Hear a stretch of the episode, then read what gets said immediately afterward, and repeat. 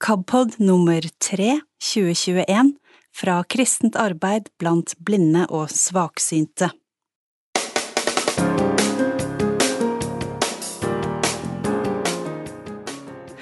KABpod er en samling av de siste episodene fra våre andre podkaster. Og i dag serverer vi først informasjon fra generalsekretær Øyvind Woie. Så får vi boktips om alt fra såing til en kvinne med en dødsdom hengende over seg fra bokpodden vår. Diakon Hilde Gromstad er i gang med en helt ny podkast som heter Snakk om det. Om verdien av gode samtaler. Asbjørn Gabrielsen har tanker om tro, som handler om Salme 91, før du får påskeklipp fra forskjellige organisasjonsblader. Og helt til slutt får du litt eh, påskebonus fra en av bøkene som KAB har lest inn.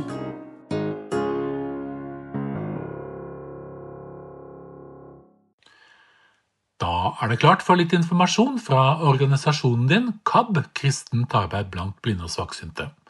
Vi nærmer oss eh, påsken, og vi vil oppfordre deg til å både låne bøker, til å kanskje laste ned et organisasjonsblad, eller prøve deg på Vårt Land, eller å lytte til denne podkasten som du har fått her, eller noen av de andre podkastene som KAB har. Påsketida kan jo bli både lang og litt ensom når eh, det ikke er mulig å besøke hverandre. Så husk på å ta kontakt med hverandre og oppmuntre hverandre, sånn at dette kan bli litt lettere dager.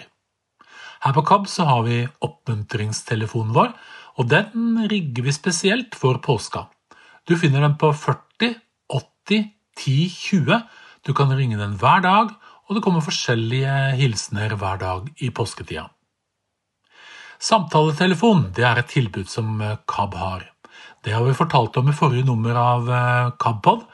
Da var det presentasjon av Hilde og Kristin som jobber med dette. Hilde Löfven Grumstad hun er diakon på KAB er ansvarlig, og hun har med seg Kristin Berge. For å snakke med samtaletelefonen om, om, hva du måtte ønske, altså du står helt fritt til å ta opp hva du vil, så må du ta kontakt for å avtale time. Og Denne gangen her så får du nummeret til samtaletelefonen, som er 40 10 05 83. Her kan du sende en SMS, eller du kan forsøke å ringe. Hvis du sender en SMS, så blir den besvart, og du får avtalt et tidspunkt hvor du kan snakke med Hilde eller Kristin. Vi har nylig sendt ut medlemskapsgiroen fra KAB. Den var på 125 kroner, og dessverre sa jeg at den ble sendt i posten. Noen av dere syntes at det var forferdelig gammeldags, mens andre nok syntes det var greit å få en giro i posten. Har du ikke fått noe betalingshenvendelse, giro i post eller på e-post eller på andre måter, så må du ta kontakt med KAB, så skal vi sende det. Hvis det er måter som du ønsker å betale på som ikke er gammeldags brev, så må du også ta kontakt med oss, sånn at vi kan få brukt gode betalingsløsninger som du trives med. Landsstyret til KAB har hatt møte. Det skjedde den 4. mars. Da hadde de en sakliste som inneholdt årsmelding og regnskap, som jeg skal si noe om etterpå, og de hadde også andre saker de gjennomgikk. På disse styremøtene så får også landsstyret informasjon om ting og tang som KAB-staben jobber med. Denne gangen så fikk de bl.a. høre mer om at vi jobber med å lese inn Bibelen på sørsamisk. Dette er et prosjekt som vi gjør sammen med Bibelselskapet. Har du noen i familien, kjenner noen, som har behov for Bibelen på sørsamisk, så gi oss et tips. Vi kommer tilbake med mer informasjon om dette prosjektet. Vi har også bestemt oss for å sluttføre hele Bibelen på nynorsk. Derfor leser vi også nå i vår inn resten av Bibelen, altså Det gamle testamentet, på nynorsk. KAB har engasjert tre personer i en kort periode. Det ene er Kristin Berg, som du har hørt om, som jobber med dette Snakk om det samtaletilbudet. Hun skal være her fram til 30. april i en liten stilling og jobbe bl.a. med likepersonsarbeid og frivillighet og også utrede hva KAB kan gjøre for synshemmede barn og deres familier. Ellen Storseth skal hjelpe oss med å markedsføre KABs lydbibliotek. Vi tror vi har mer å fortelle om lydbiblioteket vårt og alle de tilbudene som finnes der. Alexander Schindler skal hjelpe oss med å bli bedre til å finne ut hvordan vi kan bruke ePub, som jo er et format som brukes mer og mer til å tilrettelegge bøker.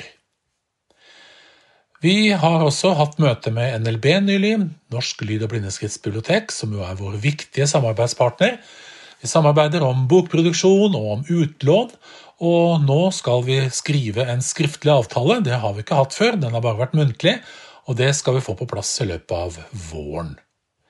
Vi har også et prosjekt som er starta nå nettopp, hvor vi jobber med å lage en ny utgave av Salmeboka. Vi jobber etter å få til en eh, god, praktisk modell som eh, er en salmebok som kan brukes i kirkelig sammenheng og på møter, og som er lett å få med seg og er av anvendelig. KAB deltar også med høringer og har nylig uttalt seg i forbindelse med Den norske kirkes strategi for 2022 til 2025. Her har vi spesielt påpekt at eh, Den norske kirke må bli mye bedre til å jobbe med universell tilrettelegging og med å inkludere og involvere mennesker med nedsatt syn. Vi jobber nå også med å få på plass eh, prosjektet med Kirkeboka mi, som er en trosopplæringsbok som brukes i Den norske kirke.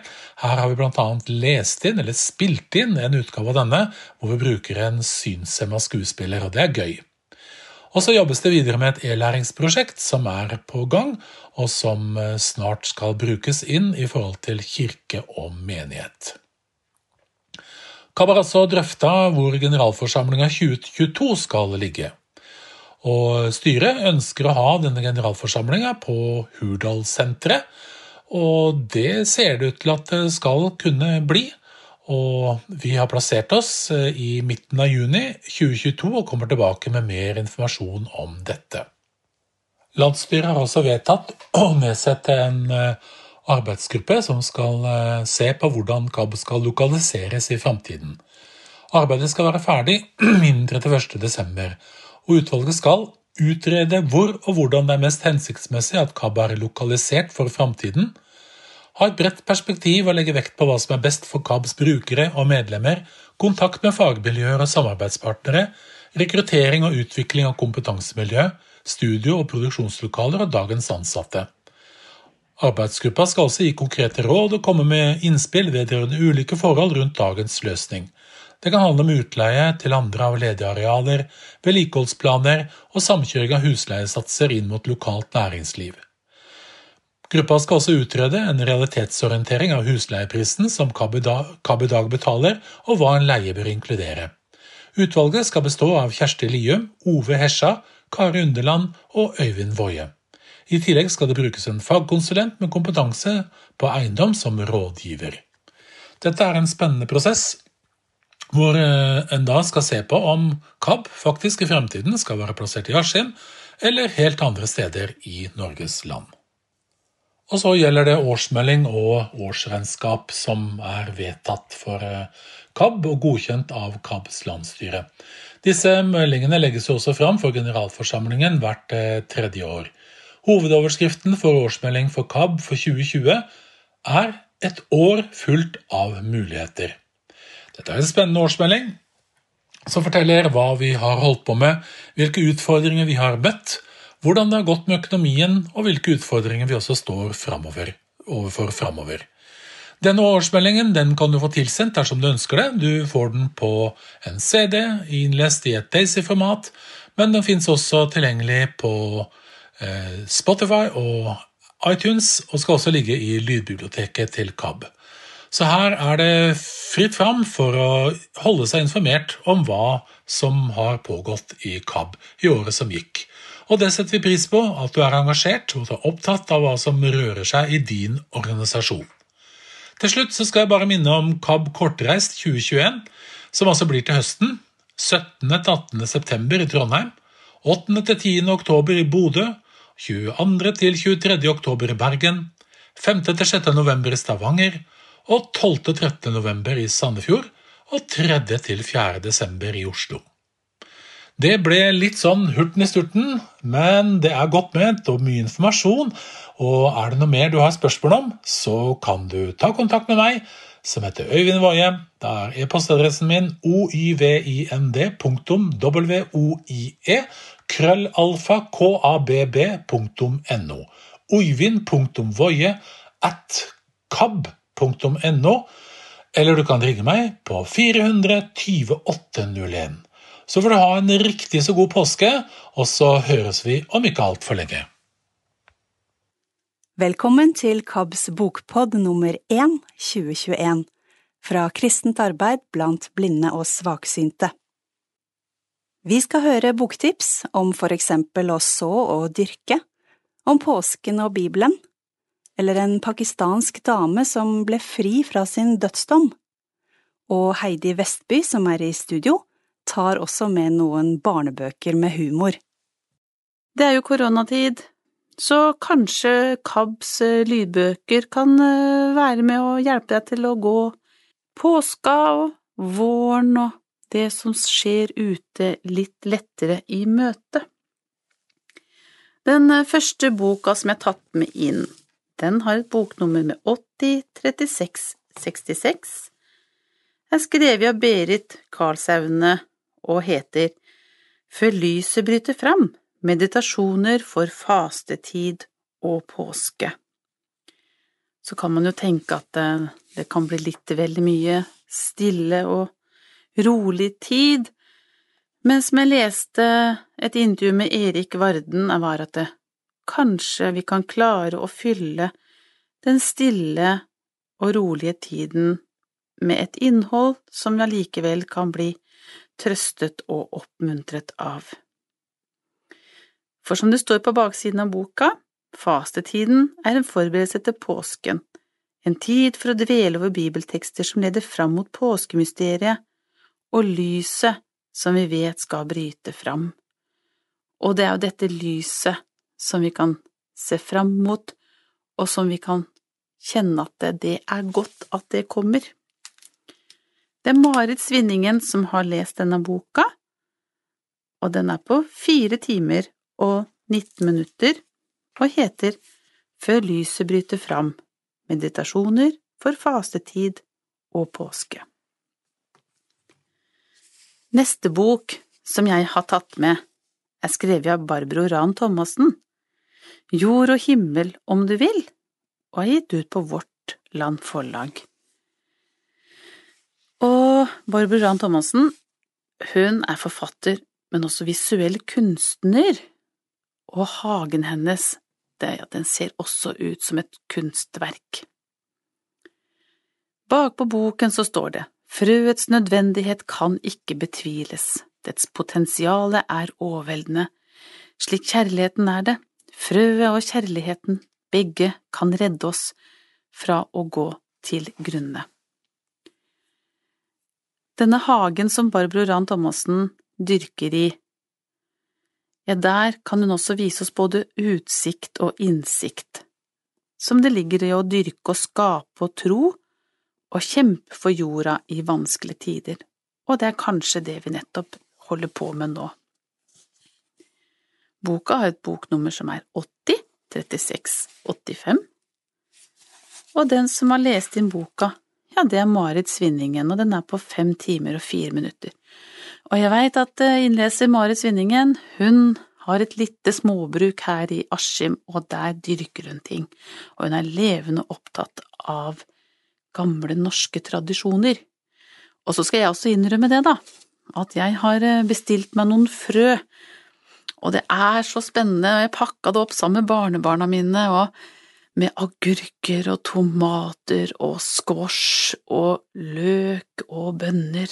Nei, det er stas. Jeg gleder meg virkelig til å være ute og ordne litt i jorda, og se om bærbuskene mine allikevel kommer, selv om rådyra forsynt seg med toppskudda. Vi får se, kanskje jeg får høre mer om det i neste bokpod. Neste bok jeg har tatt med, er 80 37 82. Den boka har Hans Johan Sagerusten skrevet, og det er boka om boka gjennom 2000 år. Og den er så vakkert utforma, den er med rød skrift inni, Og det er liksom sånn at det innerst i boka så er det også røde merker. Og det er så fint. Og denne boka handler om nettopp den boka som kanskje er så viktig for oss, Bibelen. Hvordan ble den til? Kan vi være sikre på at alt som står i den, har stått på noen andre skrifter før? Jeg leser litt bak. Kvifor bruker vi bøker og ikke skriftruller? Hva har moderne lesebrett med antikkens skrifttavler å gjøre?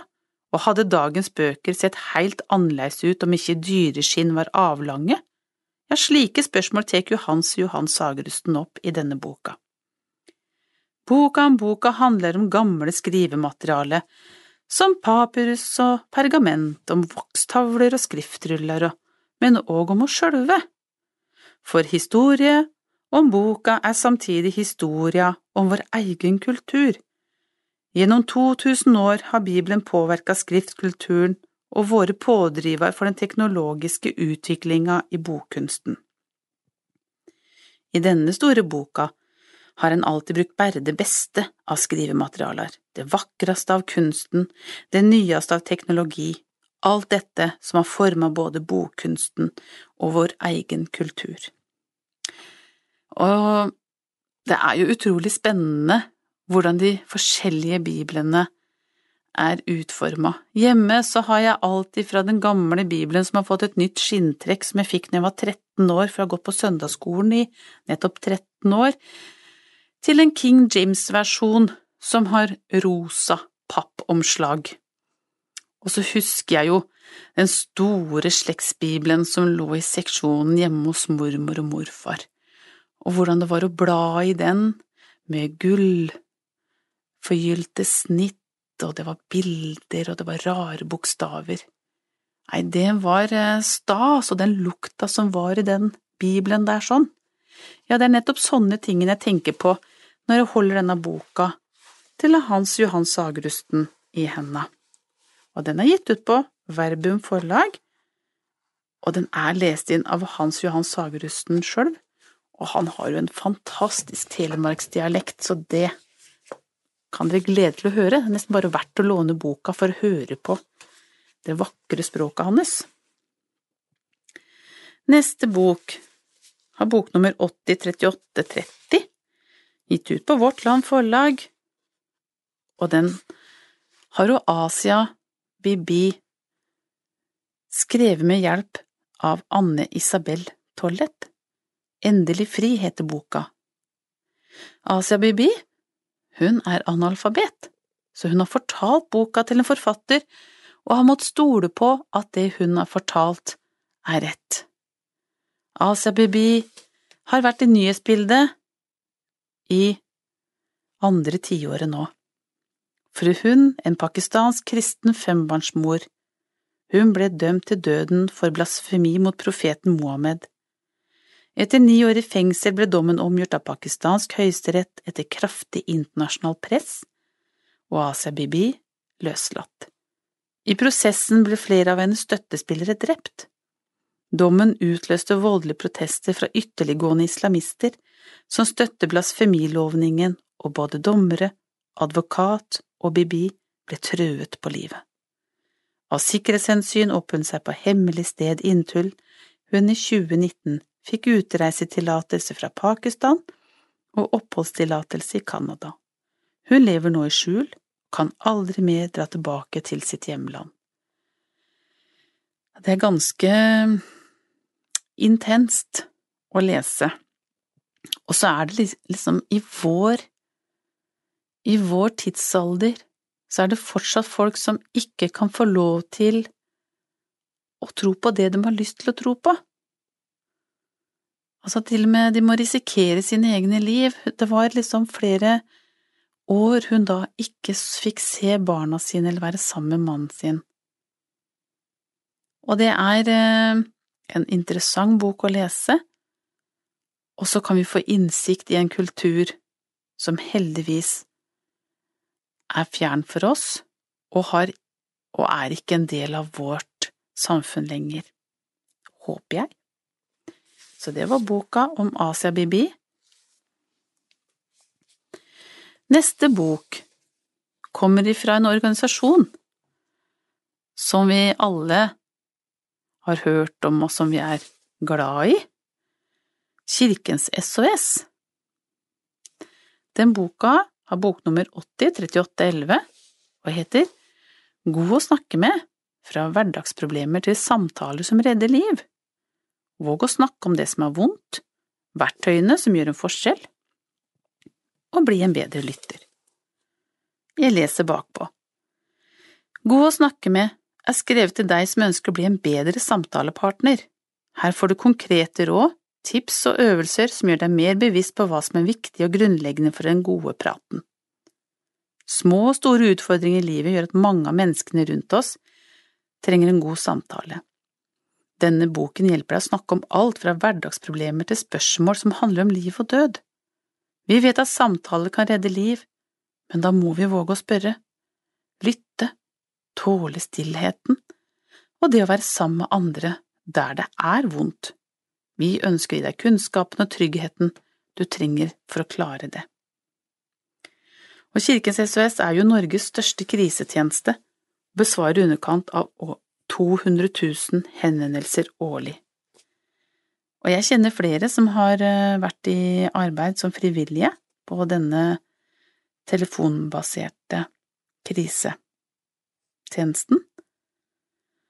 Og, og de sier det, ofte så var det bare å sitte og være stille sammen med noen som gråt i den andre enden.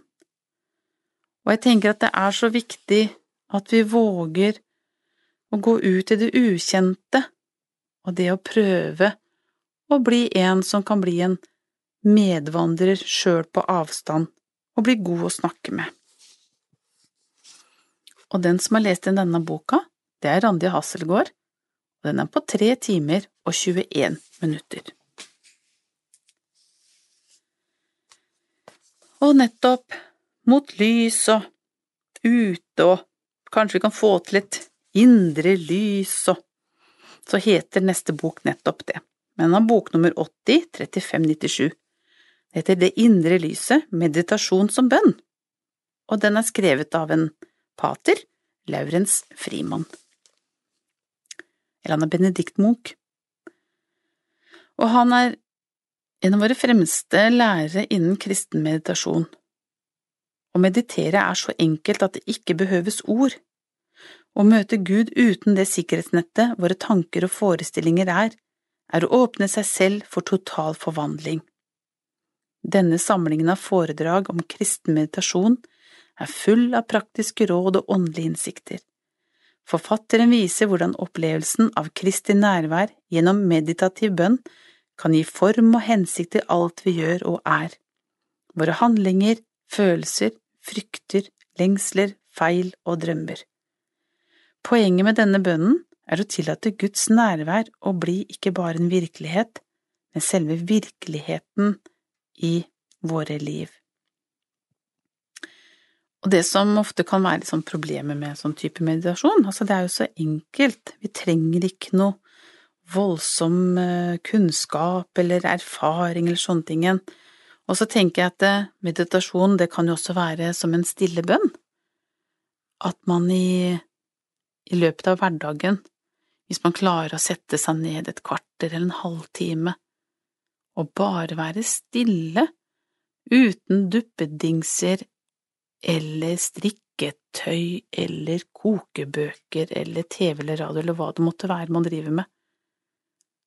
Bare være stille, det tror jeg er en eh, kunst, og at vi kanskje kan øve oss på det. Jeg må absolutt øve meg på det, for jeg kan nok ha litt uro, ja. Men så har vi da en påskebok, og den har jeg nok snakka om flere ganger, for den er fra Jostein Ørme og er jo ikke helt ny, for den har et boknummer 803249. De som så ham, 40 påskebetraktninger. Og den er lest inn av Anna Marles Mæland, er på to timer og 30 minutter. Og det er en bok om de som så Jesus fra Nasaret den siste uken han levde. Forfatteren følger Lukasevangeliets påskefortelling. Her finner han 40 mennesker som så Jesus fra han kommer ridende inn i Jerusalem til han ble overgitt. Gjennom den lange fredagen da håpet forsvant, til søndag morgen da flere fortalte at de så ham igjen. Noen sto nært, andre sto på avstand. Noen var sinte, noen var glade, noen bare så på. Og dette er en bok om disse 40 menneskene. Men aller mest er det en bok som så ham. Og det er jo så fint å tenke på alle de som så ham. Så lurer jeg på, tenkte hun på det etterpå? At den de så, var Guds sønn? Hm. Det er det som er så fint med å være sammen med unger og, og drive og drodle og tenke litt rundt disse tingene her sånn, og så ser du liksom at det, det rører seg oppi dem, da, oppi hodene deres, også, så kan du få lov til å tenke? Vi leste en liten sånn undringsbok om det å være inne i mammas mage, og hvordan den opplevelsen er da for det lille barnet som blir født også. Blir det holdt til og rundt av mamma istedenfor å være inni mamma? Så det er liksom sånne småting som eh, fortsetter inni et mormors hode også. Og så har vi Kjell Arnold Nyhus med et boknummer 803564, og han har da skrevet denne boka 40 dager og 40 netter, en fortelling om stillhet. Og så kan man jo bli litt provosert, da, av all denne stillheten innimellom også. Og dette her eksperimentet gjorde jo Kjell Arnold Nyhus før koronatida. Spørs om han hadde vært like gira på det etterpå, det veit jeg ikke, jeg har ikke snakka med han om det. Men han var altså alene i 40 dager for å teste ut dette her som vi også leser om når Jesus ble fristet i ørkenen etter å ha vært alene i 40 dager og 40 netter. Men hva er det som da skjer med et moderne menneske? Og det er det jo veldig mye skriverier opp og ned uh, i aviser også nå, og medier og radioer og intervjuer og psykologer og hva er det som skjer med oss nå nå må vi jo være så isolerte. Alt som på en måte har vært, har blitt skrelt bort, akkurat sånn som det gjorde for Nyhus. Når distraksjonene forsvinner, hva er livet da? Hvem er jeg når du er borte? Og I denne boka så utforsker Nyhus stillheten innenfra. Han lengter og leter etter Gud, etter ro, etter mening, etter seg selv. Han går inn i litteraturen og ut i naturen og forteller rått og poetisk om hva som skjer inni ham og utenfor ham underveis. Og så tenkte jeg at jeg, jeg tar med denne boka likevel, selv om det kan bli litt provoserende, for kanskje du låner boka, og så kanskje du leser den, og så tenker du at eh, ja, men jeg har jo ikke vært aleine om dette her, andre har prøvd det før meg, og så kan det være tanker som du kan kjenne deg inn i, og så blir det allikevel ikke så tungt. Innleser er Magne Bruteig, også boka er på åtte timer og 48 minutter. Og så har jeg lyst til å ha med meg, ha med meg tre sånne små barnebøker som Tore Thomassen har skrevet. Og det er liksom boknummer 803691 og 3692 og 3693, og det er Tore Thomassen som har skrevet de, og den heter Gutten som var uheldig i kirken, og Gutten som var uheldig i butikken, og Gutten som var uheldig på badet. Og så er det jo sånne ting, sånne flaue historier, da, som vi på en måte kunne kjenne oss igjen i litt nå. Mm. For Per er fem år gammel, han er glad i mammaen og pappaen sin, og han liker å tenke på fine ting, men så er han litt uheldig iblant, og det er ikke alltid like lett. Så jeg, jeg, eh, jeg sier ikke noe mer enn det, altså, fordi eh, da kan man jo lese bøkene, og det blir litt mer spennende, og kanskje du har noen småfolk innimellom på besøk, eller har dem hjemme, og så kan det jo være noen eh, gode lesetips til dem òg. Og så vil jeg bare minne om, da, jeg har ikke tatt med noen romaner nå, for det er ikke så veldig mange romaner som blir eh, skrevet for tida, men vi har jo alle romanene våre som står der i bokhylla, da, og venter på å bli lånt, så kanskje du husker noen som du har hatt før og kunne tenke deg å lese på nytt, med Kingsbury eller Musser eller Tatlock eller Austin eller Rivers eller Oak eller alle de andre som har så fine bøker og som er så godt å lytte til, og som du kan få lov til å slappe av med. Og fra romanene og over til noe annet vi har fått i biblioteket, og som jeg er veldig glad og stolt over å ha der. Det er jo Vårt Land som dagsavis, og den kan du få på CD eller til nedlast. Jeg vil kanskje anbefale nedlast hvis du får til det, ellers så kommer CD-ene litt etter nyhetsbildet, kan du si, fordi posten, den er jo ikke akkurat rask blitt. Og så har vi jo menighetsblader, og så har vi organisasjonsbladene, sånn som Agenda 316, Utsyn, Misjonstidene, Krigsropet, Sankt Olavs Blad og en del andre også. Så bare ta kontakt om du vil ønske en av de bladene å abonnere på og lytte på, eller om du vil ha alle sammen. Det kan du velge, og det er gratis. Vil jeg bare takke for meg for denne gangen. Og det er litt når jeg sitter her i studio og snakker om bøker og sånt, og så er det jo noen av dere som eh, ringer inn og har bokønskere og vil gjerne ta en prat, og, og det synes jeg er så hyggelig, så det håper jeg virkelig dere fortsetter med. For telefonnummeret til eh, Lydbiblioteket i KAB, det er 40 80 10 10, og jeg setter så stor pris på å få en bokprat og en prat om liv og litt sånn smått og, og litt sånn lett blanding kan vi ha i den praten. Og så kan vi finne ut av om det finnes noen romaner som du ikke har lest, eller om det har kommet noe annet aktuelt. Og så vil jeg også bare si det at hvis du er med i en lesesirkel, og du trenger en bok, ja, så trenger vi litt tid på å lese inn den men det er absolutt ikke umulig å få det til sånn at du kan være en deltaker i den lesesirkelen, eller om det er en bibelgruppe. Må bare ta kontakt, og så prøver vi å fikse og trikse det meste og prøver å få det til, sånn at du skal bli fornøyd med oss som bruker av KABs lydbibliotek må alle sammen ha en fin påske og en fin vår, og så høres vi en gang til før sommeren kommer. Ha det bra! Du har hørt KABs bokpod med bibliotekleder Heidi Vestby i studio. Vil du høre mer fra KAB, kan du søke opp podkastene våre i for eksempel Spotify og finne Blindebukk, Tanker om tro eller å leve med tap.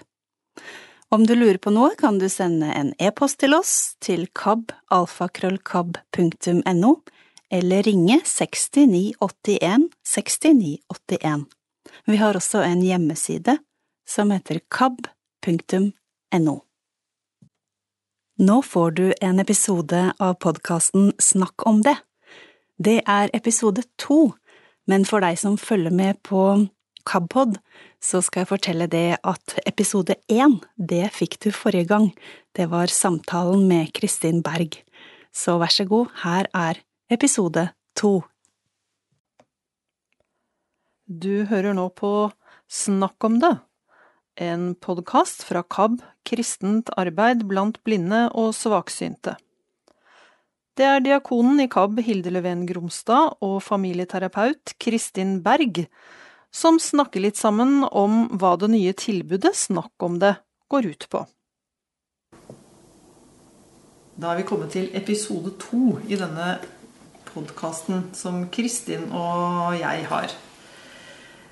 Og i dag så tenker jeg at vi skal snakke litt om når i livet skjer synsnedsettelsen. Er det forskjell Eh, Jeg veit jo at det nesten er en liten sånn Ikke diskusjon, kanskje, og jeg vet ikke om det er en konkurranse heller, men, men man blir liksom aldri helt enig om hva er verst. Og, og liksom har blitt blind en eller annen gang i livet, eller at du er blind fra du var født. Altså født sånn eller blitt sånn. Hva tenker du om det? Altså, Det som ramler ned i hodet mitt, er jo sånn helt umiddelbart, det er jo det spørsmålet jeg har fått veldig mange ganger opp igjennom. Hva er verst? um, og da er jeg jo veldig frista til å svare at det går jo ikke an å svare på, fordi man får jo som regel ikke prøvd mer enn én en av delene. Og hvordan man har, har, det i livet. Det er jo så utrolig mange ting som spiller inn. Hvilken familie du vokser opp med, hva, hvilke venner du eventuelt får, hva du gjør i barndommen. Eh, dette med grensesetting fra foreldrene. Det er fryktelig mange ting som spiller inn.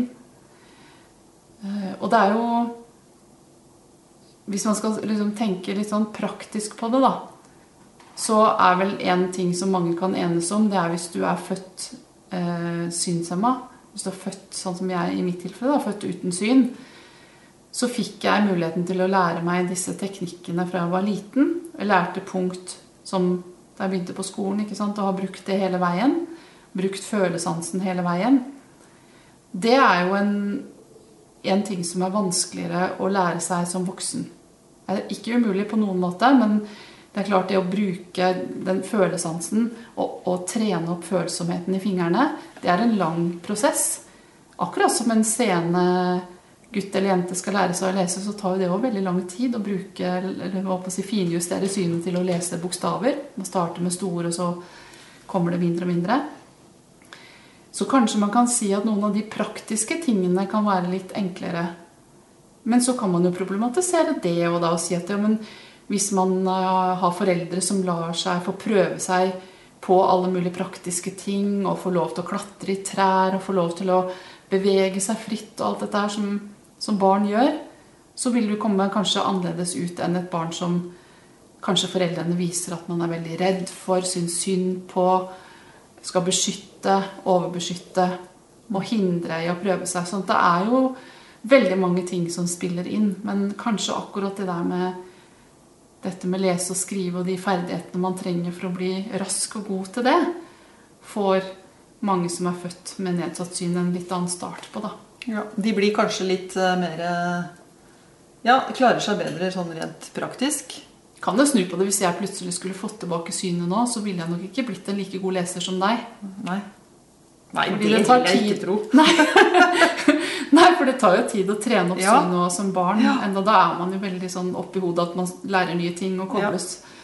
Så, men ellers så er det et håpløst spørsmål. For det er jo som jeg sier, det er jo veldig mange mennesker på denne jord som ser, som jeg ikke misunner livet til.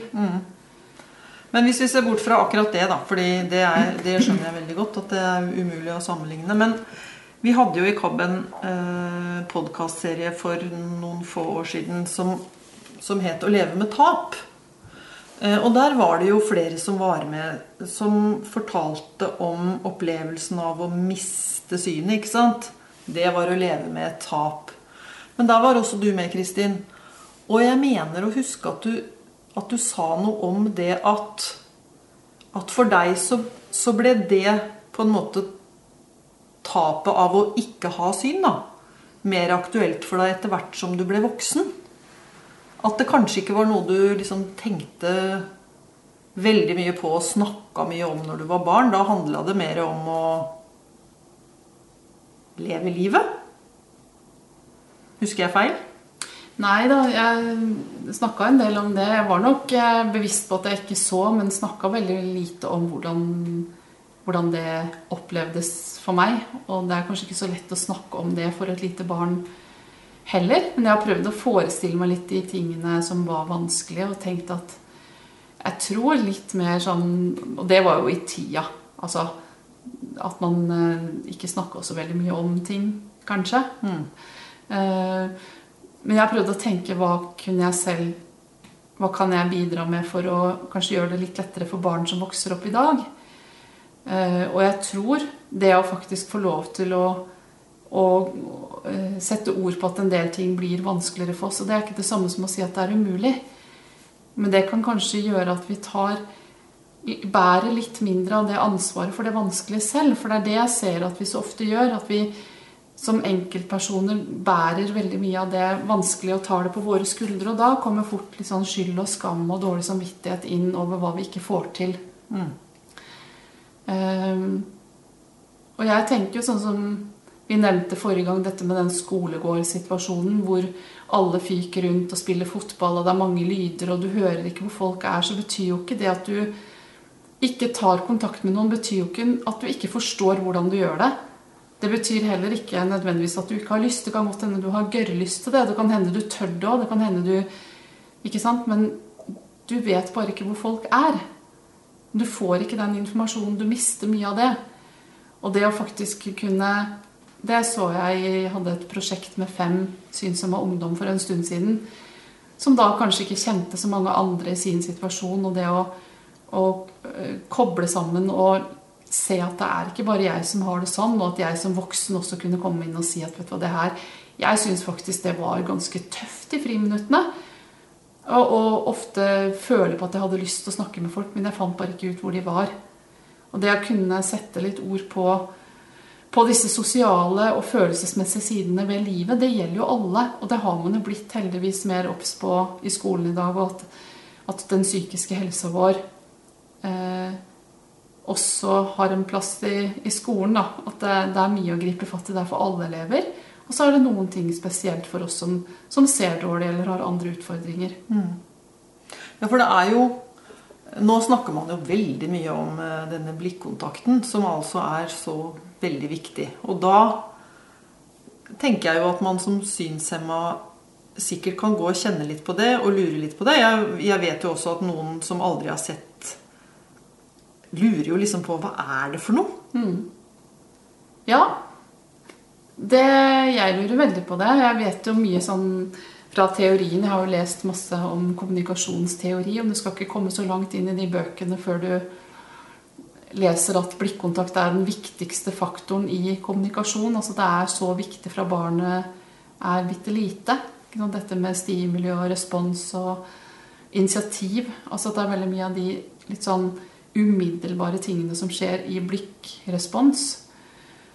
Um, og så kan man jo lure på ja, hvor mye går jeg egentlig glipp av, hvor mye betyr det, og hvor mye kan jeg kompensere for det. Og der er det jo mange ting som, som jeg, jeg tenker at uansett hvor mye jeg kan om det, hvor mye jeg tenker på det og forbereder meg på det, så kan jeg ikke jeg kan ikke oppnå blikkontakt med deg, Hilde. men, men, hva tenker du hva, hva um hva er liksom responsen du kan merke at du får fra meg, da? For det første merker jeg veldig godt når du ser på meg. For jeg hører det på stemmen din. Så jeg hørte når vi satt ved det runde bordet i stad, og du satt og tenkte, så satt du og så ut av vinduet istedenfor. Jeg hørte at stemmen din kom fra en litt annen kant. Ja. Så jeg merker meg veldig godt hvem som ser på meg og ikke. Og så kan det hende jeg bommer, men jeg, jeg merker veldig godt når det er noen som absolutt ikke ser i min retning. Og det opplever jeg som veldig frustrerende. Og så kan man jo si hvor mye opp, kan man oppnå med å si at jeg syns det her er frustrerende, da. Mm. Fordi det er jo noe med å forstå at for folk som ser, så er den blikkontakten så automatisk og så intuitiv at man gjør det nesten som å puste. Så når ikke du får den responsen fullt og helt fra meg, så gjør jo det noe med deg òg, sikkert. Mm. Det kan jo du si mer om. Ja. Men, jo, eh, for jeg tror jo da at jeg også på en måte ganske fort vil merke ikke når jeg snakker med deg om din eh, Om de, ditt blikk, på en måte, da, i sånn hermetegn, er et annet sted. Ja. Hvis du ikke har liksom fokuset ditt mot meg. Mm. Men hva har du tenkt i forhold til eh, eh, Det er jo noe med at man kanskje ofte i overgangen i livet kan kjenne litt på hvordan livet ble, ikke ble. Eh, og jeg kan jo kanskje tenke meg det at det å få barn det må jo være en sånn, en sånn fase da, hvor man, hvor man, på nytt kanskje tenker litt over eh, sin egen funksjonsnedsettelse. Har den konsekvenser for barna mine? Har du tenkt på det? Ja, det har jeg, det har jeg absolutt tenkt mye på. Det er jo det er mange ting man kan si om, om det. Fordi Én ting er jo at eh, altså særlig omgivelsene ofte kan være veldig bekymra for om denne synshemmingen går i arv. Og der er det jo mange forskjellige måter å tenke på eh, rundt det. Selv så, så tenkte jeg mye gjennom det på forhånd når vi fikk også spørsmål skal dere få barn. Mm. Um, og da spurte jeg Jeg send- sender jo da ofte spørsmål i retur. Hva er grunnen til at du spør om det? Og da blir man jo kanskje litt forlegen, fordi de mener jo at ja, men du klarer deg jo så bra. og så får de litt problemer med hva de skal si. der. men er du ikke redd for at øyesykdommen din skal gå i arv? Um, og det er jo en måte å si at uh, um, de har en tanke om hvordan livet mitt er. Ja. Livet ditt er liksom litt dårligere, og du blir kanskje en litt dårligere mor, liksom? Ja, det kan i hvert fall lett oppfattes sånn, da. um, så, men så, så kan jeg jo også forstå at folk tenker i de banene, for vi er jo veldig sånn opptatt barna våre skal være sunne og friske og raske og ha alle, alle funksjonene fullt intakt. Vi har jo et ønske om det. Så kan man jo undres over Det er mange ting å si i det landskapet der. um, men eh, jeg har jo tenkt Og det er jo et, det er et sånt resultat av sortering som man også kan oppnå gjennom en, en god veiledningssamtale, tenker jeg, som ikke har med, med behandling å gjøre, men som har litt med en, en god veiledningssamtale. Og da fikk jeg hjelp av en annen eh, til å liksom tenke at ja, men jeg må jo være ganske godt rusta til å følge opp et synshemma barn. Altså jeg vet, jeg kan det For det første kan jeg punkt godt. Og jeg kan eh, de andre teknikkene når det gjelder ADL, altså hvordan man løser ting i hverdagen. Så for meg så var jo min bekymring mye mer Viste det seg når jeg fikk sortert litt, at var, det var jo andre utfordringer jeg var mye mer engstelig for. For da hadde jeg en jobb hvor jeg jobba med veldig syke barn. Eh, prematurbarn, altså sånn helt prema-prematurbarn som ofte kan få, og særlig da for 22-23 år siden, ganske så store skader på alle sanser og funksjoner, og som ofte var veldig, veldig, veldig sjuke. Og de barna forholdt jeg meg til akkurat idet jeg ble gravid første gang.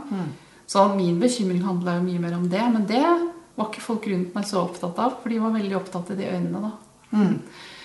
Og dette tror jeg mange kjenner på. Altså andres forventninger og andres eh, forestillinger om hva man kan og ikke kan.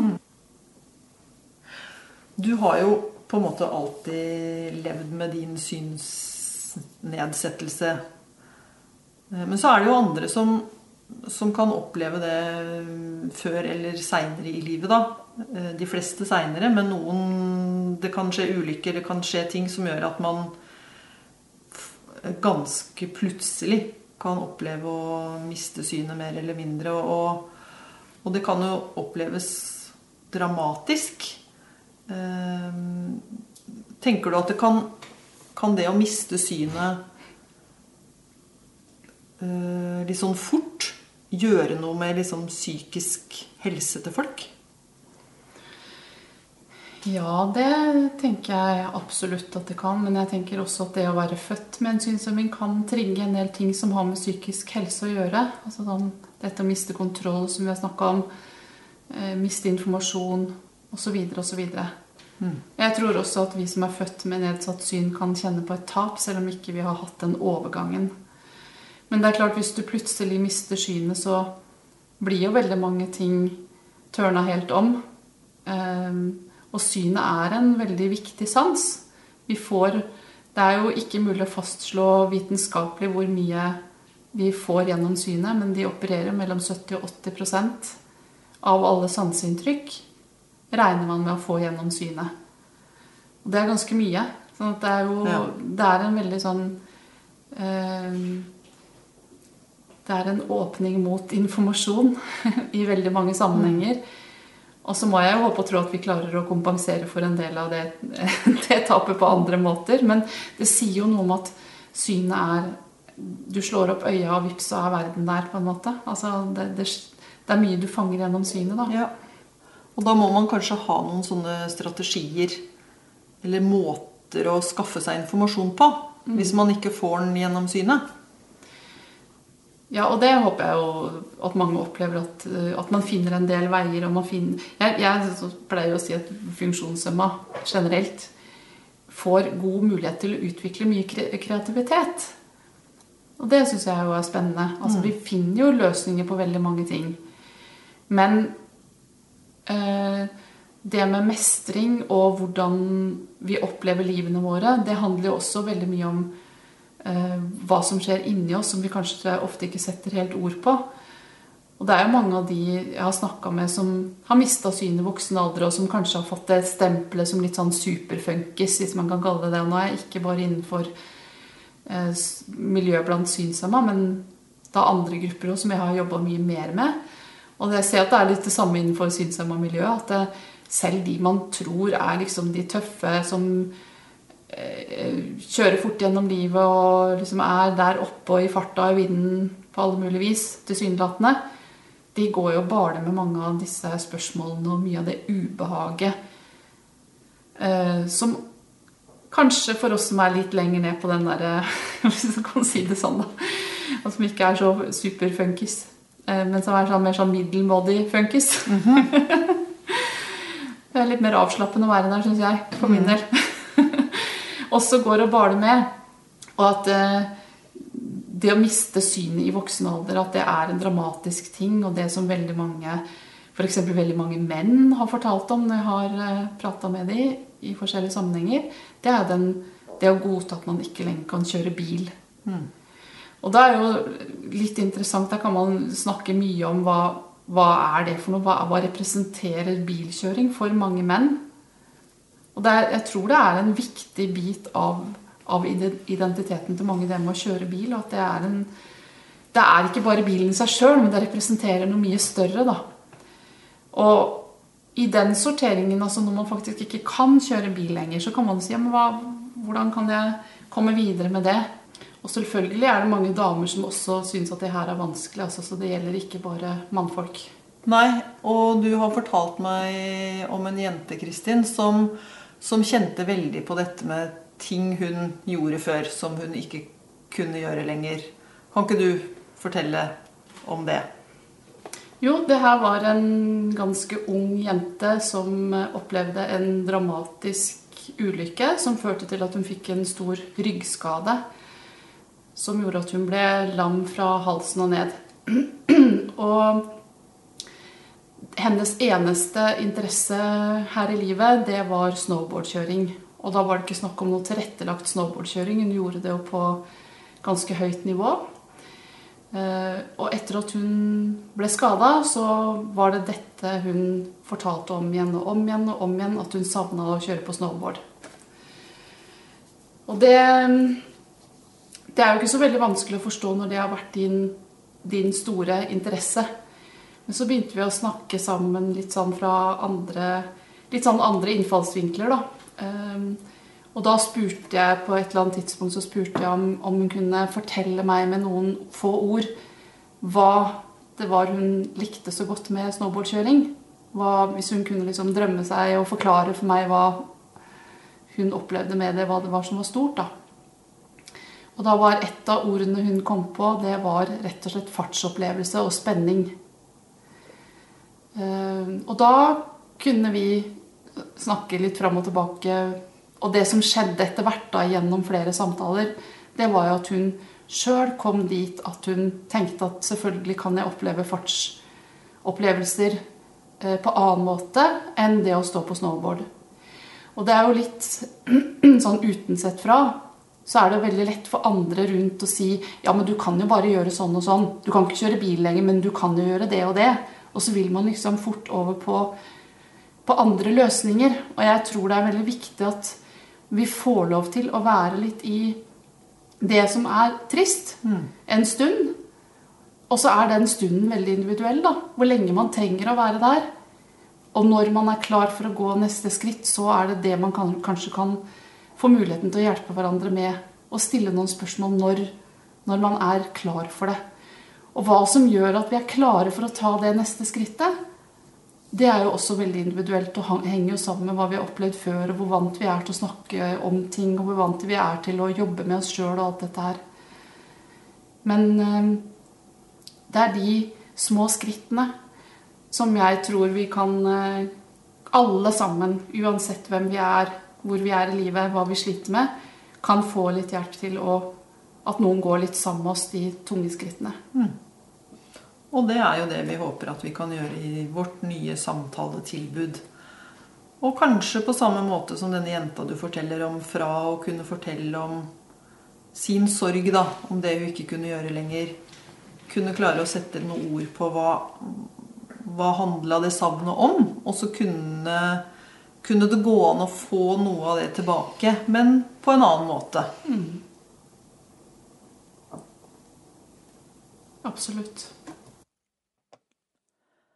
Ja, nå har du hørt litt om hva Snakk om det handler om.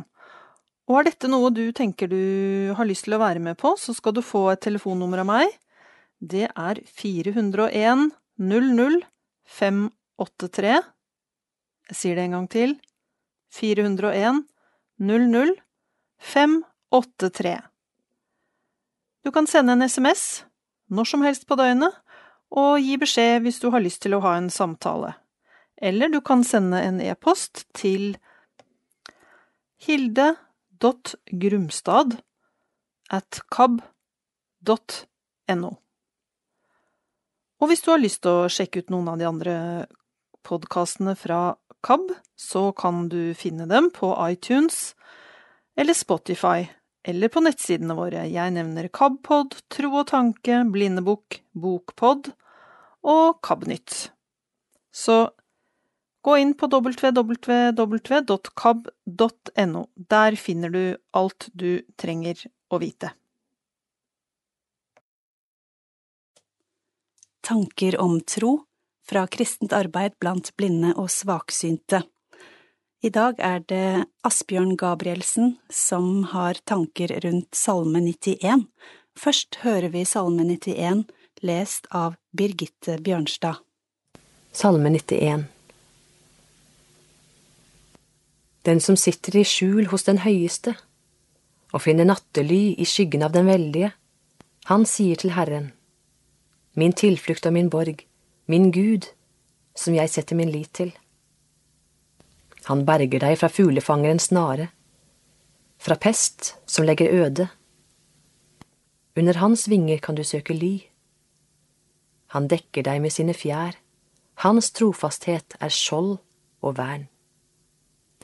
Du skal ikke frykte for redsler i natten, for piler som flyr om dagen, for pest som farer fram i mørket, for plage som herjer ved middagstid. Om tusen faller ved din side, ti tusen ved din høyre hånd, blir du ikke rammet. Du skal bare følge det med øynene og se at de skyldige får sin lønn.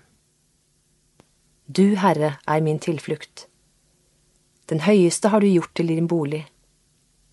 Det skal ikke hende deg noe vondt.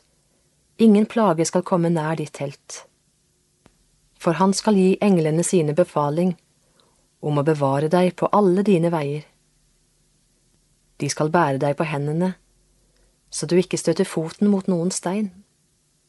Du skal tråkke på løve og slange, og trampe på ungløve og orm. Jeg berger ham når han holder seg til meg. Jeg verner ham, for han kjenner mitt navn. Når han kaller på meg, svarer jeg. Jeg er med ham i nøden. Jeg frir ham ut og gir ham ære. Jeg metter ham med et langt liv og lar ham se min frelse. Dette var altså da Salme 91. Og jeg syns den er på en måte både fantastisk god og litt vanskelig å forholde seg til. Det er ei salme som er veldig trøstende av natur. Det hører man på språkbruken her. Det er veldig mange bilder på hvordan Gud kan trøste oss og ta vare på oss.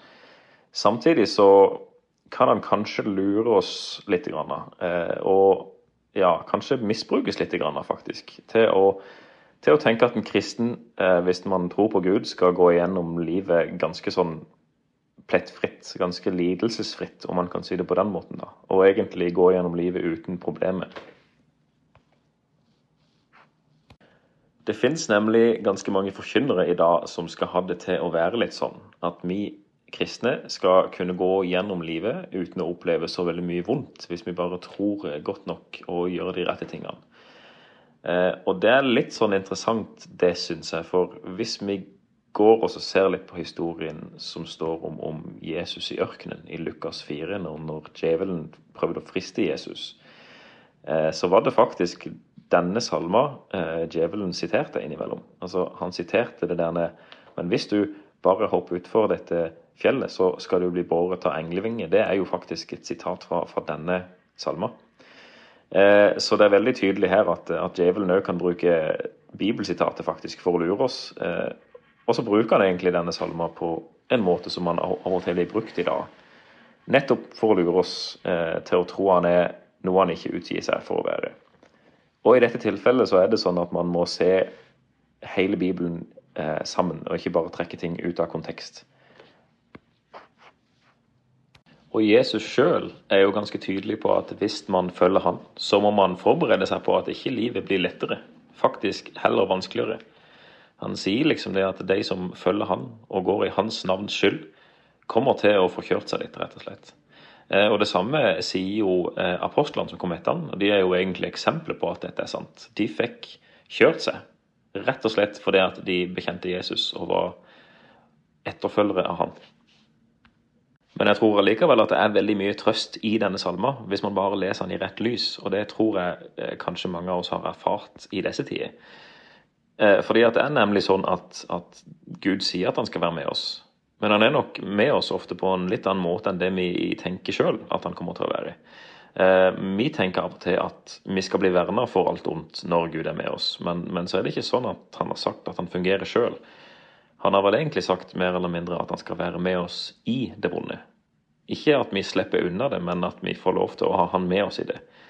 Og ofte så oppleves det jo sånn at vi, vi ser ikke det før etterpå. I hvert fall er det sånn for meg at, at jeg kan oppleve tøffe tider der jeg opplever Gud er så langt vekke som bare det. Og når jeg ber til Han, så hører han ikke. Men så har jeg sett i etterkant at han var faktisk med. Han var faktisk der hele tida. Eh, og den erfaringa har jeg liksom hørt at andre folk har, har delt òg, At de opplever rett og slett at, at han har vært der hele tida. Og så tror jeg jo det at hvis man er en kristen, så får man òg med en annen ting på, på lasset. Og det er faktisk noe som har kanskje vist seg for oss nå i disse tider å være ekstremt viktig. Det er liksom det som holder oss bærende i disse tider. Og det er rett og slett håp. Eh, og I koronatid så er det jo liksom håpet vi rir på nå for tida, er jo det at vi håper på noe bedre på andre sida. Eh, og for kristne så er håpet egentlig ganske likt. Vi håper òg på noe, noe, bedre på andre sida. Selv om vi går gjennom veldig tøffe perioder her og nå, så tror vi at noen er med oss i den tida. Og så tror vi òg at det kommer en tid der vi ikke skal oppleve noen tøffe tider. Det kommer en tid på, på andre sida av dette livet der vi faktisk skal oppleve et liv uten lidelse. Og det er ganske godt å tenke på når man opplever tøffe tider. Så hvis man leser denne salma litt i dette lyset, at det ikke er ei salme som handler om Gud som skal ta alt det vonde vekk ifra livene våre, men at det er faktisk en Gud som skal være med oss i alle de tøffe tidene. Som vi kan be til i de tøffe tidene, og som vi kan stole på er der i de tøffe tidene så er dette ei veldig flott salme. Det var tanker om tro fra KAB, kristent arbeid blant blinde og svaksynte. Og flere episoder i denne podkastserien finner du på Spotify og i iTunes, eller på nettsiden kab.no. Vi er kommet frem til klippstoff i denne påske-KAB-podden. Eh, vi har tre litt lengre klipp, Først Når livet roper, det er en leder ifra Krigsropet og handler om påske. Nummer to handler om jødisk identitet og er fra Agenda 316. Og nummer tre er om liturgi, eh, drama fra virkeligheten, ifra Strek. Helt til slutt legger vi ved ei hel bok til påskelytting. Det er Jostein Ørums bok De som så ham. For noen er dette et kjent og kjært gjenhør, og for andre er det kanskje ei bok som gir noen gode aha-opplevelser om påskefortellingen. Riktig god påske! Leder Hilde Dagfinn Valen, sjefredaktør. Når livet roper. Faktum endres ikke av følelser. Det er det befriende godt å vite. Det er egentlig ingen av oss som kan være likegyldige til påsken. Påskeuka rommer jo hele livet i komprimert utgave, essensen av det aller mest grunnleggende og allment menneskelige. Hvis vi lytter godt etter i oss selv, kan vi garantert høre et ekko av noe vi gjenkjenner. Påsken rommer nemlig et rop, eller snarere mange rop, som vi på ulike måter kan kjenne oss igjen i og falle inn i alle sammen uansett hvor vi tenker at vi står i forhold til den kristne tro.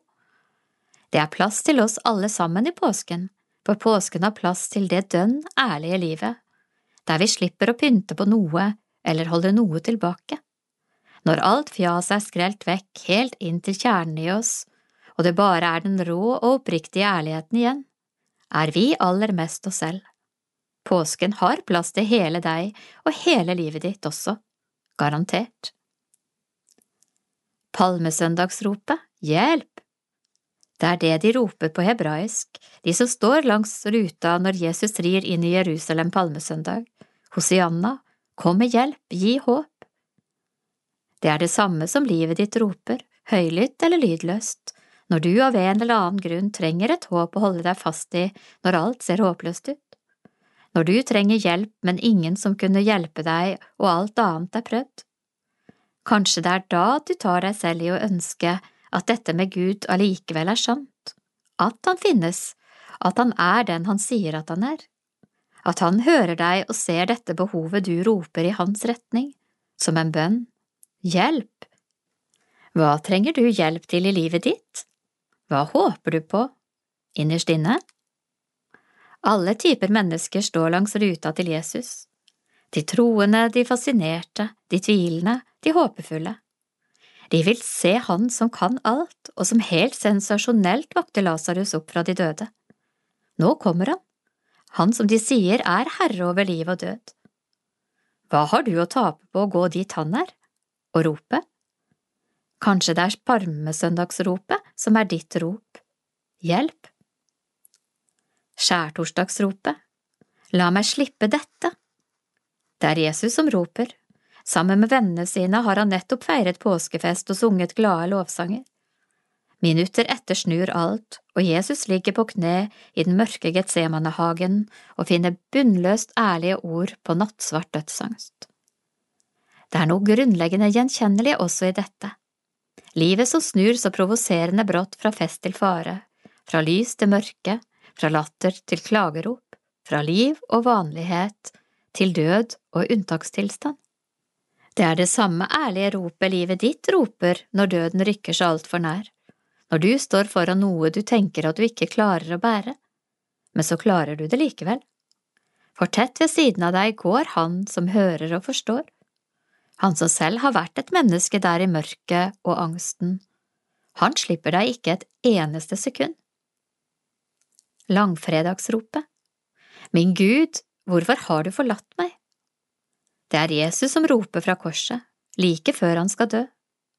Kanskje gjenkjenner du dette bekmørke ropet i deg selv, når alt i deg er et resignert rop av nattsvart fortvilelse, uten at det kjennes som om noen hører eller tar imot. Også Gud kjennes borte. Du vet ikke hvor han er eller om han er. Det er bare verdens dypeste følelse av ensomhet tilbake. Da gjør Jesus det eneste vi kan gjøre når følelsene våre ikke bekrefter det Gud har sagt og lovet. Han kaster seg ut i at det likevel er sant, at det likevel holder. Far, i dine hender overgir jeg min ånd. Lukas 23, 46 Grunnlaget for troen og forutsetningene for evigheten handler heldigvis om noe annet enn det vi ved egen evaluering finner eller ikke finner i oss selv. Gud er Gud, og han lever, uavhengig av følelsesbarometeret ditt. Det Gud har lovt deg, er ikke mindre sant om følelsene dine uteblir. Det er Gud som tar det fulle ansvaret for at løftene han har gitt deg, faktisk effektueres. Faktum endres ikke av følelser. Det er det befriende godt å vite. Gud har sagt at det kommer en første påskedag. Han har sagt at livet skal seire over døden. Men nå, på langfredag, har vi ennå ikke erfart dette. Vi ser fremdeles bare i det tause mørket, sammen med Jesus.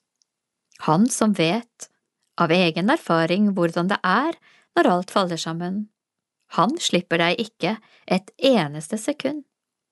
Du er ikke alene. Første påskedagsropet, han lever. Det er den enorme gleden som hamrer på døra til rommet hvor alle de knuste håpene og den grunnstøtte troen har gjemt seg. Døra slås opp til fantastiske, overraskende, sensasjonelle nyhetene. Jesus har blitt levende igjen, graven er tom. Maria Magdalena står på trappa og forteller glad og oppglødd at hun har møtt ham. Ropen i påsken lander i et skikkelig seiersbrøl som du inviteres inn i. Kan det være sant? Tenk deg om det er sant? Da blir alt annerledes.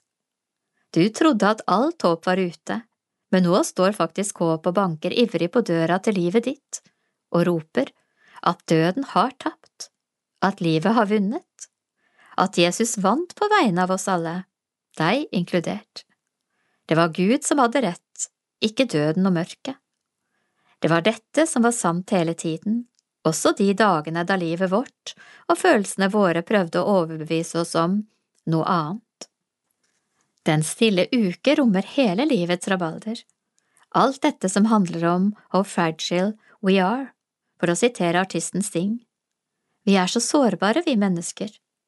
Det snur så fort, dette livet. Men så går heldigvis Han som alltid hører når vi roper, sammen med oss gjennom alt livet kaster mot oss, hver eneste dag herfra til evigheten. Han som vant slipper ikke hånda di et eneste sekund underveis. Riktig god påske! Hilde.dagfinnrud.vallen alfakrøll frelsesarmeen.no Påskesalme Jesus lever, graven brast. Han sto opp med guddomsvelde. Trøsten står som klippen fast, at hans død og blod skal gjelde. Lynet blinker, jorden bever, graven brast, og Jesus lever. Jeg har vunnet, Jesus vant. Døden oppslukt er til seier. Jesus mørkets fyrste bandt. Jeg den kjøpte frihet eier. Åpen har jeg himmelen funnet. Jesus vant, og jeg har vunnet. Johan Nordahl Brun 1786. Takknemlig for sin norsk-jødiske identitet. Jeg er både jødisk og norsk, det ene kan ikke skilles fra det andre, sier Natalie Preminger, broren Daniel er enig. Min jødiske identitet har gjort meg til den jeg er. Tekst Birgit Nersten Lopaki. Natalie og Daniel Preminger er søsken. De vokste opp i Oslo, men studerer nå i henholdsvis Bergen og Trondheim. Natalie, 24, og Daniel, 22, tilhører den jødiske minoriteten i Norge. Jeg har en dobbel tilhørighet, en tilhørighet til to folk som betyr like mye for meg, og som er en naturlig del av meg. Jeg er både jødisk og norsk, det ene kan ikke skilles fra det andre, sier Natalie og forklarer. Jeg legger ikke bort jødedommen når jeg feirer 17. mai eller norskheten når jeg går i synagogen. Jeg har begge deler med meg og ser på det som en stor verdi og ressurs. En naturlig del av livet. Hvor viktig er den jødiske identiteten for dere? Den er kjempeviktig. Folk kjenner meg ikke hvis de ikke vet at jeg er jøde. Det er en helt sentral del av livet mitt, svarer Natalia. Hun merker det godt hvis det går for lang tid uten at hun har vært involvert seg i noe jødisk. Når jeg jobber med prosjekter i menigheten, kjennes hverdagen normal. Jeg vil ikke si at det er like viktig for meg på samme måte som Natalie sier det. Det er en byggeklossene som har gjort meg til den jeg er, sier broren. For ham er den jødiske identiteten en naturlig del av livet. En del av det er felles erfaringer med vennene han vokste opp med i den jødiske menigheten i Oslo, med blant annet turer til Israel og rundt omkring i Skandinavia for å møte andre jødiske menigheter og ungdommer. Det er en viktig del av oppveksten han fremdeles har mye glede av, spesielt i samvær med venner fra det jødiske samfunnet. Det er ikke aktivt viktig for meg å holde på med noe jødisk, men det vil alltid være en del av meg og har gjort meg til den jeg er. Det kan ikke tas ut av hvem jeg er, sier han. Jødiske veivisere Søsknene har fra de var små vært aktive i Det mosaiske trossamfunnet i Oslo, et fellesskap som samler mange av Norges jøder. Søsknene beskriver det som et familiefellesskap. Mitt jødiske liv er tett knyttet til det jødiske samfunnet i Oslo, sier Daniel. Den jødiske menigheten i Oslo har i fem år tilbudt de unge i synagogen et utdanningsår etter videregående, der de lærer om jødedommen og hva det innebærer å være jøde. Halvparten av året er de i Israel der de både studerer ved en høyskole og reiser noe rundt. Studentene tar noen fag ved Oslo OsloMet, storbyuniversitetet, og har vanligvis en måneds opphold i USA for å lære om amerikansk jødedom og antisemittisme. Koronaepidemien gjorde det umulig i fjor. Året fungerer både som et læringsrikt friår og som en utdanning til arbeidet som jødisk veiviser som drar rundt på skoler i Norge og snakker om det å være norsk jøde og jødedom. Både Natalie og Daniel har hatt det første utdanningsåret. Natalie var med på pilotprogrammet som startet opp skoleåret 2015–16 og var jødisk veiviser året etter. Hun tror det har vært med å styrke hennes jødiske identitet. Kult å være forskjellig. Søsknene har aldri lagt skjul på at jeg er jøder. Jeg har vært like åpen om det som at jeg spilte fotball. På barneskolen syntes jeg det var kult å være forskjellig, forteller Daniel. Det har aldri vært et problem, men han sier han noen ganger har kjent på et mildt ubehag over at folk han ikke kjenner har visst akkurat det om ham. Første gang han merket det, var på ungdomsskolen. Jeg følte det ble feil at det var alt de visste om meg. Det er bare noe av det som gjør meg til den jeg er. Men blant vennene mine har det aldri vært noe negativt. Heller ikke Natalie har hatt problemer med at hun er jøde. Jeg synes også det var stas på barneskolen. Det var gøy da pappa kom og fortalte om noen av helligdagene i klassen. Natalie begynte også å kjenne på at det kunne være noe negativt forbundet med det å være jøde da hun gikk på ungdomsskolen. Hun trekker spesielt frem tematikken rundt Israel og Palestina. Det var knyttet en del forventninger og fordommer til det å være jøde, som jeg følte jeg måtte motbevise. Man hadde forventninger til at jeg skulle kunne svare for meg om det. På videregående slapp det taket, og Natalie sier da ble det litt mer kult igjen at hun var jøde men jeg har vært og er veldig trygg i meg selv. Det hadde kanskje vært lettere å ta meg på det om jeg hadde hatt noe usikkerhet knyttet til det. Krevende debatter Nettopp mediedebattene rundt både omskjæring og konflikten mellom Israel og Palestina gjør det innimellom krevende å være jøde. Selv om jeg ikke deltar, synes jeg det er ubehagelig og føler det er noe jeg ikke helt kan unnslippe. Det er mye hardt språk og ekle kommentarfelt. Jeg føler meg veldig sårbar i slike perioder, sier Natalia. Daniel opplever det vanskelig at mange legger mye mer i svarene han gir hvis han uttaler seg i disse sakene. Hadde noen spurt meg om min mening om noe som skjer i Kina, ville jeg svart, og det ville være greit. Men om jeg er for eller imot omskjæring, vil det følge med en klump med forskjellige antakelser om hva jeg tenker, uten at det faktisk er slik, sier han. Daniel synes det er ubehagelig å måtte være representant for noe han ikke har bestemt seg for selv engang. Vi kan ikke bare være jøde uten det kontroversielle. Det er en liten begrensning at disse vanskelige temaene alltid må med både da jeg var veiviser og intervjuer, følger Natalie opp. Når det er sagt, synes hun at de positive sidene alltid veier opp for ubehaget. På en måte er det en ressurs å ha å kunne ha det minoritetsperspektivet i debatten. Det gjør at jeg ser flere perspektiver i debatter hvor jeg naturlig tar majoritetsperspektivet, sier hun. Feil assosiasjoner. Ordet jøde er dessverre også et skjellsord. Søsknene har erfart at folk unngår å bruke ordet jøde i møte med dem av frykt for at det skal oppfattes negativt. De siste årene har jeg lagt merke til at om det på en vag måte kommer opp at jeg er jøde og folk vil forsikre seg, så spør de nesten utelukkende om jeg er jødisk, forteller Daniel. Eller de spør har du jødisk bakgrunn, skyter Natalie inn. Begge mener grunnen til det ligger i at ordet jøde er forbundet med et skjellsord. Selv om de aldri har fått det mot seg, er det ikke greit at det brukes slik. Bruken av det som skjellsord gir en gradvis og ubevisst assosiasjon av jøde til noe negativt, mener Natalia. Det at de sier jødisk i stedet for jøde, er ikke noe problem i seg selv, men det er et symptom på at her er det noe feil som har skjedd, og en assosiasjon som ikke burde være der, kommenterer Daniel. Da må vi ta det tilbake, konstaterer søsteren. Tilhørighet. Nå som de ikke lenger bor i Oslo, er ikke det jødiske en like stor del av søsknenes hverdag. Min største motivasjon for å opprettholde mitt jødiske liv er det jødiske samfunnet i Oslo, sier Daniel. Trondheim, der han studerer, har Norges andre registrerte jødiske trossamfunn, men det er ikke et sted han synes er naturlig å gå. Jeg dro på jom kippur-feiringen der det første året her, men fikk ikke så mye ut av det. Selve bønnen og ritualene gjorde ikke så mye for meg som jeg hadde ønsket.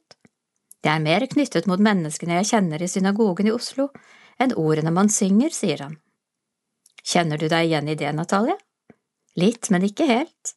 Jeg har alltid syntes det var noe magisk å kunne gå inn i nesten enhver synagoge i verden og vite hva som skjer. Hun liker at det er samme tekster, selv om melodiene ikke er like, at oppsettet er likt og synes det er fint å vite hvor ting skal skje i rommet, hva de ulike symbolene er og hvor hun skal sette seg. Det er flott og litt hellig å stå i den sammenhengen.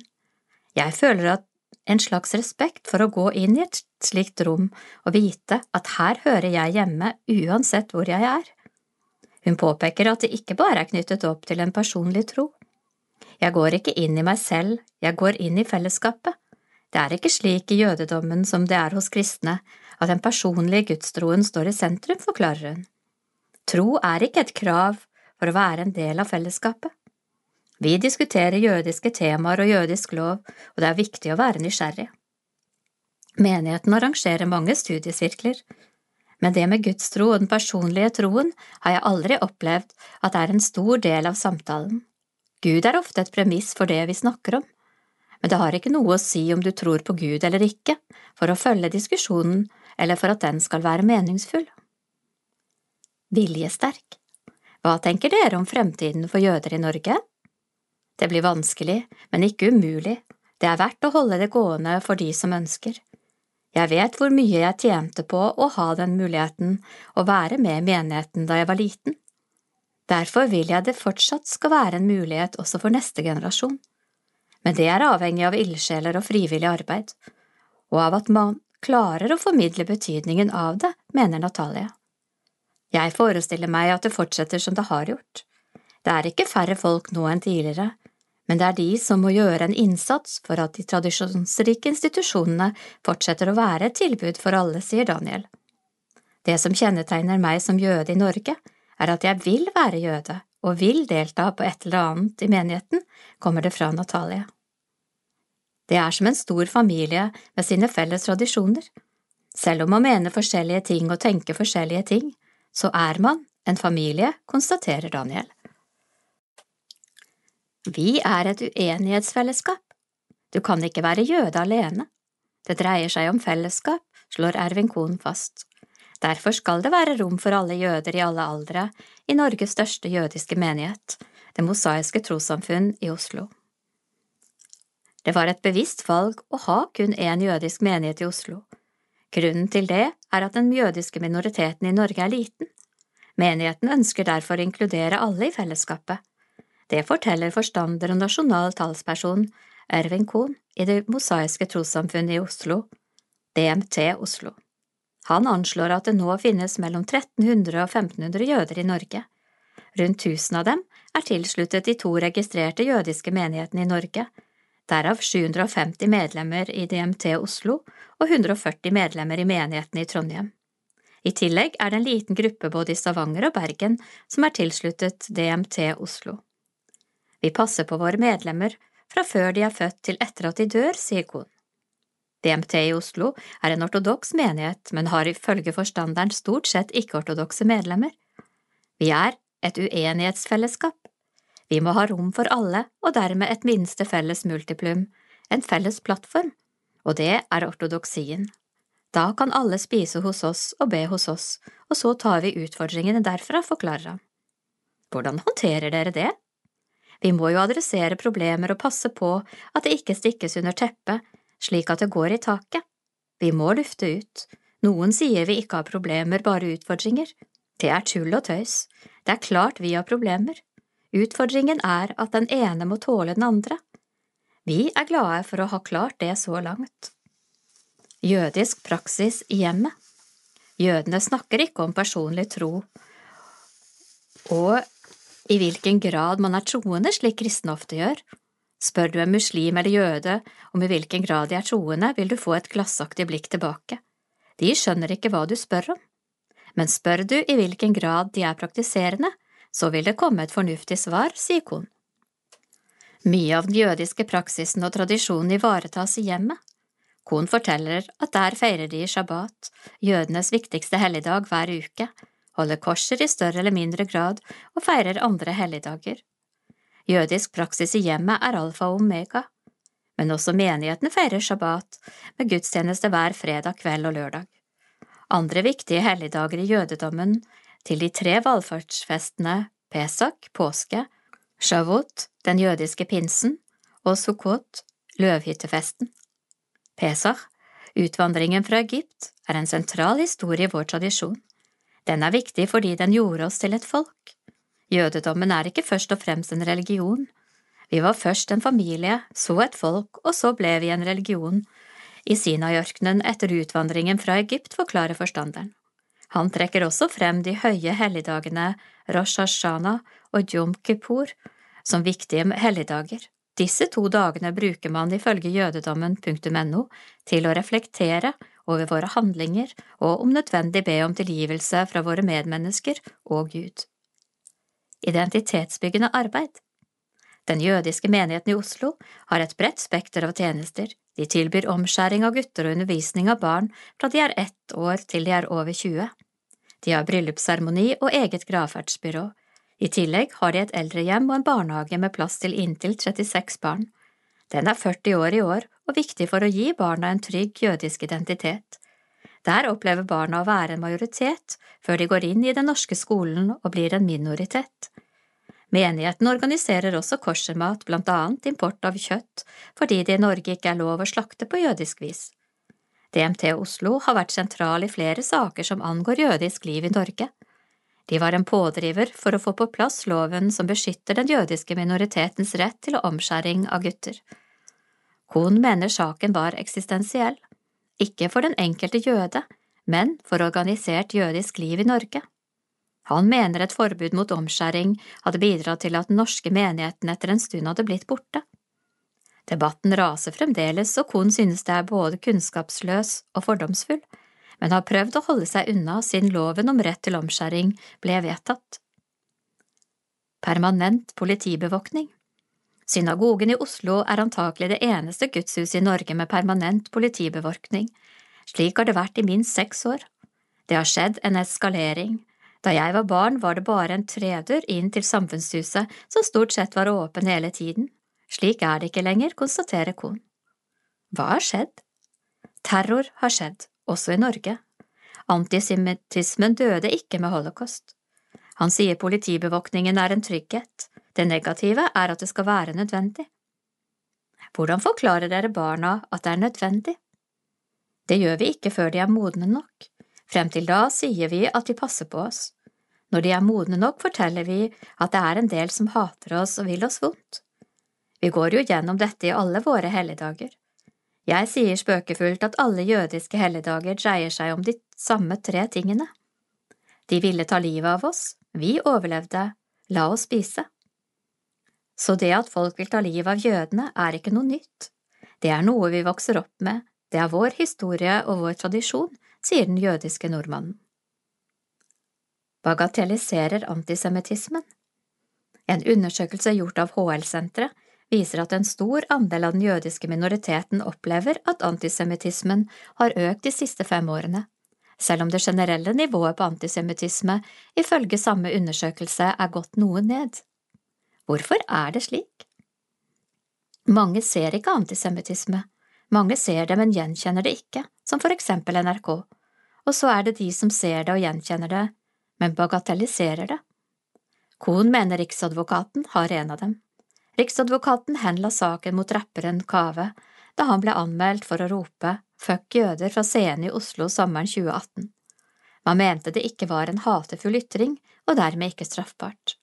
Det samme gjelder lagmannsretten i Agder, som frikjente tre menn som hang opp naziflagget i Kristiansand. Retten mente at naziflagget ikke er et hatsymbol som retter seg mot en spesiell gruppe. Det er slike saker som gjør at den jødiske minoriteten opplever at antisemittismen i Norge øker, sier han. Trenger minoritetene Hva er den største utfordringen den jødiske minoriteten i Norge står overfor i dag? Antisemittismen er en ytre trussel. I sin tid var faren for forbud mot omskjæring en utfordring. Assimilasjon er også en stor utfordring. Det at man gifter seg med en ikke-jøde og ikke har et jødisk hjem og oppdrar barna som ikke-jøder. Kohn påpeker at alle har flere identiteter. Den nasjonale identiteten, religiøse identiteter, den regionale identiteten. Vi er fedre, mødre og søstre. Noen beholder sin jødiske identitet og oppdrar barna jødisk, slik at de får en trygg jødisk identitet med gode kunnskaper, selv om ektefellen ikke er jøde. Utfordringen er å være trygg i alle disse identitetene. Da må man ha en bevissthet og gjøre en innsats. Det er det ikke alle som har eller gjør. Det er vanskelig å fortsette de jødiske tradisjonene om man ikke selv har en sterk tilknytning til og kunnskap om dem og gifter seg med en som ikke er jøde. Så utfordringen er alltid å få jødiske barnebarn. Du kan ha kontroll på barna, men ikke på barnebarna, ler han. Hva er det viktigste vi må ha med i denne saken? I Norge lever det mange jødiske nordmenn. Det er forskjell på norsk jøde og jødisk nordmann, og det er viktig å forstå at det norske samfunnet består av ulike typer nordmenn. Under krigen ble ikke de norske jødene ansett som nordmenn. Derfor arresterte nordmenn de norske jødene, mens Gestapo ble brukt da norske studenter ble arrestert et år senere. Det må vi lære å erkjenne og leve med. Et viktig adelsmerke for et åpent samfunn som vårt er i hvilken grad vi ivaretar minoritetenes interesser. Da får vi et mangfoldig og med det et rikere og mer produktivt samfunn. Drama her og nå Tekst William Grosås William Grosås er kapellan i Birkeland og Sedalen menigheter, Bjørgvin bispedømme, Den norske kirke. Gudstjenesteliturgien er lek på ramme alvor. Den er som et narniaskap. Vi trer inn i en fortelling som viser seg å handle om oss. Jeg hadde vært kristen i over 20 år før jeg feiret påske for første gang. En venn inviterte meg til Nya slottet Bjerka Sebu nær Linkjøping, og der feirer de gudstjeneste fra morgen til kveld gjennom den stille uke. Det ble en skjellsettende opplevelse det var som en merkelig kombinasjon av å delta i fremføringen av et dramastykke og leke en veldig alvorlig lek. Gjennom bibellesninger og liturgi fulgte vi disiplene fra time til time gjennom de hellige dagene. Langfredag gikk alle kledd i svart. Ingen sa et ord mellom gudstjenestene. Vi fastet og gråt gjennom de 14 stasjonene på korsvandringen. Påskenatten feiret vi som om Sverige hadde vunnet VM i fotball. Jeg sa det var som et eh, dramastykke, men det var ikke et skuespill. Ingen var utkledd som romerske soldater eller jødiske øversteprester. Det var ingen pappesler, og ingen fikk tildelt faste roller. Det lignet mer på det dramaet som beskrives i Johannes' åpenbaring. Med røkelse, hvite dåpsdrakter og Skriften selv som sangbok. Kanskje var det dette som gjorde opplevelsen så overveldende. Jeg hadde sett mange gode påskespill og fremstillinger av Jesus' siste dager i Jerusalem, men dette var noe annet. Det var, med all sin dramaturgi, likevel ikke teater. Ingen lot som noe som helst. Vi var oss selv. Dette var ikke et forsøk på å gjenskape noe som skjedde for lenge siden. Påskens drama foregikk her og nå, for våre øyne.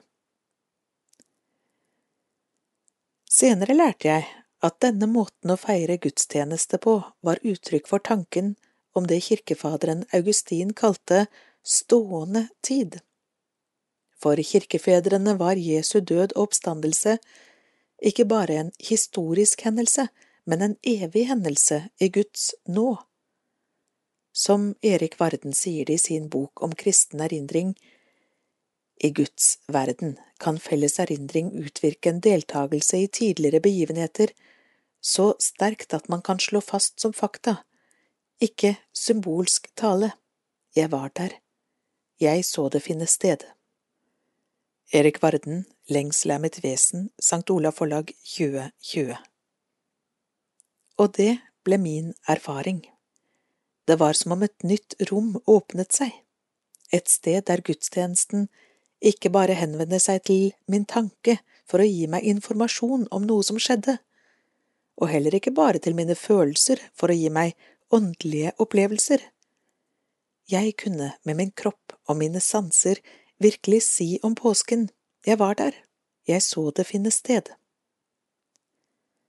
Drama i fire akter Dette var ikke en engangshendelse, heller ikke noe som bare gjentok seg i påsken.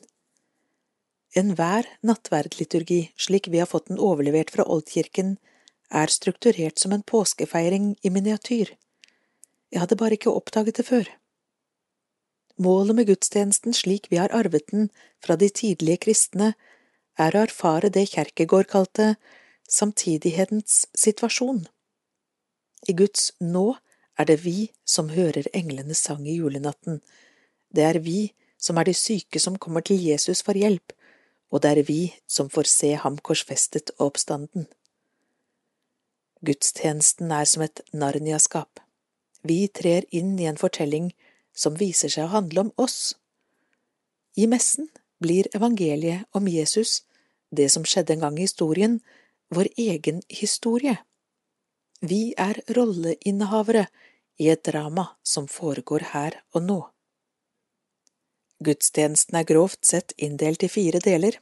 I Norge kaller vi dem ofte for samling, ordet, bordet og sendelsen. Men vi kan også gi dem navn etter de fire aktene i historien om Jesus. Tittel De som så ham 40 påskebetraktninger Forfatter Jostein Ørum Utgitt på Verbum Innleser Anna Amalie Smeland. Denne utgaven er produsert av Kristent arbeid blant blinde og svaksynte i 2015. Eksemplaret skal ikke videredistribueres, og kan kun kopieres til privat bruk. Lukaspersonen Peterskirken, Antakia, Tyrkia Jeg har reist langt for å komme hit, men døren er låst. På et lite skilt kan jeg lese at kirken er stengt på ubestemt tid fordi restaurering pågår. Men det gjør ikke det. Her pågår det ikke noe, ingen arbeider, alt er stille og tomt, og veldig varmt. Jeg setter meg ned i skyggen, med ryggen inn mot muren til den gamle grottekirken, og jeg kan krysse av enda et sted på listen over steder jeg vil se før det er for sent. Den moderne byen jeg har kommet til, i Middelhavets nordøstre hjørne, het en gang Antiokia, i dag Antaikia, en by som er ødelagt av så mange jordskjelv at det knapt er noe igjen å se på. Et museum med mosaikker og noen gamle søyler er det nærmeste man kommer gamle dager, bortsett fra den gamle kirken. Likevel har jeg reist hit. Hvorfor? For det første, det var herfra fortellingen om Jesus fra Nasaret seilte ut på havet, ut i verden. For det andre, en gang ble det født en gutt her som skulle skrive ned evige ord. Ettersom kirken er låst, blir jeg sittende en stund inntil muren. Jeg ser byen strekke seg ut under meg. Bakenfor byen brer en by slette seg utover, bortover mot havet, og jeg lar tankene gå tilbake gjennom århundrene, til de som en gang gikk ut og inn av akkurat denne kirken, de første som ble kalt med ordet kristne. Jeg tenker mest på ham som skrev. Fra sekken finner jeg fram to gamle skrifter. Begge har fått sin plass i Det nye testamentet. Han som har skrevet disse to bøkene, har kanskje sittet akkurat her jeg sitter nå, og sett de samme fjellene som jeg ser nå. Lukas het han. En bred og gammel tradisjon forteller om Lukas. Den forteller at han ble født nettopp her, i Antiokia, en by som da bare var overgått av Roma i storhet. Han var hedning, altså ikke-jøde, av yrke lege. På et avgjørende tidspunkt i livet slår han følge med apostelen Paulus på hans reiser, og med tiden oppfordres han av en viss Theofilios til å skrive ned det han ser og hører og opplever. Verden kjenner de to skriftene hans som evangeliet etter Lukas og apostlenes gjerninger. Derfor er legen Lukas for meg den viktigste og mest interessante av alle forfattere gjennom tiden. Uten Lukas hadde vi manglet veldig mye. Da hadde vi ikke visst om engelens besøk hos Maria, vi hadde ikke hatt fortellingen om Sakkeus eller om sønnen som kommer hjem til faren sin. Vi hadde ikke hørt om gjeterne på marken og ville aldri sunget Ære være Gud med englene. Bare Lukas forteller om to foreldres underlige opplevelser i Jerusalem da deres eldste sønn var tolv år gammel. Han er den som forteller om kvinnene som fulgte Jesus. Han er alene om å gjenfortelle lignelsen om den barmhjertige samaritan, og hadde det ikke vært for Lukas, ville vi vært en bønn fattigere. Jesus, husk på meg. Og om ikke dette var nok, Uten Lukas ville vi knapt visst noe som helst om de første kristne. Var det ikke for legen Lukas fra Antiokia, ville vi rett og slett manglet veldig mye. Det nye testamentet forteller fire like, men ulike historier fra avslutningen av Jesu liv. Lidelseshistorier, eller personer, om man vil. Johan Sebastian Bach skrev to verker over Jesu lidelseshistorie det ene etter Matteus, det andre etter Johannes, Matteus-personen og Johannes-personen. Jeg vil følge Lukas, dette er min Lukas-person, dessverre uten musikk. I Lukas sin lidelsesfortelling finner vi en lang rolleliste, jeg har telt dem, 40 mennesker, som berører eller berøres av Jesu liv, noen av dem har navn, ikke alle. Vi kan ikke vite hvor mange som så ham i løpet av de dagene, men vi vet i alle fall om disse 40. 40 mennesker betrakter Jesus fra hvert sitt ståsted. Jeg kommer nærmere det som skjedde, om jeg forsøker å stille meg i deres sted. I 40 små betraktninger. Hver av dem presentert med et avsnitt fra Lukas. Hvordan kan man så bruke denne boken? Det håper jeg noen vil fortelle meg en dag, men jeg kan i alle fall se for meg tre muligheter. Enten som en følgesvenn på vei mot påsken, gjennom et daglig stykke i fastetiden, eller som et bor til å trenge dypere i påskedagene med i en mer eller mindre stille uke. Eller kanskje den rett og slett bare kan være en dør som alltid står åpen, inn til fortellingen om da himmelen og jorden ble forsonet. Lukas-personen. Person betyr lidelse, men det kan også bety lidenskap. Jesu lidelse har bare én en eneste årsak – hans lidenskap for menneskene. Jostein Ørum ved påsketider 2015 Jerusalem, Jerusalem, du som slår profetene i hjel. Jesus fra Nasaret.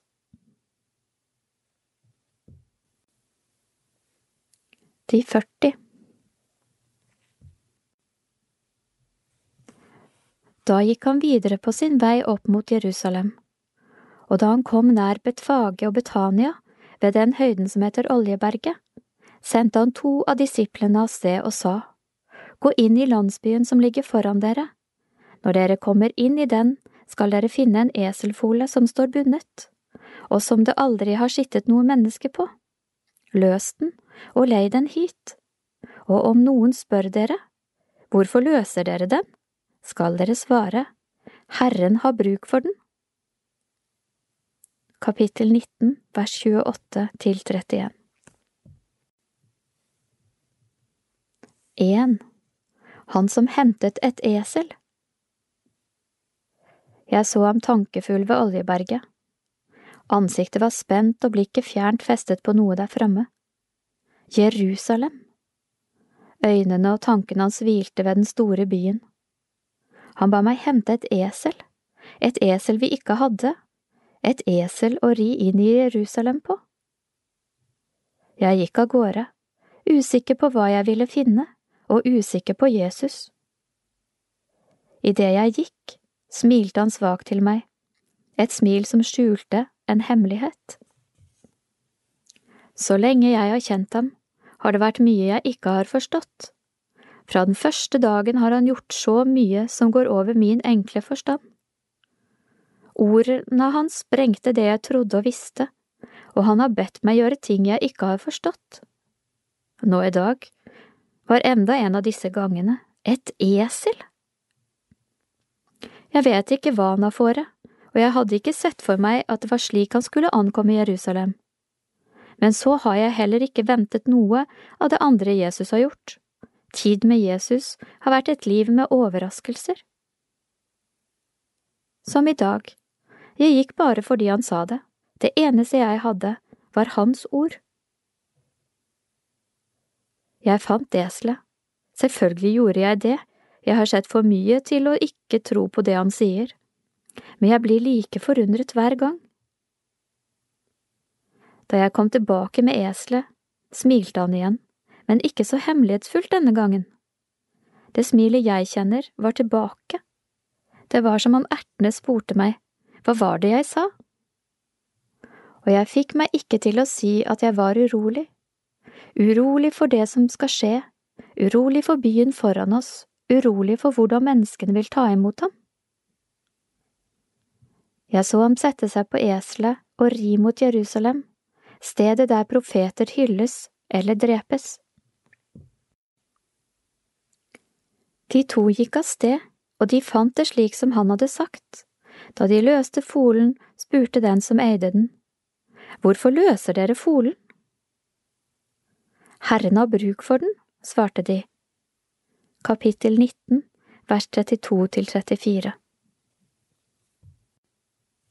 To Eseleier Alle dager er ikke like. I dag var en slik dag. Mens jeg sto der i formiddag, utenfor huset mitt kom det to menn. De ville ha eselfolen min. Herren har bruk for den, det var det de sa. Som om jeg kunne unnvære den.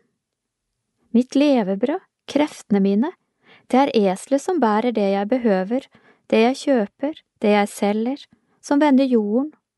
Jeg har ikke noe mer verdifullt enn det. Så kom disse mennene gående og sa at Herren har bruk for eselet. Bare det, selv om jeg hadde mest lyst til å be dem gå, gjorde jeg ikke det, jeg var kanskje for overrasket til å sende dem vekk. Jeg forsto hvem de kom fra, men ikke hvorfor. De var sendt av profeten fra Galilea, det var han som ville ha eselet. Hva skal han med et esel? Og får jeg det tilbake? Jeg ble overrasket da jeg hørte meg selv svare ja. Jeg har forstått at han er en god mann, mange håper at det er han som skal befri oss. Noen tror til og med at dette er ham det står skrevet om. Folk er så opptatt av hva som står skrevet. Innerst inne har jeg villet tro det samme som dem, at livet og landet skal forandres. Kanskje det var derfor de fikk eselet? Litt senere forsto jeg hva de skulle. Det første som kom var lyd. Jeg hørte at det var et oppstyr på vei. Lydene ble sterkere, noe skjedde, noe uvanlig. Det kom et opptog, en flokk mennesker på vei mot byen. Følget var oppstemt og ivrig, og først da fikk jeg se hvem de vendte seg imot. Eselet. Alle menneskene flokket seg om eselet mitt. Jeg ble redd de skulle skade det. På ryggen av eselet satt Jesus fra Nasaret. Menneskene gikk mot byen. Noen så glade ut, andre mer innbitte. Jeg slo følge. Jeg måtte se hvordan det gikk med eselet, og med Jesus. Denne dagen ble ikke som andre dager. Når alt dette kan skje i dag, hva da med i morgen? Så leide de folen til Jesus, la kappen sin på den og lot Jesus sette seg opp, og der han red frem, bredte folk ut kappene sine på veien. Da han nærmet seg skråningen ned fra Oljeberget, begynte hele mengden av disipler i sin glede å lovprise Gud høylytt for alle de mektige gjerningene de hadde sett. De ropte, Velsignet er Han, Kongen, som kommer i Herrens navn, fred i himmelen og ære i det høyeste. Kapittel 19, 35 38 3. Mann med kappe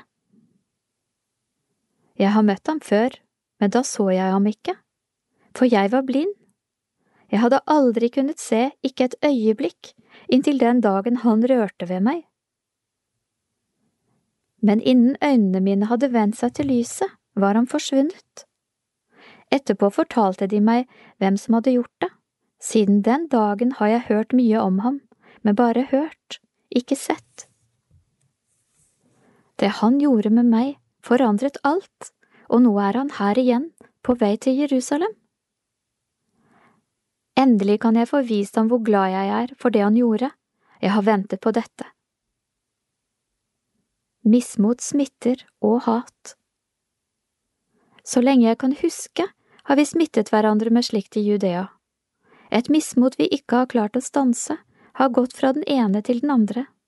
En misnøye med romerne, en fortvilelse for vår egen maktesløshet og et hat mot alle som bestemmer over oss, og en tretthet av å vente på det Gud har lovet. På samme måte med gleden. Den smitter. Ryktene har fortalt det, nå kjenner jeg det selv. Mens Jesus kommer ridende, er det som en ild av noe godt går mellom menneskene rundt meg. Fra den ene siden til den andre sprer det seg en tro på at Gud ikke har glemt oss. Fra dem foran til dem bak meg blåser det et håp. I går var øynene deres matte, i dag skinner en annen glans i dem. Fra alle kanter trenger en glede seg på. Er det slik han ser ut? Jeg vet ikke om han husker meg, men jeg vil vise at jeg er glad for det han gjorde. Men hvordan? Jeg har ikke tatt med noe å gi, ingen gaver, ingenting. Det eneste jeg har, er kappen min. Ja, hvorfor ikke? Jeg tar kappen, legger den ned foran ham i støvet, for å si takk med kappen min. Den var alt jeg hadde. Noen fariseere i folkemengden sa til ham, Mester, ta disiplene dine til rette. Men han svarte, Jeg sier dere, dersom de tier, skal steinene rope. Da Jesus kom nærmere og så byen, gråt han over den og sa, Hadde du bare på denne dagen forstått, du også, hva som tjener til fred, men nå er det skjult for øynene dine det skal komme dager over deg da fiendene dine kaster en vold opp omkring deg, omringer deg og trenger inn på deg fra alle kanter. De skal slå deg og barna dine til jorden, og det skal ikke bli stein tilbake på stein i deg, fordi du ikke forsto at tiden var kommet da Herren gjestet deg. Kapittel 19, vers 39 til 44 4. Pariseer i folkemengden. Det er mye jeg ikke begriper med Jesus fra Nasaret. Særlig to ting. Han har mye ved seg, jeg skal gi ham det. Det er derfor jeg er kommet ut fra byen for å møte ham i dag. Men hvor har han, tømmermannens sønn, sin kjennskap til skriftene fra? Jeg liker ikke å innrømme det, men den står ikke tilbake for min egen. Men det er altså noe som uroer meg. Det første er, hvorfor lar han dem holde på slik? Hvorfor stanser han dem ikke? Når han lar all denne hyllesten skje, gjør han seg like enfoldig som folkemengden, men mye farligere. Her står voksne mennesker og roper og støyer langs veien, som små barn, eller enda verre. De oppfører seg som om de var drukne. Hadde de bare vært det, ville de hatt en unnskyldning. Men de er ikke det, og han stanser dem ikke. Han nekter å tøyle tilhengerne sine. Det har ofte gått galt før.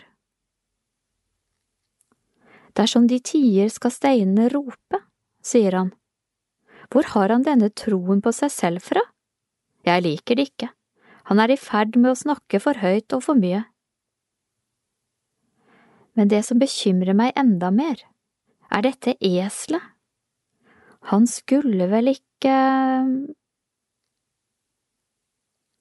Jeg vet ikke om alle disse menneskene ser det, men jeg ser det, og Jesus vet godt hva han gjør. Han er i ferd med å gå forbi et punkt det ikke er noen vei tilbake fra. Han setter seg selv inn i den gamle profetien vi fortsatt venter på oppfyllelsen av. Hadde han bare ikke visst om det, men jeg er redd Jesus fra Nasaret kjenner profetens ord like godt som jeg. Rop av glede, datter Jerusalem, se, din konge kommer til deg, fattig er han og rir på et esel. Nei, jeg liker det ikke, han vet godt hva han gjør, og han lar seg ikke snakke til. Og når jeg tenker meg om, er det enda en ting jeg ikke forstår ved ham. Hvorfor gråter han over Jerusalem? Hvis denne byen er så mye å gråte for, hvorfor kan han ikke bare snu? Så gikk Jesus inn på tempelplassen og ga seg til å jage ut dem som drev handel der. Han sa til dem, Det står skrevet, Mitt hus skal være et bønnens hus, men dere har gjort det til en røverhule. Kapittel 19, vers 45 til 46 5. Handelsmann på tempelplassen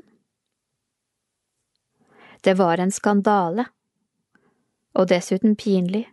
Jesus fra Nasaret skitnet til tempelplassen med sitt raseri, han rotet det til som om det var hans eget hus. Det irriterte meg. Vi hører til her og har kommet og gått hver dag lenger enn han har levd, men han jaget oss vekk, sånn helt uten videre. Et arbeid skal man ha, og mitt ærlige arbeid er å selge duer på tempelplassen. Det kommer menneskerier til tempelet hele tiden, de kommer for å forsone seg med Gud, derfor må de ofre, og det er her jeg kommer til hjelp. For mange er det vanskelig å ha med seg et dyr på reisen, og reisen hit er lang for mange. Et offerdyr må jo leve, ellers ville det ikke være noe offer. Dessuten er det dyrt å kjøpe dyr her i byen, og mange har lite penger. Det er disse jeg vil hjelpe til å blidgjøre Gud for… Det er disse jeg vil hjelpe til å blidgjøre Gud, for en god pris. Dette er bra for dem og for meg. Vi duehandlere hjelper mennesker med å tre fram for Gud, ikke noe mindre enn det. Selvfølgelig tar vi litt for jobben, noe skal man jo leve av, og folket får det de vil ha. Men så kom han og jaget oss vekk, han sveipet over plassen med et raseri jeg ikke helt forsto. Hva var det han ville egentlig? Bare et slikt merkelig, sanseløst raseri. Bønnens hus, sa han. Dette huset skal være et bønnens hus. Men det er det jo, det har det alltid vært. Her ber folk, og her møtes folk, og her driver vi en smule handel. Bønnens hus, greit nok, men hvem ville kommet om det bare var for bønn? Det er stor plass i Guds hus, tempelområdet kan romme mye, også bønn. Jeg tror ikke han har forstått at tidene forandrer seg. Hvem i himmelens navn innbiller han seg at han er? Det nærmet seg nå de usyrede brøds høytid, som også kalles påske. Overprestene og de skriftlærde prøvde å finne ut hvordan de skulle få Jesus ryddet av veien, for de var redde for folket. Kapittel 19, 47–48 og kapittel 22, 1–2 6. Skriftlærd som kjenner seg truet Hvordan skal jeg få ryddet deg av veien? Du truer oss, du er i ferd med å få folket over på din side. Bare Gud vet hva som vil skje da. Tanken holder meg våken om nettene. Det er tross alt jeg som er opplært i de gamle skriftene. Jeg kjenner dem bedre enn jeg kjenner veien til tempelet jeg går hver dag.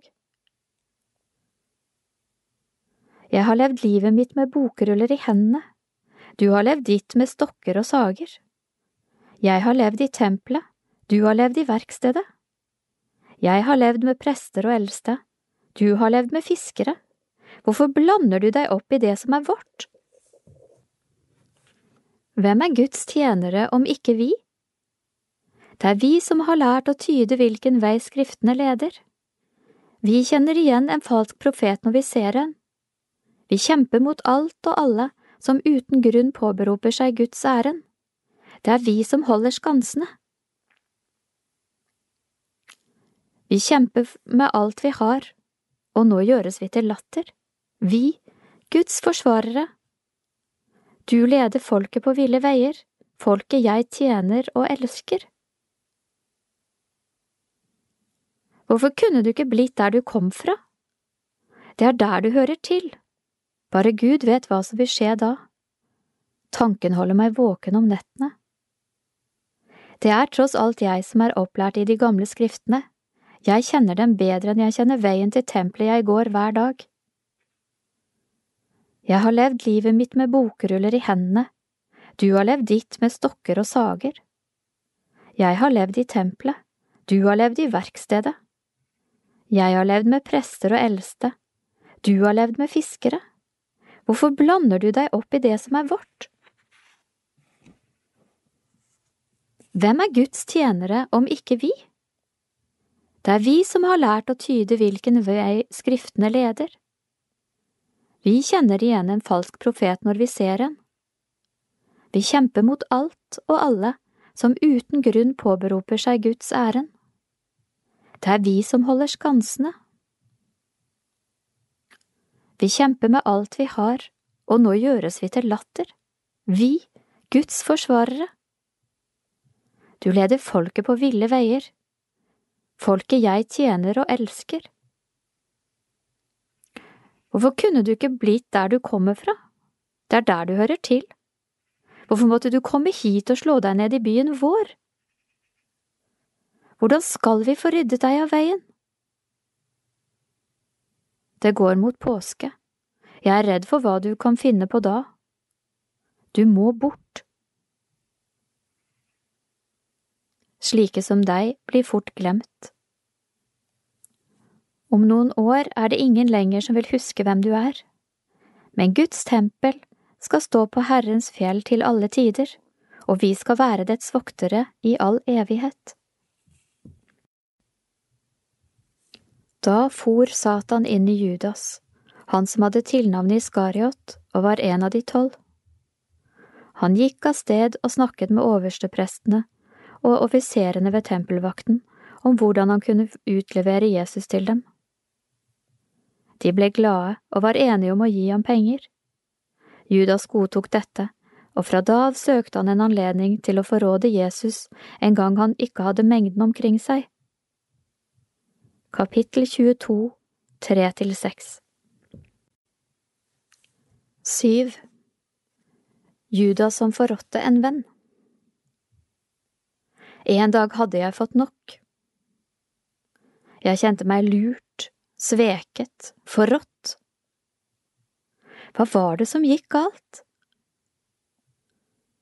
Han hadde for store ord og for lave mål.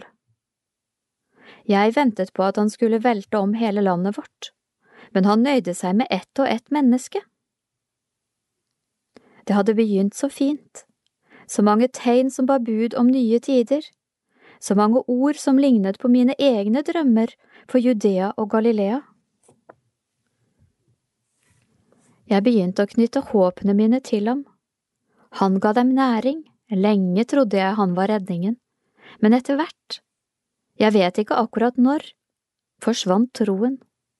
Jeg innså at det ikke ville nytte. Håpene forble bare håp, og drømmene forble bare drømmer.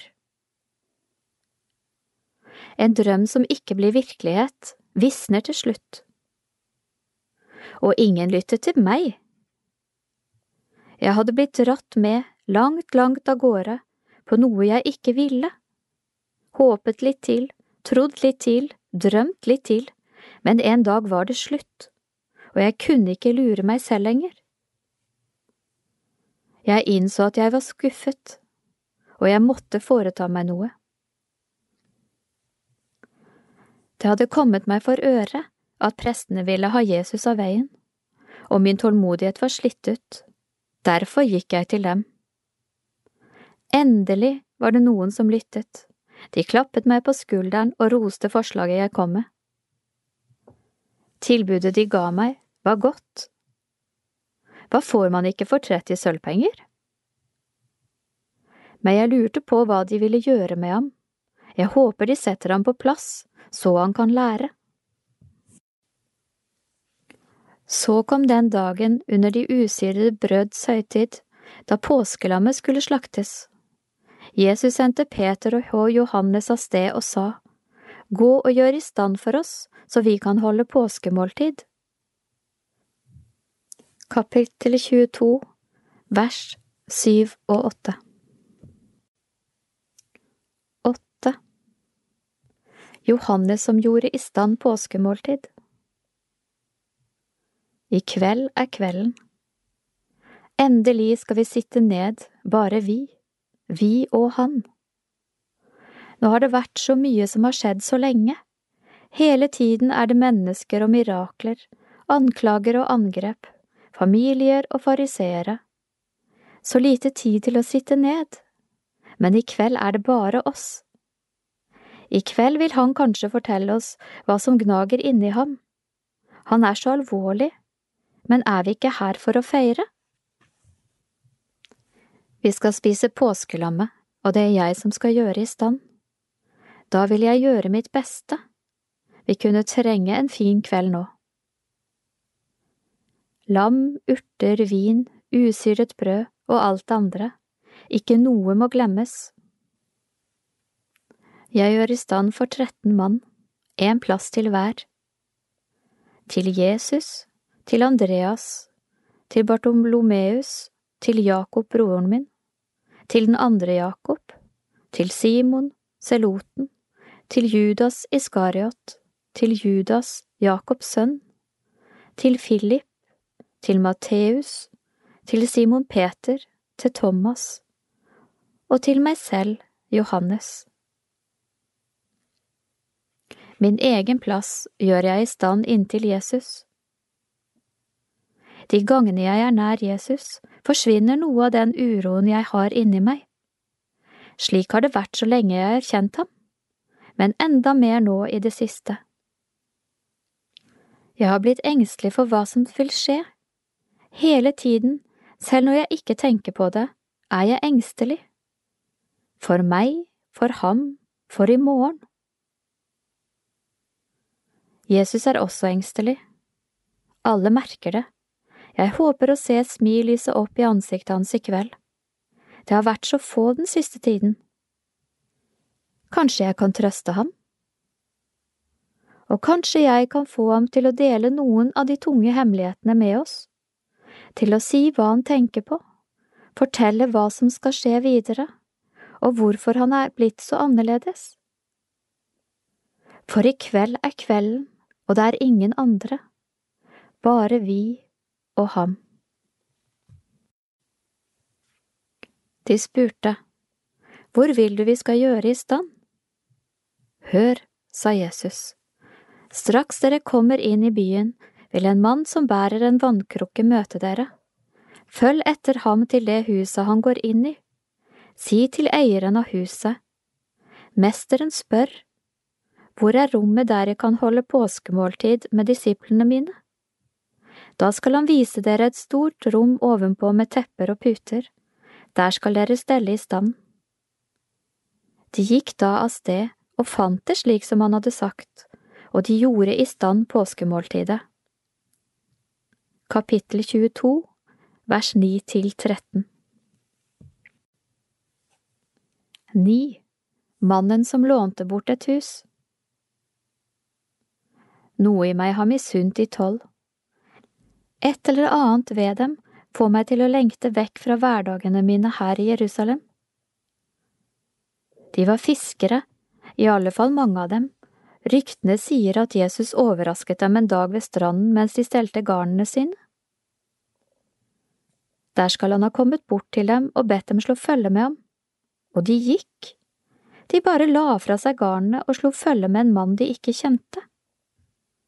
Kom, sa han. Så kom de. Etter dette har historiene gått foran dem, om hvordan de tolv har vandret gjennom landet sammen med mesteren, om det fantastiske Jesus har sagt og gjort, om under og fortellinger, om at de tolv er der hele tiden. Selv noe av det utrolige Jesus gjør, kan de gjøre? Men det som mest har fått meg til å ville være som dem, er friheten, motet.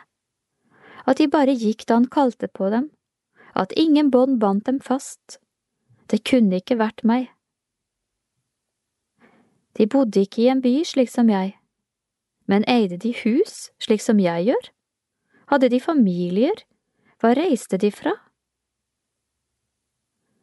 Jeg tenker noen ganger på alt de må ha opplevd disse årene, på det de har sett, på det de har gjort. Her om dagen hørte jeg til og med noen si at Jesus skal bygge sitt rike på disse tolv. Hvilket rike kan det være? Skulle ønske det var meg, jeg har drømt om å gjøre noe for ham, jeg også, men jeg må bli her, med ansvar for en familie og et hus. Men så plutselig, kan Jesus låne huset ditt i kveld? De spurte meg. Han vil komme. Til meg. Til mitt.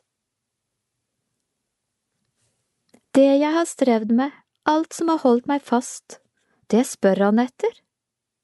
Han vil bruke det. Da tiden var inne, tok Jesus plass ved bordet sammen med apostlene, og han sa til dem. Jeg har lengtet inderlig etter å spise dette påskemåltidet med dere før jeg skal lide.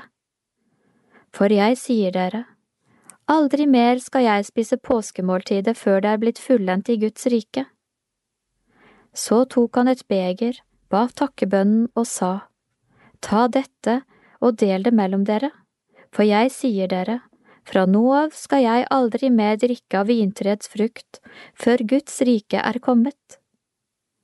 Så tok han et brød, takket og brøt det, ga dem og sa, Dette er min kropp, som gis for dere, gjør dette til minne om meg.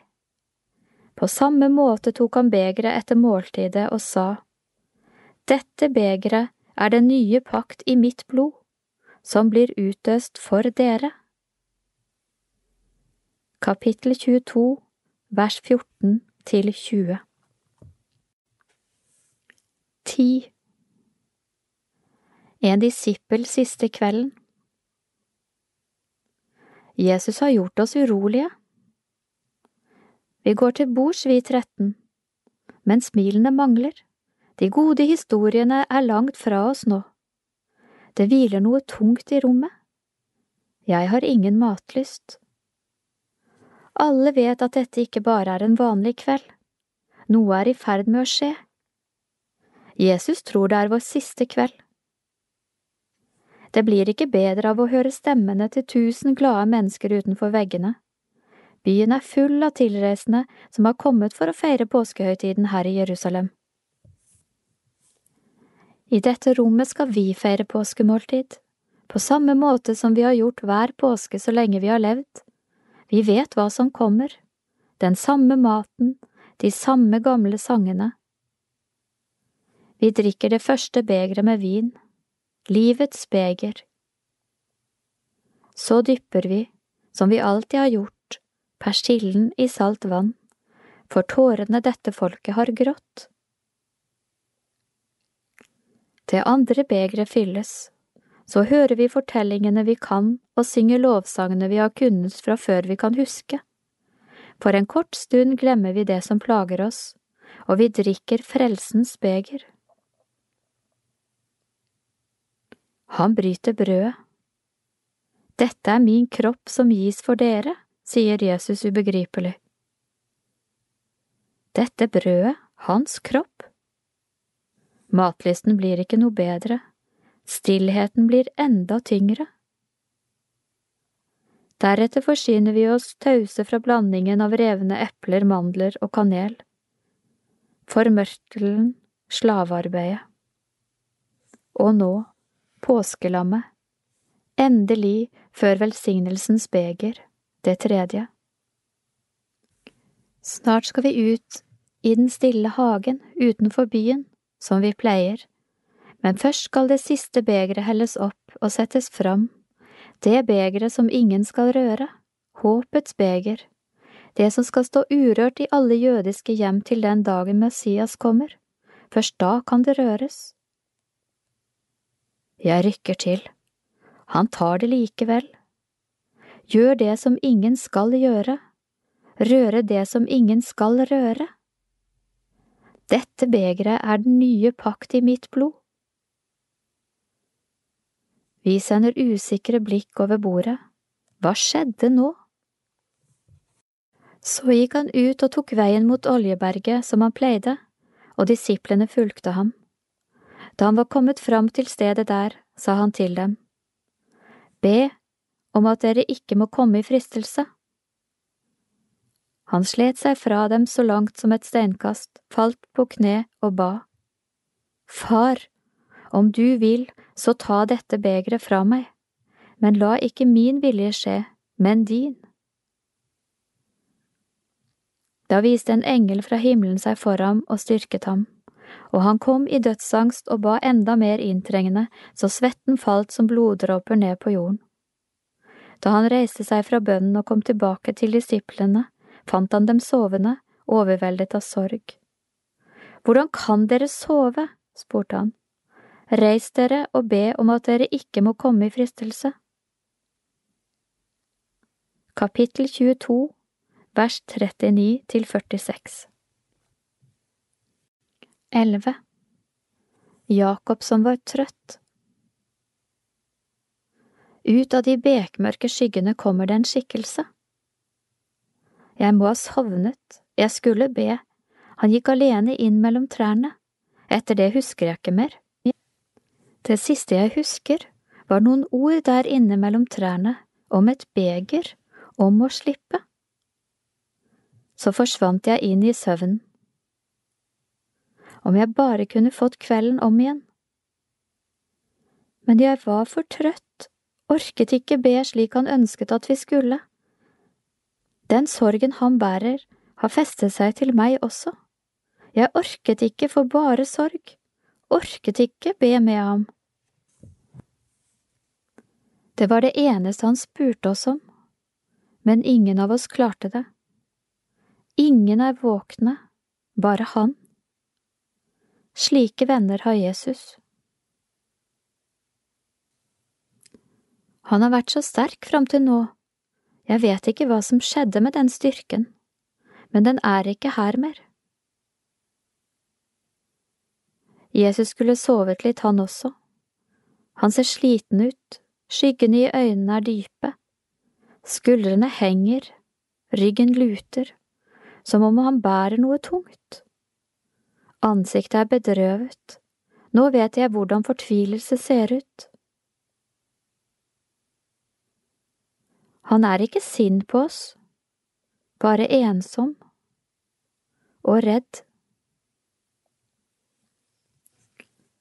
Kjortelen er skitten, han har ligget på bakken, magen og knærne er dekket av jord og støv. Det ser ut som om han har vært i kamp, og nå leter han etter noe å støtte seg til, uten å finne det.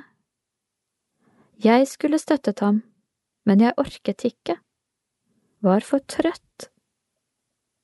Hvordan kan dere sove? spør han. Jeg er så lei meg, Jesus.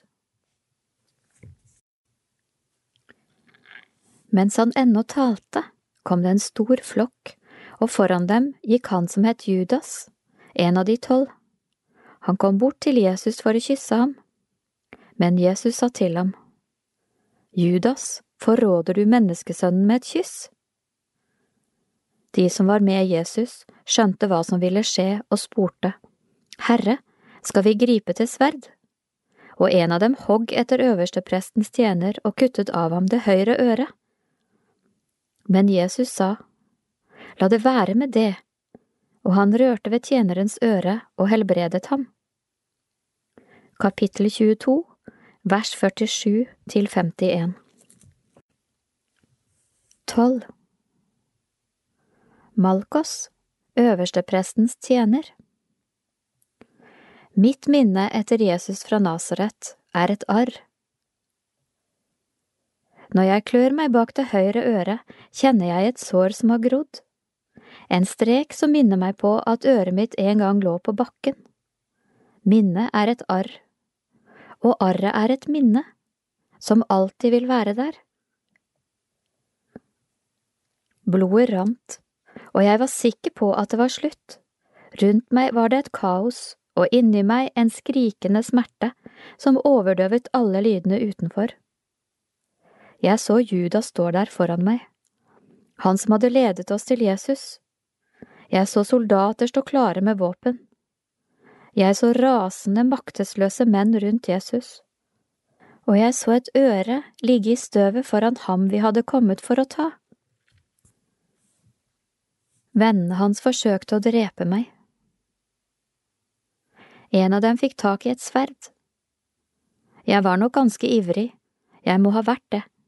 Jeg ville virkelig ta denne Jesus, som jeg hadde hørt så mange stygge ord om. Jeg må ha snakket høyt og gått tett og truende innpå ham, men dette kan jeg ikke huske helt klart. Og denne Simon fikk tak i et sverd. Så prøvde han å drepe meg. Jeg så en villskap i øynene hans, sverdet kom lynende, han hogg mot hodet mitt, folk ropte. Plutselig ble det stille. Men smerten skrek inni meg. Jeg trodde jeg skulle dø. I dag priser jeg meg lykkelig for at han bare var en fisker og ikke en sverdmann. Men etterpå, det er da det skjer. Opprøreren vi er kommet for å ta, bøyer seg ned, tar opp det skitne øret og setter det tilbake der det alltid har vært. Smertene stilner, og jeg kan høre klart. Jeg hører ham be dem la være med slikt. Så tok de ham med og drepte ham. Jeg har hørt noen si at graven er tom, og at vennene hans mener han ikke er død likevel. Folk får tro hva de vil om den saken. Jeg vet ikke. Men så hører jeg også at han som forsøkte å drepe meg, nå går rundt og snakker høyt om at livet er sterkere enn døden. Har han glemt det han gjorde? Det kunne være fristende å gå og vise ham øret mitt, men jeg våger ikke møte ham igjen. Uansett hva vennene hans gjør og ikke gjør, vil jeg alltid bære med meg minnet om hva Jesus fra Nasaret gjorde mot meg. Bak høyre øre. Så sa Jesus til oversteprestene og offiserene ved tempelvakten og de eldste, som var kommet for å gripe ham. Dere har rykket ut med sverd og stokker, som om jeg var en røver.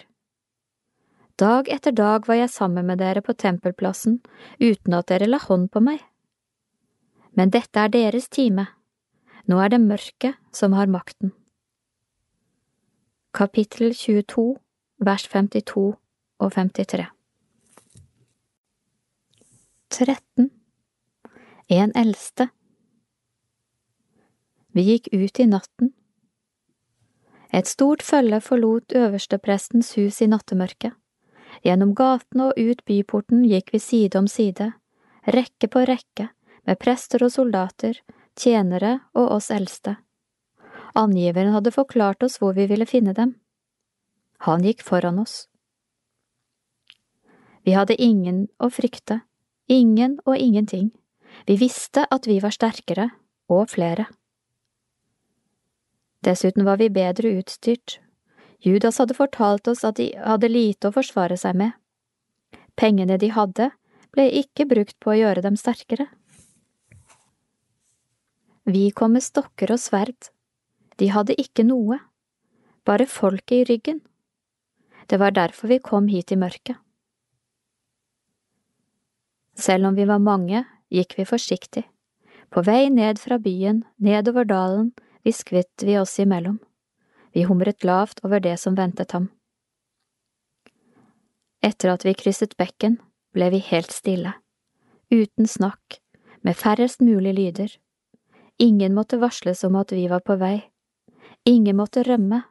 Dette var vår sjanse. I mørket.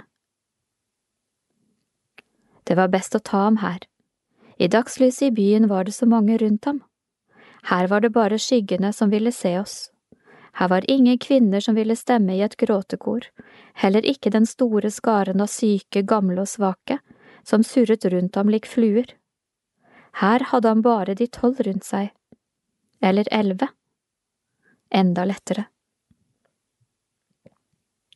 Vi tok av fra veien og gikk stille mot olivenlundene innunder berget. Det var bekmørkt, men Judas Iskariot visste hvor vi skulle. I skyggen under trærne fikk vi øye på noen menn. De sto stille, som om de ventet oss. Judas gikk fram og gjorde som avtalt, et kyss, avskjedskysset.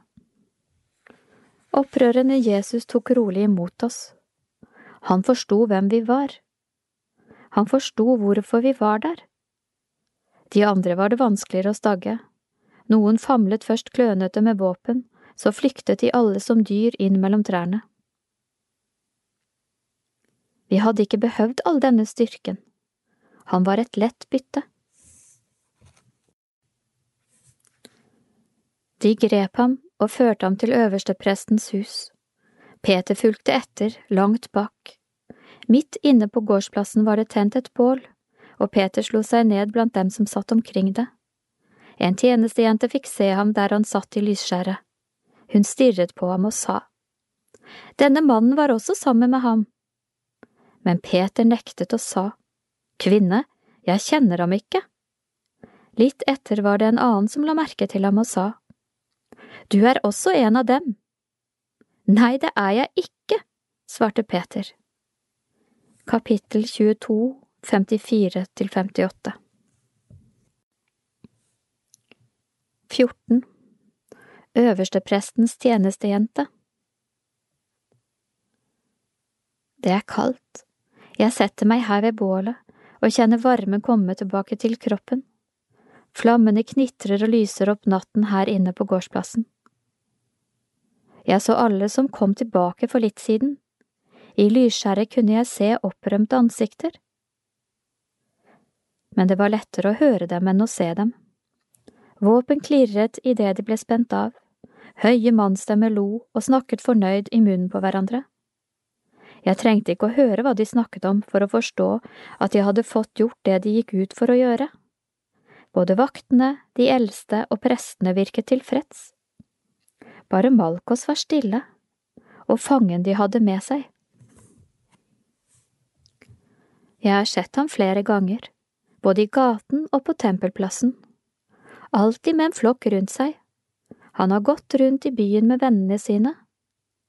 Han tror visst han er noe spesielt. Mange andre tror det også. Hvorfor fanget de bare ham? Når solen går ned, blir det så kaldt i denne byen, men bålet varmer godt, jeg skal bare sitte litt til før jeg legger meg. Mange i ringen rundt bålet er trøtte, de strekker hendene inn over varmen, selv om det er sent, er vi fortsatt mange. Vaktene passer fangen, prestene har lagt seg, folk på vei hjem har kommet innom gårdsplassen for å varme seg. Mange tjenere står her og hviler etter en strevsom dag. Jeg har sett de fleste før. Men hvem er han der, han med det flakkende blikket? Han ser fremmed ut her, og vaktsom. Øynene går i alle retninger som om han leter etter noe. Det er noe kjent med ham. Jeg har sett ham før. Er det ikke… Det må jeg si. Hvordan våger han? Det ser ikke ut som noen av de andre legger merke til mannen. Jeg forteller dem det, at han er venn av fangen. Denne mannen var også med ham, sier jeg. Han ser tilbake på meg, men øynene viker og med en stemme som er mye høyere enn han hadde behøvd, utbryter han, Jeg kjenner ham ikke! Hvem er det han prøver å lure? Litt etter var det en annen som la merke til ham og sa, Du er også en av dem. Nei, det er jeg ikke, svarte Peter. Kapittel 22, vers 58 15 En som kjente igjen Peter Du er også en av dem. Både du og jeg er langt hjemmefra. Jeg kommer også fra Galilea. Våre veier har krysset hverandre før. Jeg har sett dere hjemme ved sjøen, deg og vennen din, han som står bundet der borte i mørket. Jeg har hørt ham noen ganger. Første gang var oppe i åssiden over vannet. Ganske mange mennesker satt og lyttet til det han hadde å si. Du var der og ba oss sette oss ned i gresset. Så talte han til oss. Jeg husker best det om å vende det andre kinnet til om noen slår deg. Mente han det alvorlig? Er det derfor han står så taust der borte mellom vaktene nå? Det har gått en tidsstund siden den gang, men her møtes vi igjen ved et bål i Jerusalem. I år ville jeg, som dere, hit for å feire påskehøytiden. Da jeg kom til byen for noen dager siden, hørte jeg at dere også var her. Jeg ville oppsøke dere, men etter det som skjedde på tempelplassen, valgte jeg å holde meg unna. Jeg ville ikke bli sett sammen med dere. Du skulle stanset ham. Hadde han holdt seg i ro da, ville han ikke vært her nå. Da ville han ikke stått her som et dyr i fangenskap, og du kunne sittet her med løftet blikk og fortalt historier om alt dere hadde gjort sammen. En annen gang, i Galilea, sto jeg inne på stranden da dere la til med båt. Du sto brydd i bakgrunnen mens vennene dine var oppglødd og pekte ivrig på deg.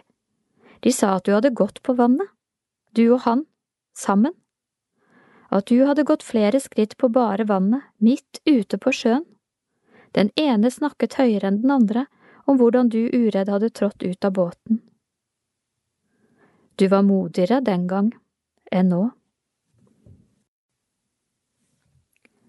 Men en times tid senere var det enda en som slo fast. Jo visst var denne mannen også med ham. Han er jo galileer. Men Peter svarte. Menneske, jeg skjønner ikke hva du snakker om i det samme, før han hadde talt ut Gol hanen. Og Herren snudde seg og så på Peter. Da husket Peter det Herren hadde sagt til ham. Før hanen galer i natt, skal du fornekte meg tre ganger. Og han gikk ut og gråt bittert. Kapittel 22, vers 59 til 62 16. Den siste som avslørte Peter. Når menn ikke snakker sant, kan jeg ikke tie stille. Jeg tåler det ikke når noen sniker seg unna sannheten. Derfor sa jeg det til ham. Først lot jeg det være, men til slutt klarte jeg ikke å holde inne med det lenger. Noen andre hadde avslørt ham litt tidligere på natten. De kjente ham igjen, som en venn av denne Jesus, som galileer. De har rett, jeg har sett dem sammen, og de to galileerne kan være sammen så mye de vil for min del, men siden han nektet så innbitt, måtte jeg ta til orde. Jeg vet ikke hva som var vanskeligst for ham, at han kommer fra Galilea eller at han kjenner Jesus fra Nasaret. Og jeg kan faktisk forstå at han ikke er stolt over å komme fra de traktene, ingen er særlig stolt over det, men at han skulle løpe gråtende bort av den grunn? Det var nok heller det at han ble avslørt som et venn av fangen. Men på den annen side, hvis han skammet seg slik over det, hvorfor kom han i det hele tatt til øversteprestens hus i natt? Han kunne jo vært alle andre steder. Hvor som helst ellers ville vært tryggere, i stedet måtte han forsvare seg med løgner ingen tror på. Akkurat da skjedde det noe mer. Mens han løy til meg, gol hanen, som den jo pleier på denne tiden av natten. Idet den gol, stivnet galileeren til. Han snudde seg forpint mot den eneste vennen han hadde på gårdsplassen. Jeg så at øynene deres møttes. Da var det plutselig som om noe revnet i mannen. Det harde ansiktet sprakk, og tårene rant ut. Så løp han. Og den gråten. Det var ikke bare det at han var lei seg, ikke bare at han angret på et par løgnhistorier, heller ikke at han skammet seg over dialekten sin eller vennene sine. Da gråter man ikke slik. Han var bare helt knust. Men jeg liker det dårlig når folk lyver. Mennene som holdt vakt over Jesus, hånte ham og slo ham. De dekket til ansiktet hans og sa, Nå kan du være profet, hvem var det som slo deg? Også på mange andre måter spottet de ham. Kapittel 22, vers 63 til 65 17 En vakt Profet? Hva? Ta den og den nå binder vi for øynene dine, så kan du være profet. Du som har sett inn i framtiden, at tempelet skal legges i grus, kan sikkert gjette hvem som slår deg nå, eller nå? Fortell oss det, profet, er det ikke nettopp dette profeter gjør? Profeter nå for tiden er ikke som de var før, skjønner jeg. Du som har stoppet vinden, kan kanskje også stanse dette slaget? Eller dette? Hvis det er sant det de sier, at du har gjort vann til vin, så gjør det igjen. Det hadde vært noe. Er det noe jeg trenger nå, så er det noen gode slurker vin. Gi oss vin, så skal vi la deg gå. Jeg hører du kom på et esel. På et stort og mektig esel, ikke sant? Tror du esler imponerer oss bymennesker? Her har du for eselet, ta den. Hvorfor svarer du ikke? Ta dette slaget fordi du ikke svarer, og dette fordi du har pratet for mye på tempelplassen.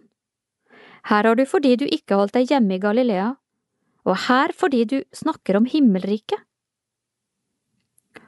Og dette fordi du lurer fattigfolk med tomme ord, og dette fordi du omgås kvinner.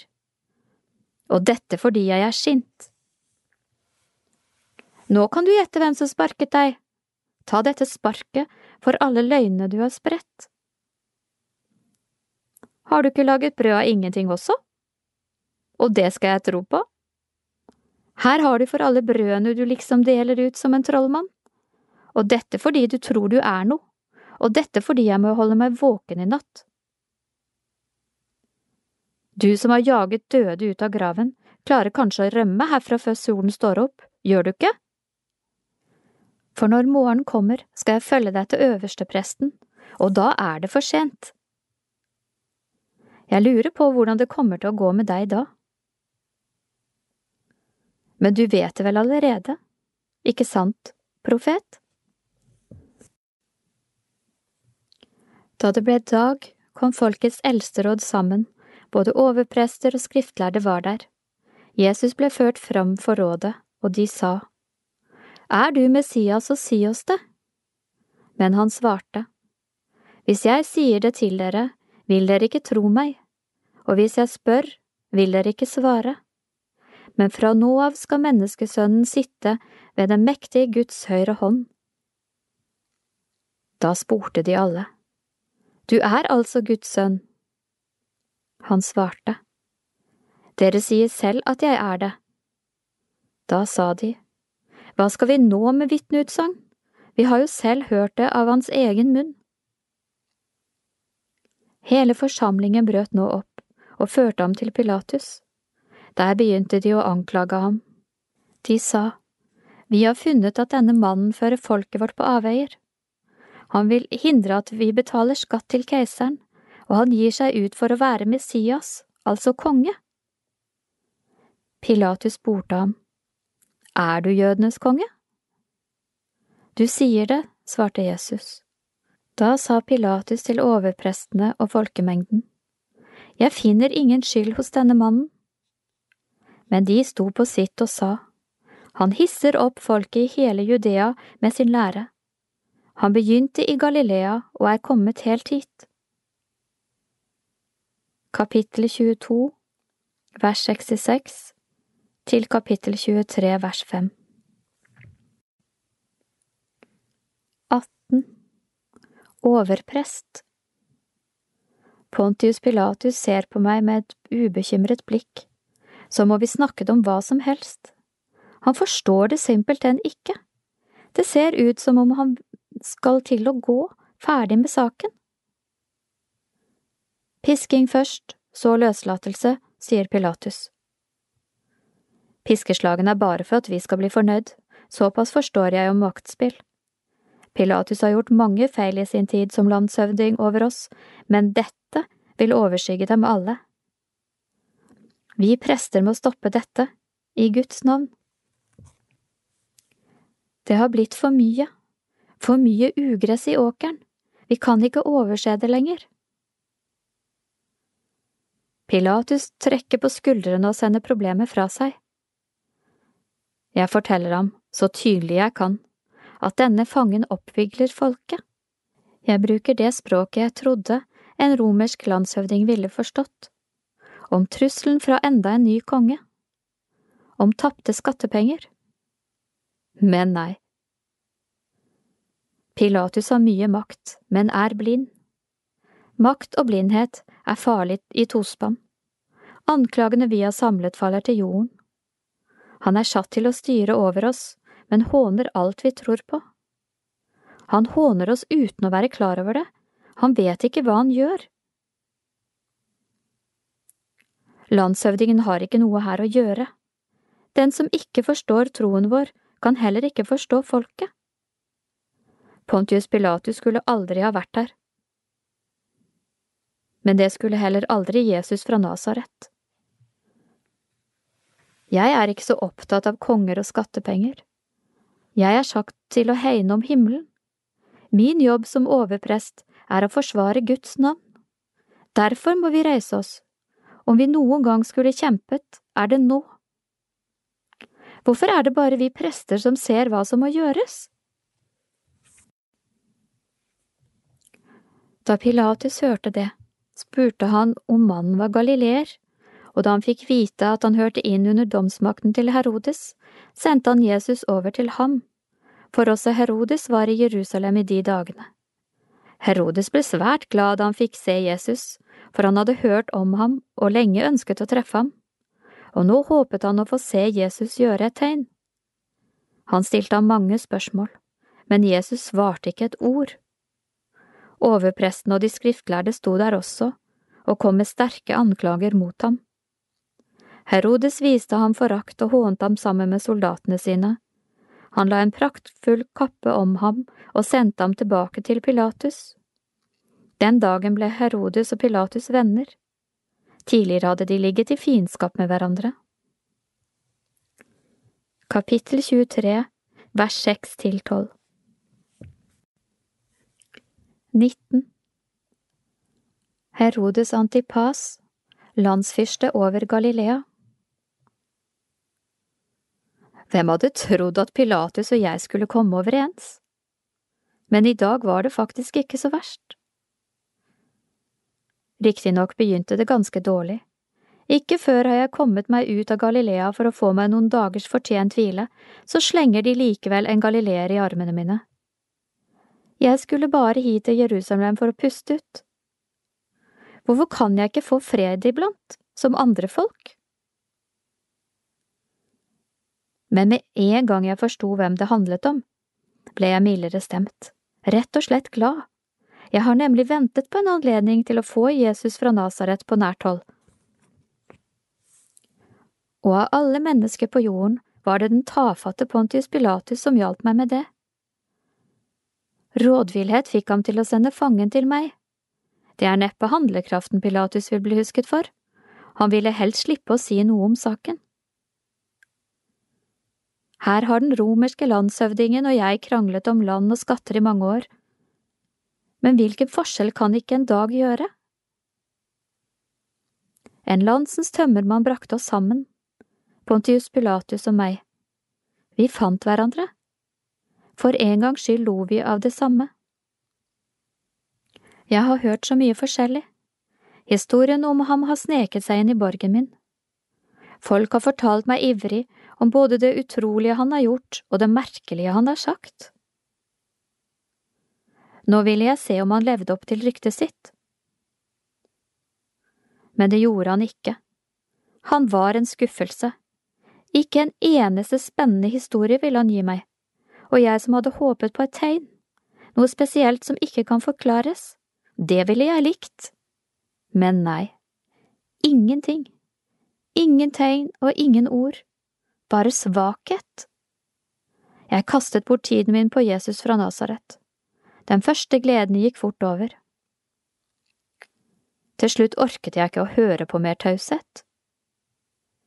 Jeg sendte ham tilbake. Pilatus kalte sammen overprestene, rådsmedlemmene og folket og sa til dem, Dere har ført denne mannen fram for meg og sagt at han villeder folket.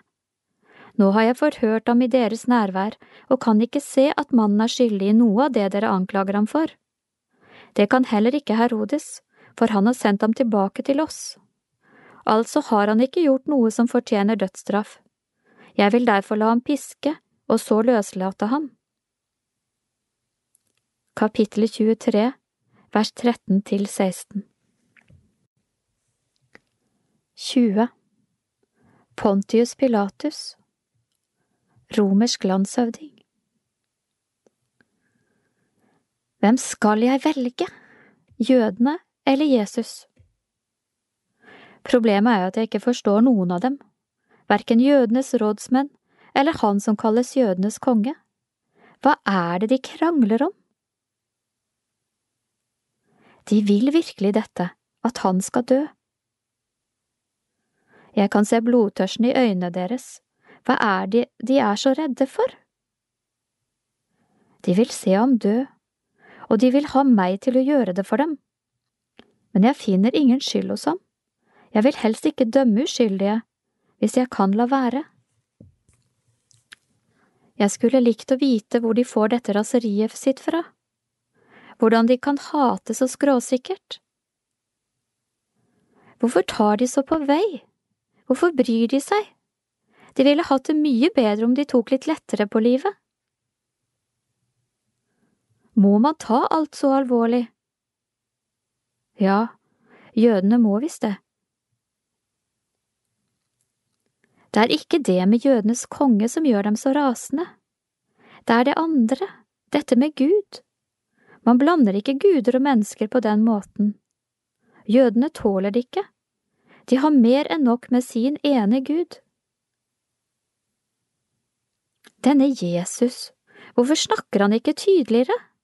Hvorfor forsvarer han seg ikke? Det lille han sier er tåkeprat, ikke noe mer. Jødene er ikke enige, for dem er det ikke tåke, men tordenskyer. Mannen uroer meg, men ikke fordi han er farlig. Jeg finner ingen svar hos ham, men heller ingen skyld. Skal jeg overgi en uskyldig mann til døden? Eller skal jeg legge meg ut med de strenge prestene jeg er satt til å styre? Om jeg ikke holder meg inne med dem, kan freden vakle i Judea. Roma må ikke få vite at det ulmer i riket mitt. Et opprør her vil stenge veien for meg videre. Jeg må velge. Jeg velger det som tjener meg selv best. Jeg velger Pontius Pilatus. Men til høytiden måtte han gi dem en fange fri. Da ropte de alle som en, Bort med ham! Gi oss Barabas fri! Barabas var en mann som hadde blitt fengslet for opptøyer i byen og for mord. Pilasus talte det igjen til dem, for han ville gjerne gi Jesus fri, men de ropte tilbake, Korsfest, korsfest ham! For tredje gang sa han til dem, Hva ondt har han da gjort? Jeg har ikke funnet ham skyldig i noe som kan straffes med døden.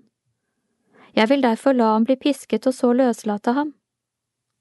Men de presset på og forlangte med høye skrik at han skulle korsfestes, og skriket deres fikk overtaket. Da felte Pilatus dommen.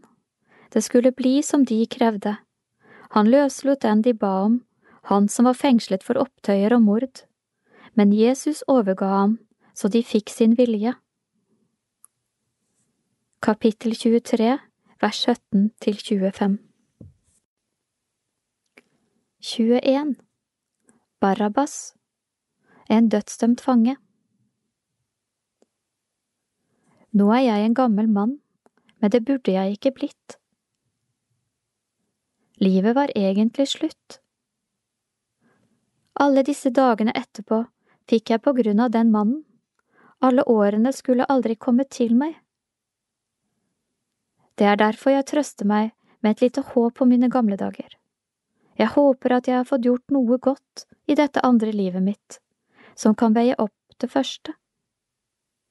Gud får dømme, men jeg håper jeg var verdt den sjansen jeg fikk.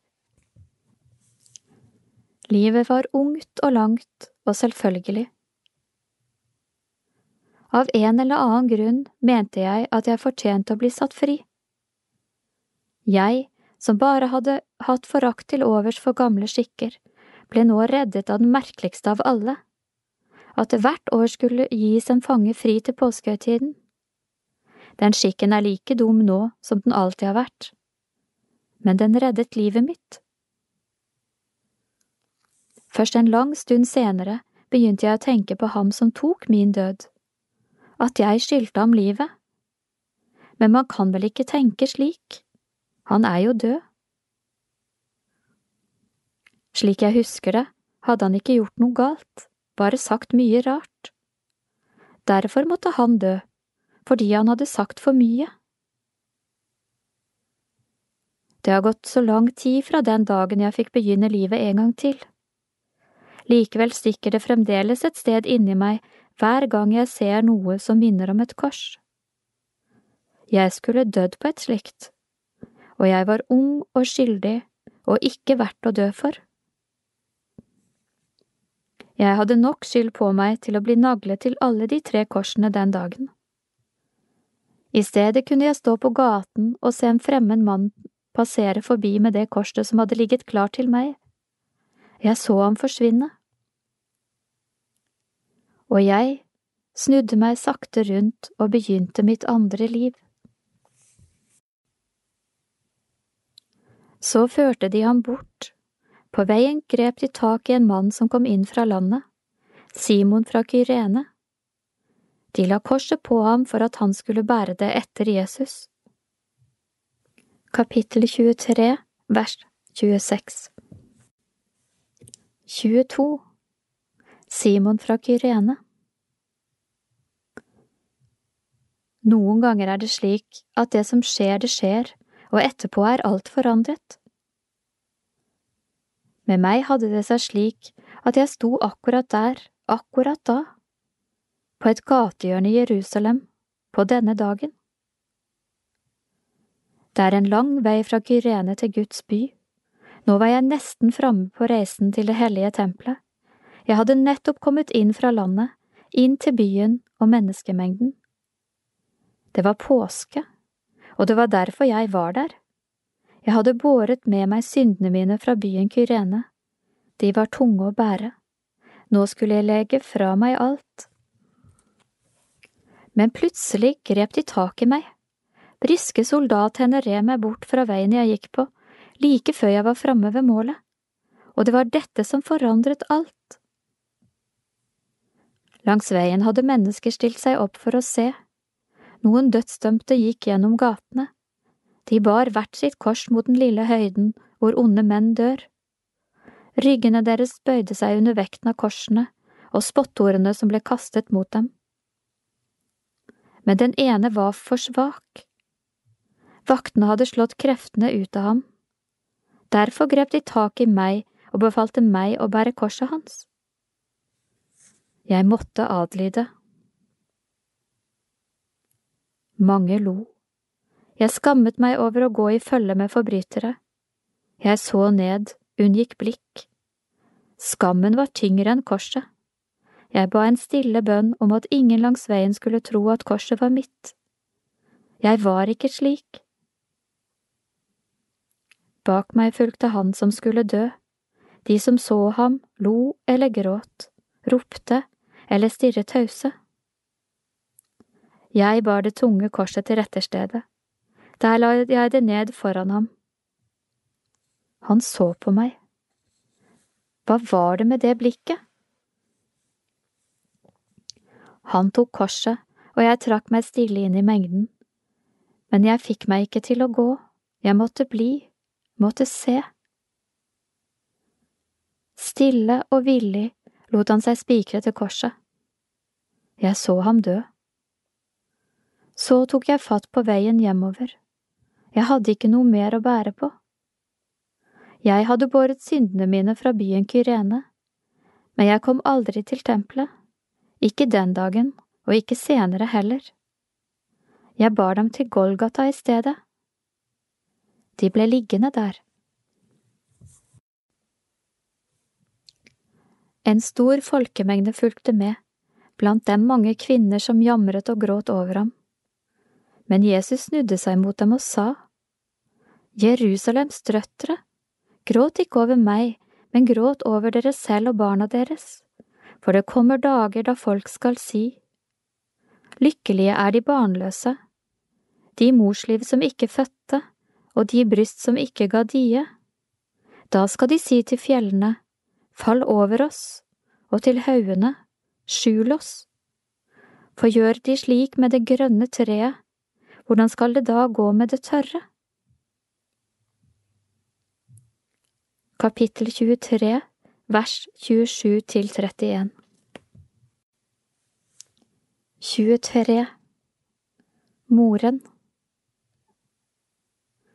Gutten min, hva er det godt for alt sammen? Jeg har vært der fra før du kan huske. Jeg trøstet deg da du gråt. Jeg reiste deg opp da du falt. Jeg tørket blodet da du skrubbet knærne dine hjemme i Nasaret. Vi hvisket sammen når dagene var slutt, om din far i himmelen og den veien du litt etter litt forsto at du måtte gå. Jeg prøvde å svare deg så godt jeg kunne. Du har vært min hele tiden, men dag for dag mistet jeg deg litt. Helt fra du ble født har jeg sett deg forsvinne fra meg. Jeg har øvd meg på å miste deg. Hver dag har jeg visst at du ikke bare var min, men alles. Å være moren din ble min tyngste reise, men jeg har fulgt deg hele veien, hvert skritt du tok. Nå kan jeg ikke gjøre mer for deg, gutten min. Jeg har mistet deg helt. Du kom for å leve. Du kom for at andre skal leve. Så dør du. Jeg trodde hele tiden at jeg mistet deg til noe stort, men ikke dette. Ikke dette, Gud. Var han bare min sønn likevel, ikke din? Men jeg vet jo at jeg ikke var sammen med Josef før etterpå. Folk trodde meg ikke, men jeg visste det hele tiden. Akkurat nå er dette nesten det eneste jeg vet. Da han kom ut av kroppen min, trodde jeg at jeg fødte Guds utvalgte til verden. Da jeg ga ham av brystet mitt, trodde jeg at jeg ga føde til himmelen. Og da jeg så ham vokse opp foran øynene mine, trodde jeg at jeg så verdens frelser. Gud i himmelen, jeg ga deg kroppen min og hele livet. Når tar du fra meg alt? Som lønn fikk jeg engstelige netter og et i stykker revet hjerte. Jeg har trodd på deg hele livet, men du brukte meg, Gud. Til gjengjeld fikk jeg Jesus, barnet mitt. Jeg ble mor og fikk elske som en mor, og jeg fikk se alt dette underlige som hendte ham, som jeg alltid vil ta vare på i hjertet mitt. Jeg fikk i alle fall det.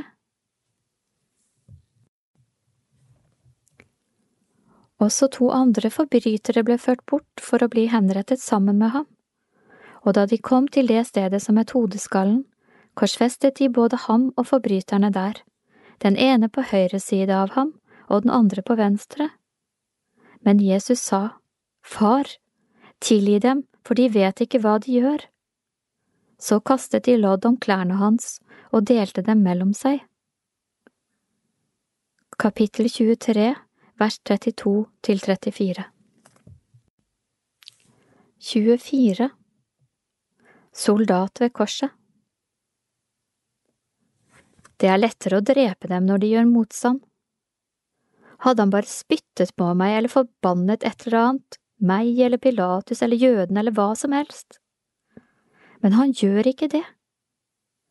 Han bare henger der, stille og forsagt om han bare hadde sluppet ut litt hat, ville jeg kjent meg bedre. Han ser et annet sted, forbi alt sammen.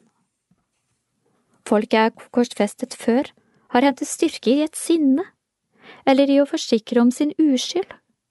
Jeg husker mange som har gjort seg sterkere slik. Noen har hentet styrke i å kjempe imot, og andre har funnet krefter i et vilt sinne mot en eller annen gud. Men han, her i midten har hentet fram noe annet. Naglene mine har liksom ikke trengt gjennom til ham. Han har forskanset seg i en eller annen taus trøst. Som i en gjemselslek. Men hør, hør, han skal til å si noe, endelig, ordene kjempes fram. Far, roper han stakkhåndet. Tilgi dem. De vet ikke hva de gjør. Jeg kan knapt tro det jeg hører. Hvem er han til å utbe tilgivelse over oss, som om det ville gjøre noe forskjell? Jeg er fristet til å rope tilbake til ham, noe om hvem det er som trenger tilgivelse her. Å jo, jeg vet faktisk hva jeg gjør. Jeg gjør det jeg må, utfører ordre holder orden i byen. Denne korsfestelsen gir meg ingen glede, men jeg vant i alle fall kjortelen hans i loddtrekningen etterpå. Det er da noe. Folket sto og så på. Kapittel 23, vers 35a. 25 en som bare så på. I dag så jeg tre menn dø. Det var ikke planlagt, men jeg fulgte strømmen, måtte se hva som skjedde. Da opptoget av soldater, kors og håpløse menn gikk forbi der jeg sto, la jeg bort planene jeg hadde hatt, nysgjerrigheten fikk overtaket. Tre menn ble korsfestet på rekke. Jeg har aldri sett dem før. De to på sidene virket som alminnelige forbrytere. Han i midten vet jeg ikke hva var, men rundt meg var det en merkelig blanding av sorg og sinne på grunn av ham. De sinte var høyrøstede, de triste var mer stille. De sinte så ut som om de hadde vunnet en kamp. De triste så ut som om de hadde tapt alt. I tillegg var det enda flere av slike som meg rundt korset, som verken hadde vunnet eller tapt. Vi var der bare for å se. Og kanskje for å finne noen å snakke med og få noe å snakke om. Jeg kunne høre ordene fra dem som sto i nærheten, om konger og skandaler og prisen på brød. Jeg så rundt meg. Under oss, nedenfor høyden, levde byen uforstyrret sitt travle liv, ikke lenger borte enn at jeg kunne høre støyen som alltid fyller Jerusalems gater. Jeg som mennesker haster frem og tilbake, uten å tenke en tanke på de tre som samtidig døde rett over dem. Og jeg så dem som hadde mer tid, noe av dem stanset, kikket opp. Flere steder sto folk og snakket. Jeg kunne ikke høre ordene, bare lyden av alle stemmene sammen. Andre satt bare stille og så på alt og alle. Mens de tre mennene døde, handlet andre menn fiken og oliven i gaten bortenfor. Idet naglene ble hamret inn i hendene deres, så jeg barn leke på de nærmeste gatehjørnene. Litt bortenfor så jeg tempelet kneise stille som Guds trone over byen. Der gikk folk ut og inn, slik de alltid har gjort. I trærne så jeg vinden stryke grenene, mens den bar lydene og støvet og hendelsene med seg ut av byen mot ødemarken og glemselen bakenfor Oljeberget. Jeg så tilbake på mannen i midten. Han hadde ikke lenge igjen, og jeg gikk hjemover. Jeg hadde sett nok. Hva angikk dette meg? Men rådsherrene hånte ham. Andre har han frelst, sa de. La ham nå frelse seg selv dersom han er Guds Messias, den utvalgte. Også soldatene hånte ham. De kom og rakte vineddik opp til ham og sa, Er du jødenes konge, så frels deg selv. For det var satt en innskrift over ham, Dette er jødenes konge. Kapittel 23, vers 35b til 38 26 Rådsherre ved korset For å kunne frelse må man leve. Det er første bud for en frelser. Frelser, frels deg selv. Hører du meg der du henger? Du svarer ikke, men jeg vet du hører. Du hører det du vil høre. Slik har du vært hele tiden. Jeg for min del har tenkt mye på en frelse som skulle komme, og jeg må innrømme at jeg så for meg noe litt annerledes enn dette. Noe litt mektigere, kanskje? Hva med deg, Jesus, hva så du for deg? Det er jo så mange fine historier om alle du har frelst, syke og svake og stumme og samaritaner. Her har du din siste sjanse. Frels deg selv. Vi venter. Hvorfor ble du plutselig så stille, du som har preket vidunderlige ord helt fra Galilea og hit? Jeg har hørt deg fortelle historier og sett deg trøste og repse, men så stille du er i dag, er du ferdig med alt du skal si? Kanskje du ikke svarer fordi vi bruker feil tittel, er det derfor?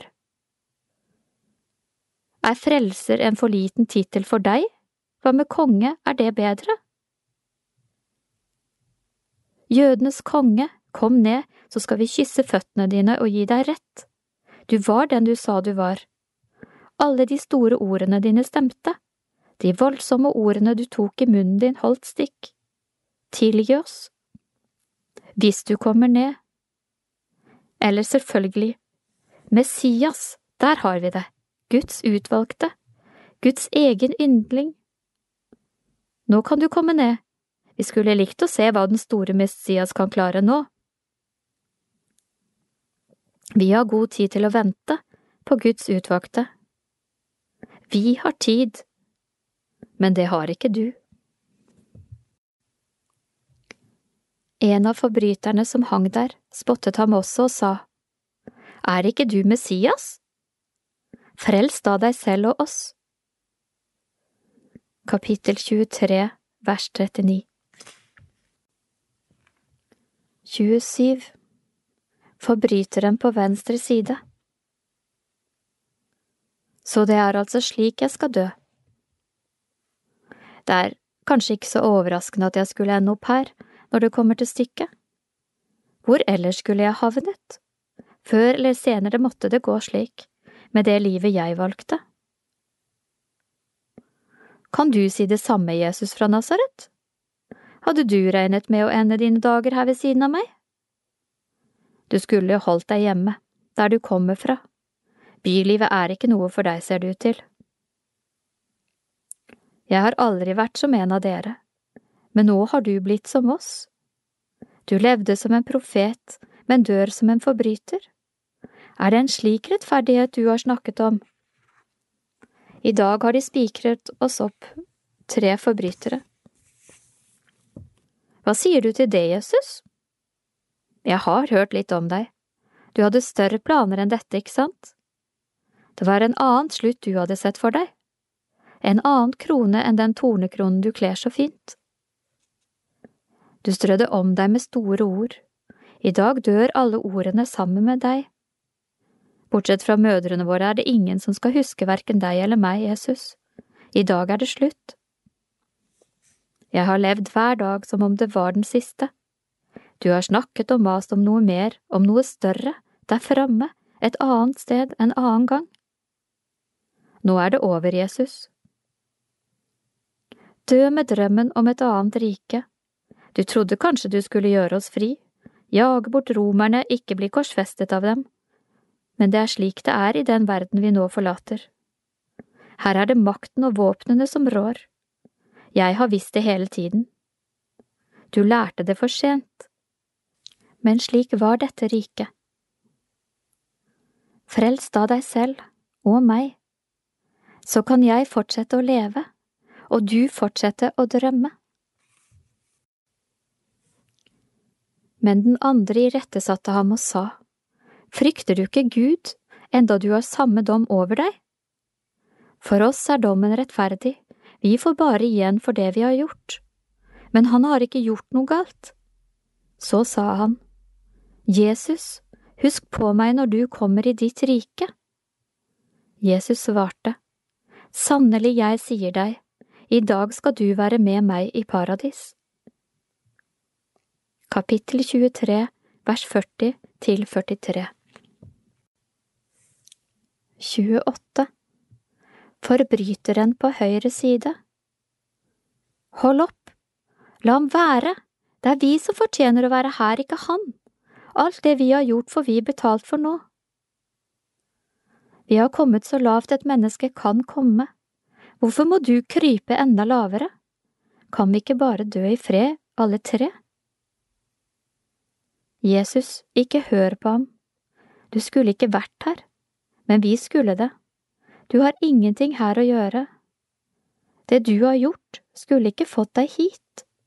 Jeg vet at du kunne gått fri, om du bare hadde svart dem det de ville høre på spørsmålene sine. Det ville jeg ha gjort. Da kunne du sett meg dø i stedet for å dø sammen med meg.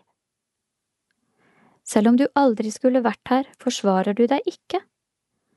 Hvor henter du tausheten din fra? Dette er det dypeste du kunne falt, Jesus, men det gjorde i alle fall min død lettere.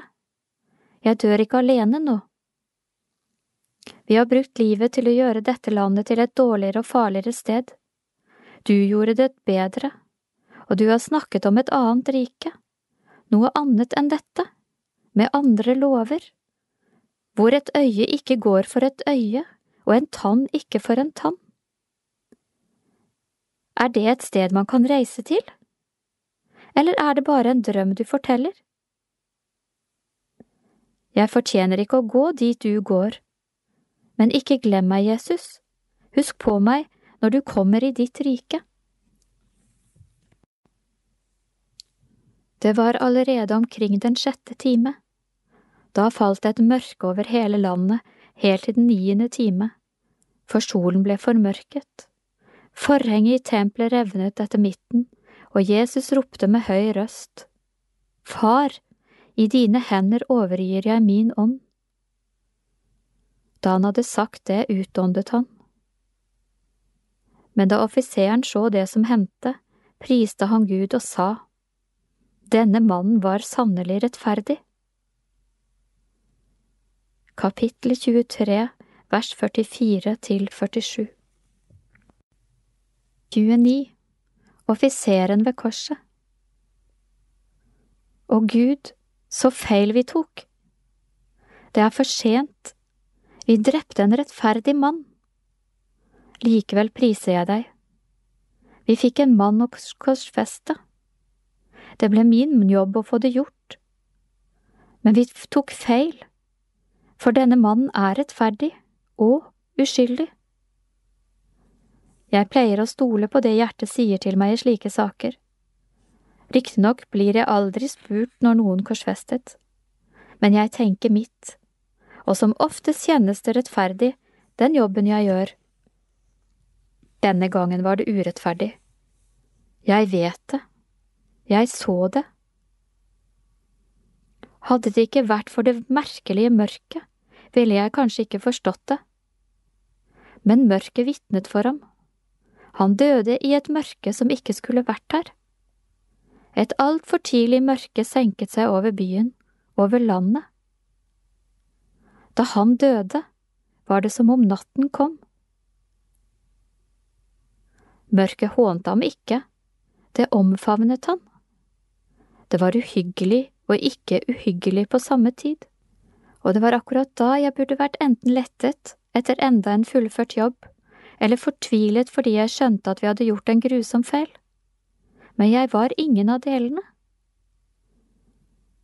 Jeg var ikke lettet, for jeg hadde akkurat gjort noe dypt urettferdig. Men av grunner jeg ikke helt forstår, ble jeg heller ikke overmannet av en vond skyld. Det var noe med de siste ordene han sa, om Guds hender, og måten han sa det på.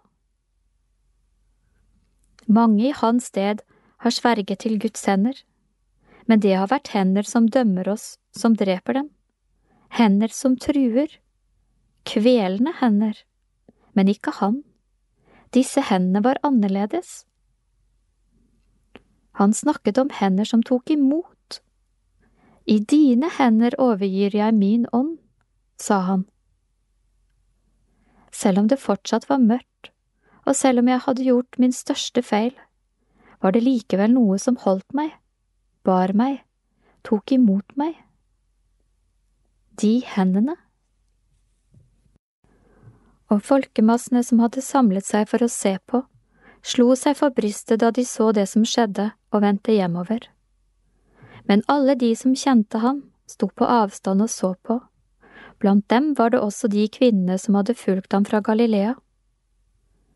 Kapittel 23, vers 48 til 49 30 Kvinne fra Galilea alle vi som kjenner ham, er her. De siste årene har han vært den eneste jeg har vært stolt av. Jeg kjente en rabbi, en mester. Det er ikke mange kvinner som gjør det. Før jeg traff ham, hadde jeg ingen plass, annet enn hjemme hos mor og far i skyggen av brødrene mine. Jeg var kvinne, og jeg hadde ingen mann. Ingen mann, ingen plass. Det var slik det var. Men så kom Jesus. Han så meg, ikke som andre menn, ikke som det han kunne bruke meg til. Han så på meg med øyne som lot meg være meg. Han snakket til meg, som andre menn ikke gjør. Først visste jeg ikke hvordan jeg skulle svare ham. I begynnelsen svarte jeg ham som jeg trodde han ville jeg skulle svare. Det er det jeg er vant til når menn snakker. Etter en stund forsto jeg at det ikke var det han ville høre. Han ville høre meg, bare meg. Han fortalte meg aldri hvor min plass var, men han ga meg en plass. Vi kommer fra samme sted, Jesus og jeg, fra Galilea. Vi har gått langt sammen. Jeg fikk følge med ham og høre ordene hans, ikke hele tiden som de tolv, men nesten. Jeg hjalp til så godt jeg kunne, og jeg fikk spise av det brødet han spiste av. Nå står vi rundt korset, på avstand. De lar oss ikke komme nær innpå. Jeg vet ikke hvorfor jeg piner meg selv ved å bli stående, men det ville vært verre å gå min vei. Det ville jeg ikke kunne tilgi meg selv. Selv om det er et stykke til korset, håper jeg i det minste at øynene mine kan trøste ham nå, slik blikket hans har trøstet meg så mange ganger. Men han har ikke lenge igjen. Jeg står nær nok til å se at øynene hans lukner, øynene som så meg. Og jeg kjenner at det lille lyset, som fremdeles blafrer i hjertet mitt, også slukner. Alt lys i meg blåses ut. Hvem vil se meg nå? Nå var det en rådsherre ved navn Josef, en god og rettskaffen mann som ikke hadde vært med på det de andre hadde vedtatt og satt i verk. Han var fra Arimathea, en by i Judea, og han ventet på at Guds rike skulle komme. Han gikk til Pilatus og ba om å få Jesu kropp, og Josef tok Jesu kropp ned svøpte den i et linklede og la ham i en grav som var hugget ut i bergveggen, og som det ennå ikke var lagt noen i. Kapittel 23, vers 50 til 53 31 Josef fra Arimathea Det hender at folk kaller meg god. De vet ikke hva de snakker om. Hadde jeg vært god, ville jeg klart å hindre det som rådet hadde stelt i stand. Da ville jeg reddet Jesus. Og da ville jeg ikke stått her ved min egen grav nå. Jeg har mektige venner, de fleste av dem så på Jesus fra Nasaret som en fiende. Jeg regnet ham som en god venn. Jeg sitter i det høye råd, men har ingen innflytelse. Som gutt hjemme i Arimathea drømte jeg om å få sitte blant jødene 71 mektigste menn. Det var mitt høyeste ønske. Men se nå, hva var det godt for alt sammen? Hva slags makt har den som ikke kan redde livet til vennen sin? Men det var ikke mye om å gjøre. Pilatus var så nær å gi ham fri. Jeg vet ikke hva som skjedde. De må ha møttes uten meg og lagt planer, uten at jeg visste det. Jeg ble utelatt. Hva er mer meningsløst enn å sitte i rådet uten å vite når det samles? De lurte meg, ydmyket meg. Men sorgen er verre. De drepte Jesus. Jeg har drømt om å sitte i rådet, det er sant, men en annen drøm har vært enda større. Drømmen om Guds rike. Jeg har ventet og drømt. Nå var den så nær, nesten så jeg kunne ta på det. Alt som hadde begynt så godt, ble avbrutt. Hva vil skje med riket som hadde begynt å reise seg av håpene våre? Jeg skulle reddet ham, slik at han kunne levd og fortalt meg mer. Det var som om han ble avbrutt midt i en lignelse. Nå kan jeg bare gjette meg til slutten hvis det er noen slutt. Jeg måtte gjøre noe for ham. Nær Golgata hadde jeg en grav, og Pilatus lot meg få kroppen hans. Akkurat som rådet gikk bak min rygg for å drepe Jesus, gikk jeg bak deres nå. I mørket, med mine egne hender, tok jeg Jesus ned fra korset. Jeg svøpte ham og la ham i den graven som var hugget ut til meg selv. Jesus tok min plass i graven. Det var forberedelsesdagen, like før sabbaten begynte. De kvinnene som var kommet med ham fra Galilea, fulgte etter. De så graven og hvordan Jesu kropp ble lagt der. Så gikk de hjem og laget i stand velluktende oljer og salver. På sabbaten holdt de seg i ro, som loven krevde. Kapittel 23, vers 54 til 56 32 Susanna, som hadde fulgt Jesus. I morgen tidlig skal jeg tilbake til graven. I går kveld la de ham der, Josef rådsherren gjorde det. Han er en god mann. I dag gjør jeg i stand det fineste jeg vet til deg, duftende oljer, gode salver, blandet med tårer. Å stelle deg slik vi steller våre døde, er det minste jeg kan gjøre for deg. Du døde som en kjeltring, ikke med ære, men jeg vil hedre deg som en mester. Hvorfor, Jesus? Flere ganger har jeg sett lamme føtter gå på ditt ord. Hvorfor brukte du ikke makt nå? Er det fordi du ikke lenger har noen? Jeg bryr meg ikke om hva alle sier om deg, om hvem du var, om alt du ikke fikk gjort. Alt dette bryr meg ikke, fordi jeg vet at du gjorde meg fri. Det er nok for meg. Om du ikke hadde reist meg opp og gjort meg ny og hel, ville jeg prøvd å glemme deg nå. Men du befridde meg fra de onde åndene mine og ga meg et annet liv. For dette er jeg evig takknemlig. Derfor vil jeg gi deg det fineste jeg vet. Å lytte til deg, til alle de gode ordene du sa til meg, var som å speile meg i vannkanten hjemme i Galileasjøen. Jeg skimtet et bilde av noe jeg syntes jeg kjente, noe fint. Men så kom vinden, og nå er alt borte med vindkastene, som i opprørt sjø. Hvorfor lot du dem ta deg så lett? Det knuste hjertet mitt og smuldret håpene.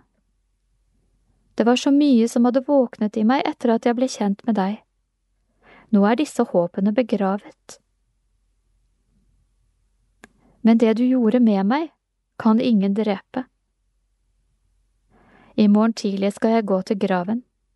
Da skal jeg ta med salvene mine og de ødelagte håpene, drømmene og det knuste hjertet. Etter det vet jeg ikke. Ved daggry den første dagen i uken kom kvinnene til graven og hadde med seg de velluktende oljene som de hadde laget i stand. Da så de at steinen var rullet fra graven, og de gikk inn, men fant ikke Herren Jesu kropp. De visste ikke hva de skulle tro, men med ett sto det to menn hos dem i skinnende klær. Kvinnene ble forferdet og bøyde seg med ansiktet mot jorden. Men de to sa til dem, Hvorfor leter dere etter den levende blant de døde? Han er ikke her, han er stått opp. Husk hva han sa til dere mens han ennå var i Galilea. Menneskesønnen skal overgis i syndige menneskers hender og korsfestes, og den tredje dagen skal han stå opp. Da husket de hans ord, og de vendte tilbake fra graven og fortalte alt dette til de elleve og til alle de andre. Det var Maria Magdalena. Kapittel 24, vers 1–10 Kapittel 33 Maria Magdalena En gang fikk jeg livet endevendt av Jesus fra Nasaret. Nå skjedde det for andre gang. Der, utenfor graven, skjønte jeg hvem jeg var. Der forsto jeg at jeg er en kvinne som tilhører livet. Jeg er ikke lenger den jeg var før. Nå er jeg den Jesus har gjort meg til. Og der forsto jeg for første gang fullt og helt hvem han er, den levende, livets herre. Vi kom til graven ved daggry, og fra nå av vil det alltid være daggry. Graven var tom. Deretter engler, det var det de sa de var, de to som sto der.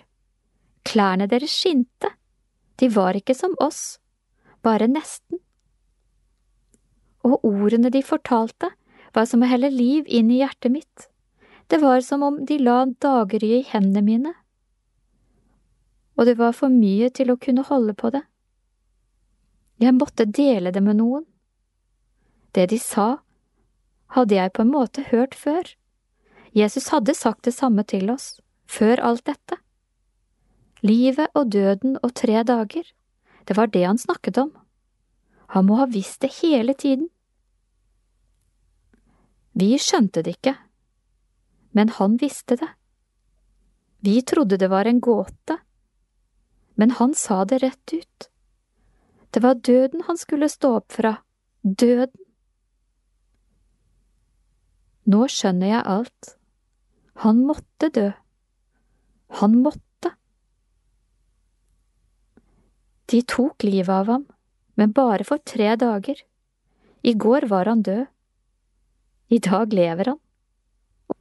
Og jeg, Maria fra Magdala, ble et nytt menneske der ved graven. Gjennom de siste årene sammen med Jesus har jeg sett mange under, men ingen så store som det jeg opplevde i dag. At en sorg uten bunn ble til en glede uten grenser. Hva var det vi var så redde for? Jeg har alltid fryktet døden, slutten, men nå vet jeg ikke lenger. Jesus gjorde døden mindre. Det er ikke slutt likevel. Men hva er det som har begynt? Jeg kan ikke vente med livet jeg har fått.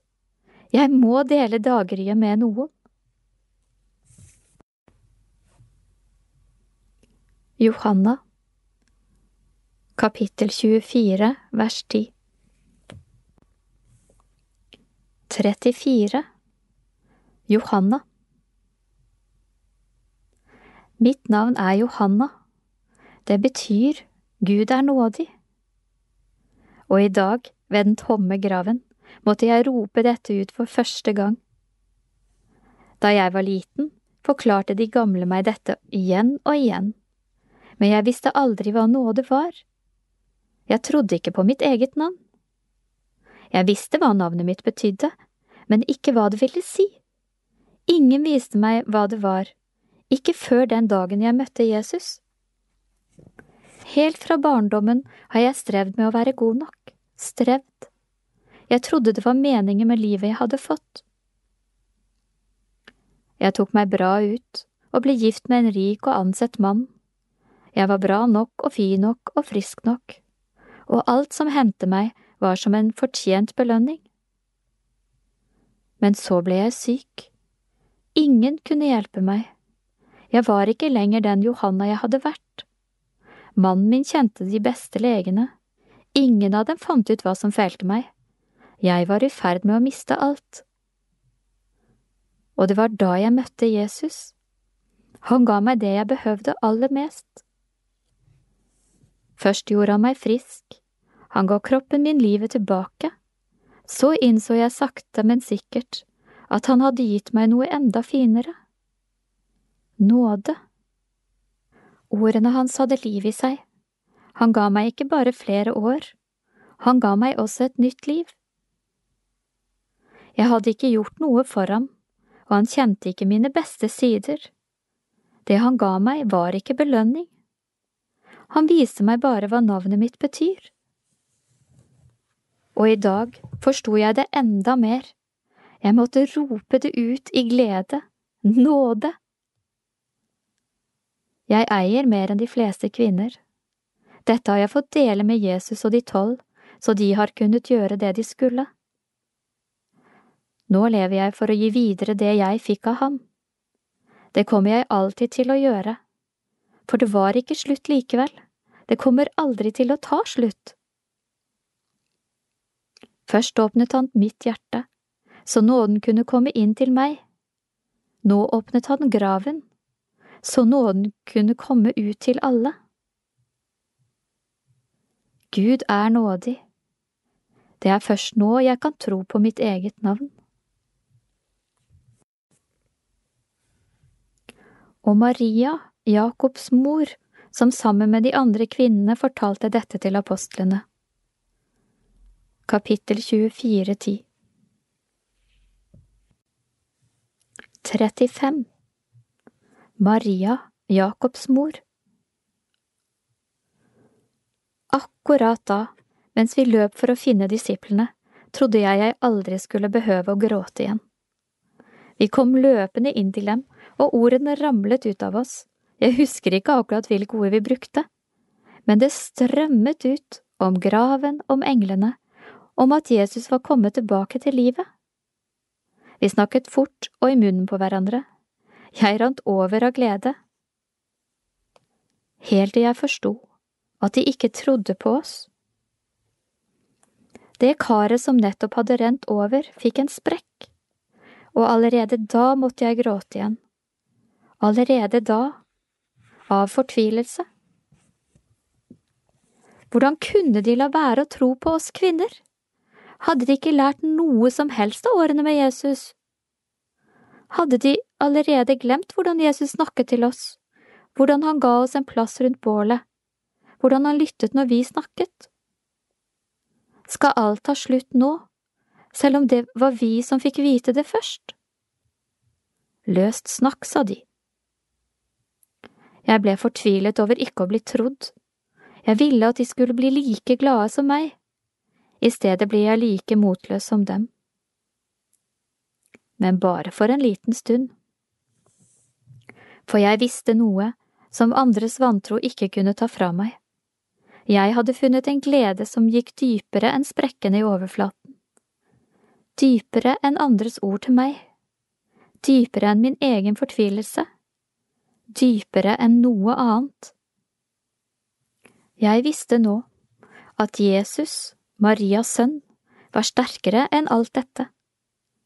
Jeg visste at han hadde gjort mitt kar helt igjen. Jeg visste at livet slik jeg hadde kjent det, var erstattet av et mye større liv, og jeg visste at døden, slik jeg hadde kjent den, ikke var mer. Da er det ikke så farlig med resten. Men de mente det hele var løst snakk, og trodde dem ikke. Kapittel 24, vers 11 36 Thomas som ikke trodde kvinnene. Man skal ikke tro på alt man hører, man kan i alle fall ikke stole på det man ikke har sett. Nå forteller de umulige ting, kvinnene, kan de ikke bare la oss få være i fred? Det er nok å tenke på som det er. De sier at steinen var rullet vekk og at kroppen hans var borte, og de snakker om engler. Jeg tror ikke det. Jeg har selv vært ved graven. Den var som den var, og steinen lå der den lå. Alle miraklene jeg har sett selv, de tror jeg på. Selvsagt gjør jeg det. Øynene mine så det. Hendene tok på det. Jeg så selv at 5000 mann fikk brød av nesten ingenting, og jeg ble mett av brødet. Jeg trykket en tidligere død manns hånd da Lasarus kom ut av graven og hånden hans var like varm som min. Magen min falt til ro, og pusten kom tilbake da Jesus roet bølgene, og den vinen den gangen, den var nesten for god til å være sann. Ingen kan noen gang ta fra meg dette. Jeg vet at det er sant, like mye som jeg vet at jeg selv lever, men jeg kan ikke tro på noe andre har opplevd. Det er ikke noe jeg heller vil enn at Jesus fortsatt skulle levd. Men jeg så ham dø, og det er ingen til å rope ham ut av graven som med Lasarus. Det var bare Jesus som kunne det. At han har reist seg fra graven og flyttet den tunge steinen? Det tror jeg det jeg vil om. Om Jesus hadde kommet tilbake, om han lever igjen, ville han fortalt meg det selv, ikke sendt disse kvinnene som er ute av seg. Hvis jeg en gang igjen skal få noe å tro på, må den troen være min egen. Jeg kan ikke klamre meg til andres tro, kan jeg vel? Peter sto likevel opp og løp til graven, og da han bøyde seg inn i den, så han ikke annet enn linklærne. Så gikk han hjem, fylt av undring over det som hadde hendt. Kapittel 24, vers 12 37 Simon Peter Jeg har ikke mer å tape, bare alt å vinne. Derfor løp jeg. De andre fnyste av kvinnenes ord, men før de var ferdige med å fortelle var jeg ute, på vei mot graven. Aldri har jeg løpt så fort, og aldri har jeg hatt så mye å løpe for. Men nå går jeg tilbake igjen, sakte, fylt av endeløse spørsmål og en ny tro. Lenge var jeg sprekkferdig av stolthet, etter at jeg hadde gått på vannet, etter at Jesus valgte meg til leder, etter at jeg var den første som hadde mot til å kalle ham Messias, etter at jeg hadde fått være en av hans nærmeste. Men etter at vi kom hit til Jerusalem, falt alt fra hverandre. Jeg skuffet meg selv, og jeg skuffet ham. Jeg sviktet ham, og jeg sviktet meg selv. Men det som gjør mest vondt, er at han visste at det skulle skje.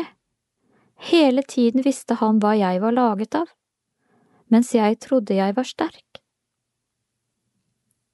At jeg ikke hadde mot nok til å si at jeg kjente ham, det knuste meg. Med tre slag. Var det ikke jeg som skulle være klippe? Jeg var ikke det, ikke i det hele tatt. Full av skam kom jeg løpende til graven, usikker på hva jeg skulle møte. Men jeg møtte ikke noe. Det var tomt. Ingen. Steinen var rullet vekk. Den store steinen, den som ingen mann kan flytte alene. Hvem gjorde det? Jeg bøyde meg inn og så at den kroppen de la her, ikke var her lenger. Det var tomt. Alt jeg ikke så, gjorde noe med meg. Bare linklærne lå igjen, sammenrullet. Hvem gjorde det, og hvorfor? Jeg går sakte hjemover. Alle spørsmålene har slått en sprekk i skallet rundt meg. Mørket siver ut. Alt jeg fant ved graven, ble til en tro og alt som ikke stemmer, ble til et håp om at jeg kanskje, kanskje kan få en ny mulighet, til å få fortalt ham hvor mye jeg angrer, til å få sagt hvor høyt jeg elsker ham, til å få begynne om igjen. Til igjen å få være Peter, klippen. Samme dag var to disipler på vei til en landsby som het Emmaus, seks i stadiet fra Jerusalem, og de snakket om alt det som var skjedd. Mens de nå snakket sammen og drøftet dette, kom Jesus selv og slo følge med dem. Men øynene deres ble hindret i å se, så de ikke kjente ham igjen. Han sa da til dem, Hva er det dere går og snakker så ivrig om? De stanset og så bedrøvet opp, og den ene, han som het Kleopas, svarte, Du må være den eneste tilreisende i Jerusalem som ikke vet hva som er hendt her de siste dagene. Hva da? spurte han. Det med Jesus fra Nasaret, svarte de. Han var en profet, mektig i ord og gjerning for Gud og hele folket, men våre overprester og rådsherrer utleverte ham og fikk ham dømt til døden og korsfestet ham. Og vi som hadde håpet at det var han som skulle befri Israel, i dag er det all tredje dagen siden dette hendte, og nå har også noen kvinner blant oss gjort oss forvirret. De gikk ut til graven tidlig i dag morges, men de fant ikke kroppen hans. De kom tilbake og fortalte at de hadde sett et syn av engler som sa at han lever. Noen av våre gikk da til graven, og de fant det slik som kvinnen hadde sagt, men ham selv så de ikke. Kapittel 24, vers 13 til 24 38 Kleopas 60 stadier er langt å gå. Pusten går tungt, samtalen blir oppstykket, men det er fint å få snakke om det. Jeg er glad jeg slapp å gå alene til Emmaus i kveld, og jeg har lettere for å snakke når jeg går enn når jeg sitter stille.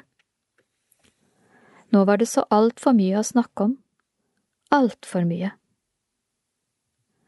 Det gjorde godt å komme meg vekk fra Jerusalem, fra lydene og alle menneskene og minnene. Jeg trengte det, trengte å puste inn frisk luft, høre andre lyder. På veien er det stille, bare vi to.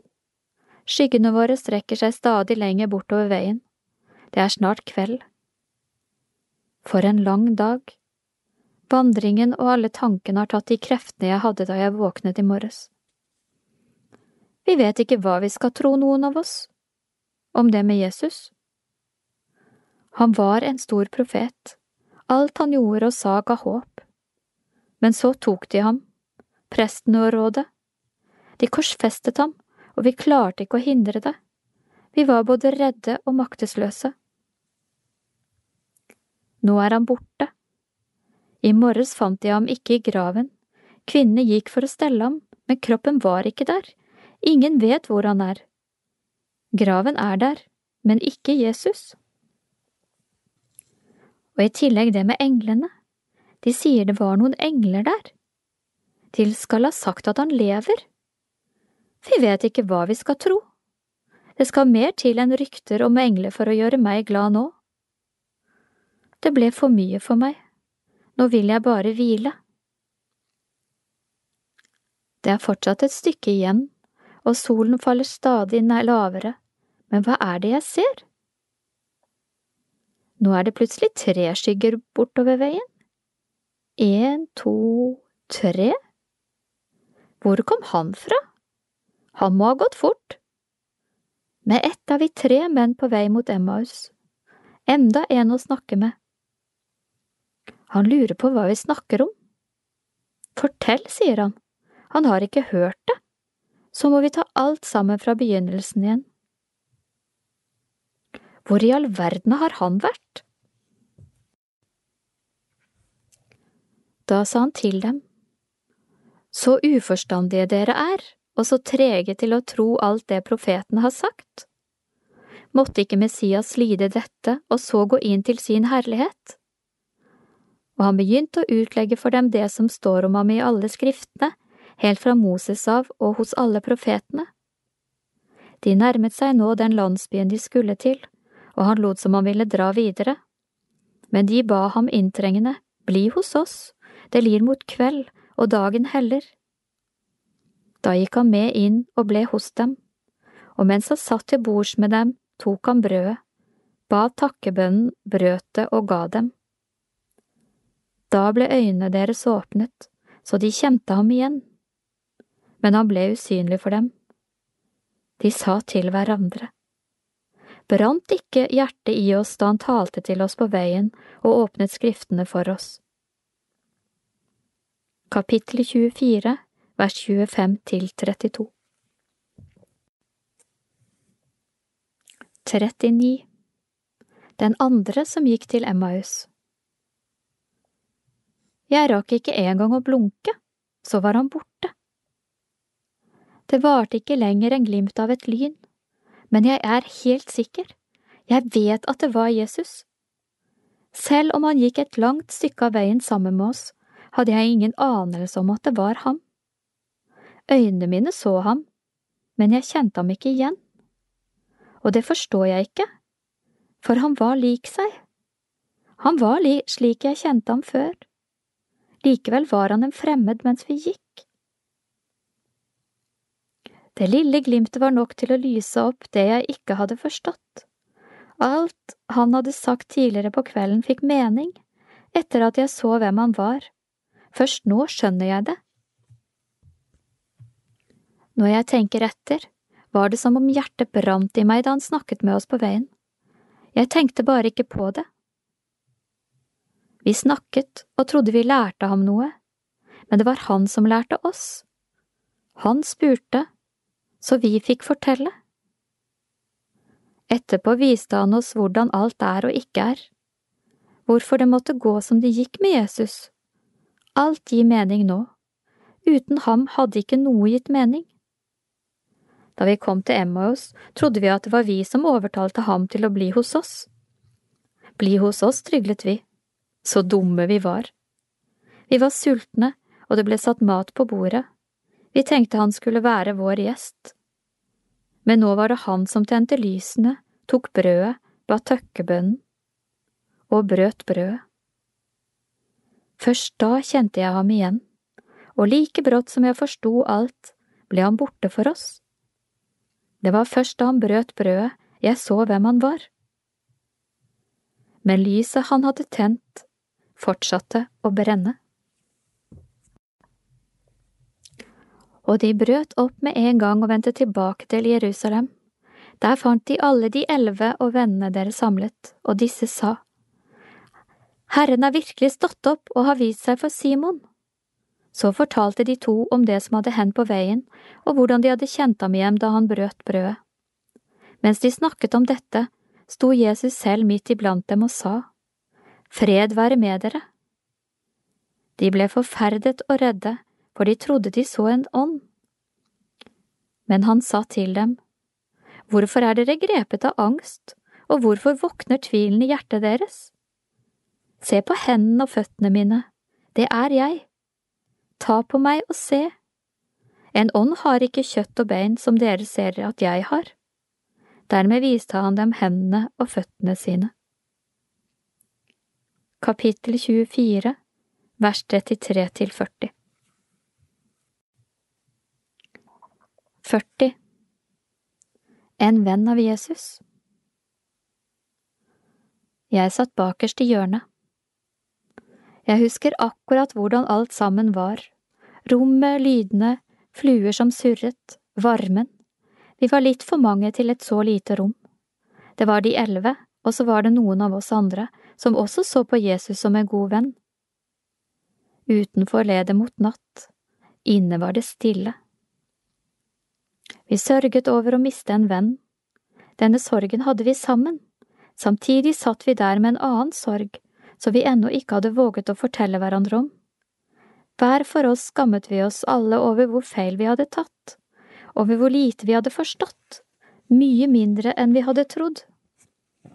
Jeg hadde mistet så mye, alt jeg trodde, alt jeg håpet, alt jeg drømte. Før alt dette skjedde, hadde han gitt oss noen ord å styre etter i mørket. Mens jeg satt der, inne i et rom som ble mørkere og mørkere, lette jeg blant disse ordene etter svar og mening, men fant det ikke. Det var ikke mulig å sette ordene sammen igjen. Det ble ikke lettere da kvinnene kom, og da Simon Peter også fortalte hva han hadde sett, ble jeg enda mer forvirret. Nå visste jeg ikke hva jeg skulle tro. Jeg ville så gjerne tro det, men jeg klarte ikke. Det var fortsatt natt, men det var som om noen ristet i meg. Jeg ble dratt mellom dagen og natten. Da kom disse to stormene inn, de sa de hadde sett ham, ikke død, men levende, ikke engler, men Jesus selv, og jeg ble enda mer rådvill. Men noen øyeblikk senere skjedde det. Han kom! Jeg så ham selv. I forvirringen og alle spørsmålene som fylte rommet, var han der med ett, som før. Og alt og ingenting ga mening på samme tid. Det var som å bli vekket opp fra en dyp, dyp søvn. Jeg så hendene hans og føttene hans. Natten, som hadde holdt på å få makt over meg, løste seg opp, og jeg våknet sakte opp til en ny dag. Nå etterpå vet jeg at morgen alltid kommer. Fred være med dere. Det er jeg. Jesus Kristus, Guds sønn. Alle de som så ham i denne boken, er ledsaget av et avsnitt fra Lukasevangeliets lidelseshistorie. Alt følger handlingen i påskeuken, sammenhengende og kronologisk, med to utelatelser, de lange og undervisende talepartiene, 20, 1–21, 38 og 22, 21–38. Til sammen utgjør alle disse tekstavsnittene lidelsesfortellingen. De introduserer samtidig 40 ulike personer som så Jesus fra Nasaret hans siste uke. La meg kort presentere disse 40. Han som hentet et esel. Matteus, Markus og Johannes nevner alle at to disipler gikk for å finne et esel, men ingen navn nevnes. Jeg lar ham være navnløs. Eseleier Nær Jerusalem bodde det en mann som eide et esel. Dette eselet red Jesus inn i Jerusalem på. Vi vet ikke mer om mannen eller eselet. Profetordet fra Zakaria 9,9 er bakteppet for hendelsene. Mann med kappe Blant dem som hilste Jesus langs veien mot Jerusalem, kan det godt ha vært en som har opplevd et av Jesu mange under på kroppen, for eksempel en av de tidligere blinde. Fariseer i folkemengden Fariseismen var en gren av jødedommen, særlig forpliktet på den muntlige overleveringen om rett livsførsel og renhetsforskrifter. Mange var både fariseer og skriftlærd. Handelsmann på tempelplassen En som hadde sitt daglige arbeid i tempelets ytre forgård, i forbindelse med den jødiske offerpraksisen. Jesus reagerte kraftig på kommersialiseringen av helligdommen. Skriftlærd som kjenner seg truet. De skriftlærde hadde ansvar for å utlegge loven i samfunnet. De ble gjerne tiltalt som rabbi, mester eller lærer, og nøt stor anseelse. De hadde gjerne et annet yrke ved siden av. Judas som forrådte en venn. Disiplenes kasserer, men uhederlig i vervet ifølge Johannes 1329. Han utleverte Jesus til de jødiske lederne ved å avsløre oppholdsstedet deres. Senere angret han og tok sitt eget liv. Johannes som gjorde i stand påskemåltid. Kanskje Jesu nærmeste, mest fortrolige venn. Det er alminnelig antatt at det er han som skjuler seg bak uttrykket disippelen som Jesus hadde kjær, og som lente seg inntil Jesus under det siste måltidet. Johannes 21, 20. Mann som lånte bort et hus. Huseier i Jerusalem, som må ha hatt et visst kjennskap til Jesus, og omvendt. Han må nødvendigvis ha hatt økonomiske midler og ansvar. En disippels siste kvelden. Evangeliene bruker få navn under nattverdsmåltidet. Jeg lar denne personen være navnløs, ettersom de tre det refereres til i fortellingen, er opptatt i andre tekster. Peter, Judas og Johannes. Jakob som var trøtt. I Getsemane er ingen av de elleve disiplene nevnt ved navn av Lukas, men både Matteus og Markus bekrefter at Jakob var en av de tre som fulgte Jesus lengst inn i hagen. Malkos, øversteprestens tjener. Johannes 1810 avslører navnet både til disippelen som begikk drapsforsøket i Getsemanehagen da Jesus ble arrestert, og til offeret. Han var en del av staben omkring jødenes øverste prest. En eldste. Sammen med øverstepresten, overpresten og de skriftlærde utgjorde de eldste jødenes maktelite og satt med representanter i Det høye råd. Skikken med eldsteråd var gammel og kan spores tilbake til Guds forordning i Andre Mosebok 3.16. Øversteprestens tjenestejente Lukas forteller bare at hun er tjenestejente. Markus spesifiserer at hun er i tjeneste for øverstepresten. En som kjente igjen Peter. Dette er en person vi ikke vet noe om, men det er ikke usannsynlig at det var en tilreisende, gjerne en pilegrim fra Galilea, slik Josef og Maria dro med familie og venner i Lukas 2, 41, og så videre. Den siste som avslørte Peter. Heller ikke denne personen vet vi mer om enn at vedkommende kjente igjen Peter. Vakt trolig fra en gruppe tjenestemenn under Det høye råd, som øverstepresten hadde myndighet og råderett over. Overprest Overprestene var ledende prester, et høyere presteskap som hadde de ledende stillingene ved tempelet i Jerusalem. Lukas nevner ikke selve øverstepresten Kaifas, derfor gjør heller ikke jeg det. Herodes Antipas, landsfyrste over Galilea, sønn av Herodes den store, landsfyrste over Galilea og Perea fra fire før Kristus til 39 etter Kristus. Han lot døperen Johannes drepe på grunn av kritikk for ekteskapet med brorens kone. Pontius Pilatus, romersk landshøvding, landshøvding i provinsene Judea og Samaria fra 26 til 23. Pontius Pilatus, romersk landshøvding, landshøvding i provinsen Judea og Samaria fra 26 til 36 etter Kristus. Samtidige jødiske forfattere omtaler ham som grusom, steil og grådig, og at han dessuten krenket deres religion. Barabbas, en dødsdømt fange. Jødisk opprører som satt fengslet for drap under et opprør, ble satt fri i bytte mot Jesus etter press fra folkemengden og jødiske ledere. Det skal ha vært en tradisjon at den romerske landshøvdingen friga én fange under påskehøytiden. Simon fra Kyrene Kyrene var en by i dagens Libya. Å bære korset til retterstedet var en del av straffen, men romerske soldater hadde rett til å tvinge hvem som helst til å bære en oppakning inntil en romersk mil, omtrent 1500 meter, se Matteus 5,41. Å bære korset vil trolig si kun tverrbjelken. Moren Dette er den største friheten jeg tar meg i denne boken.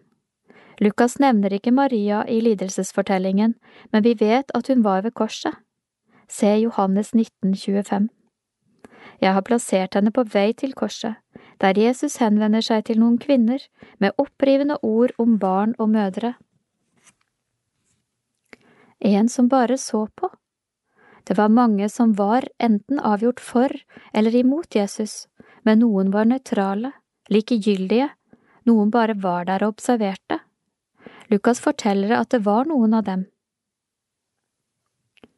Rådsherre ved korset Det høye råd var jødenes øverste organ, med sine 71 medlemmer, ledet av øverstepresten. Rådet besto for øvrig av overprester, eldste og skriftlærde. Det tok seg av både lokale jødiske og religiøse spørsmål, men makten var begrenset. Derfor måtte en dødsdom over Jesus godkjennes av den romerske landshøvdingen.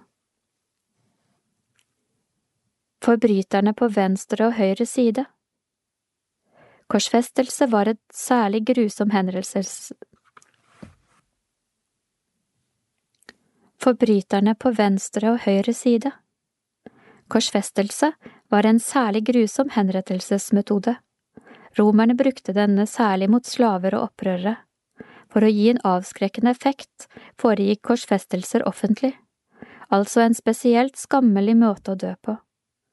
Det kunne ta flere dager før døden inntraff.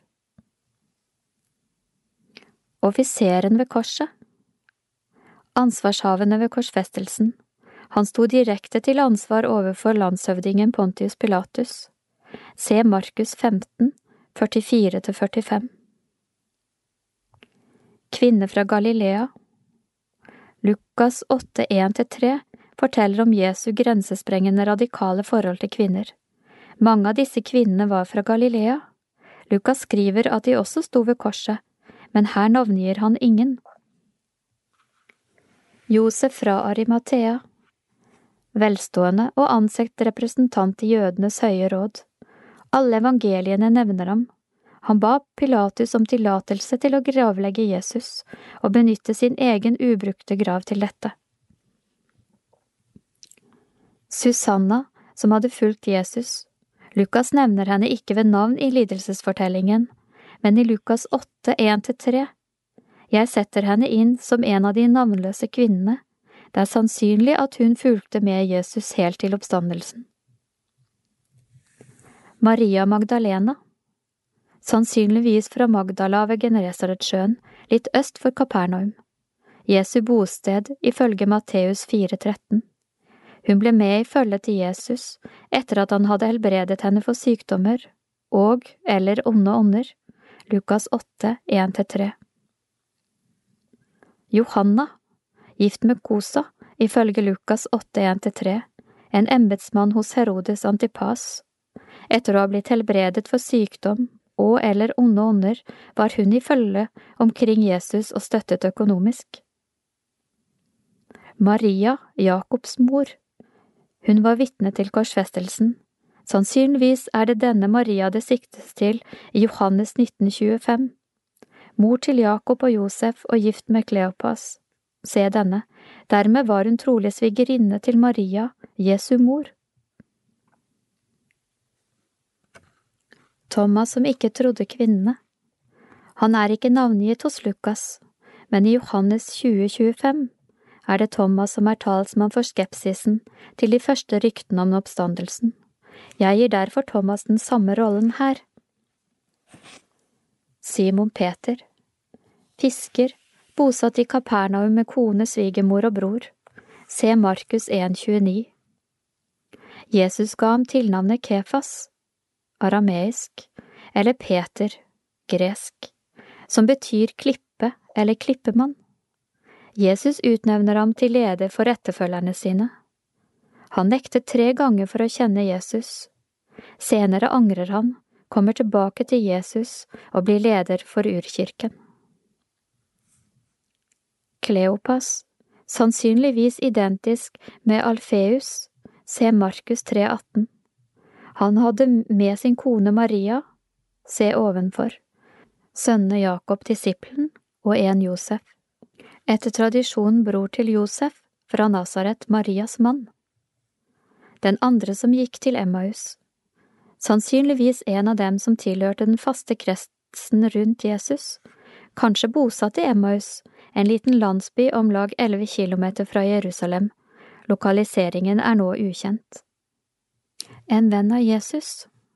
Jesus hadde tolv disipler, med mange andre som fulgte ham, kvinner og menn. Det står blant annet i Lukas 10,1 om de 72 som Jesus sendte ut på oppdrag. Kanskje denne ukjente vennen var blant disse? Disse 40 personene så Jesus gjennom hans siste dager.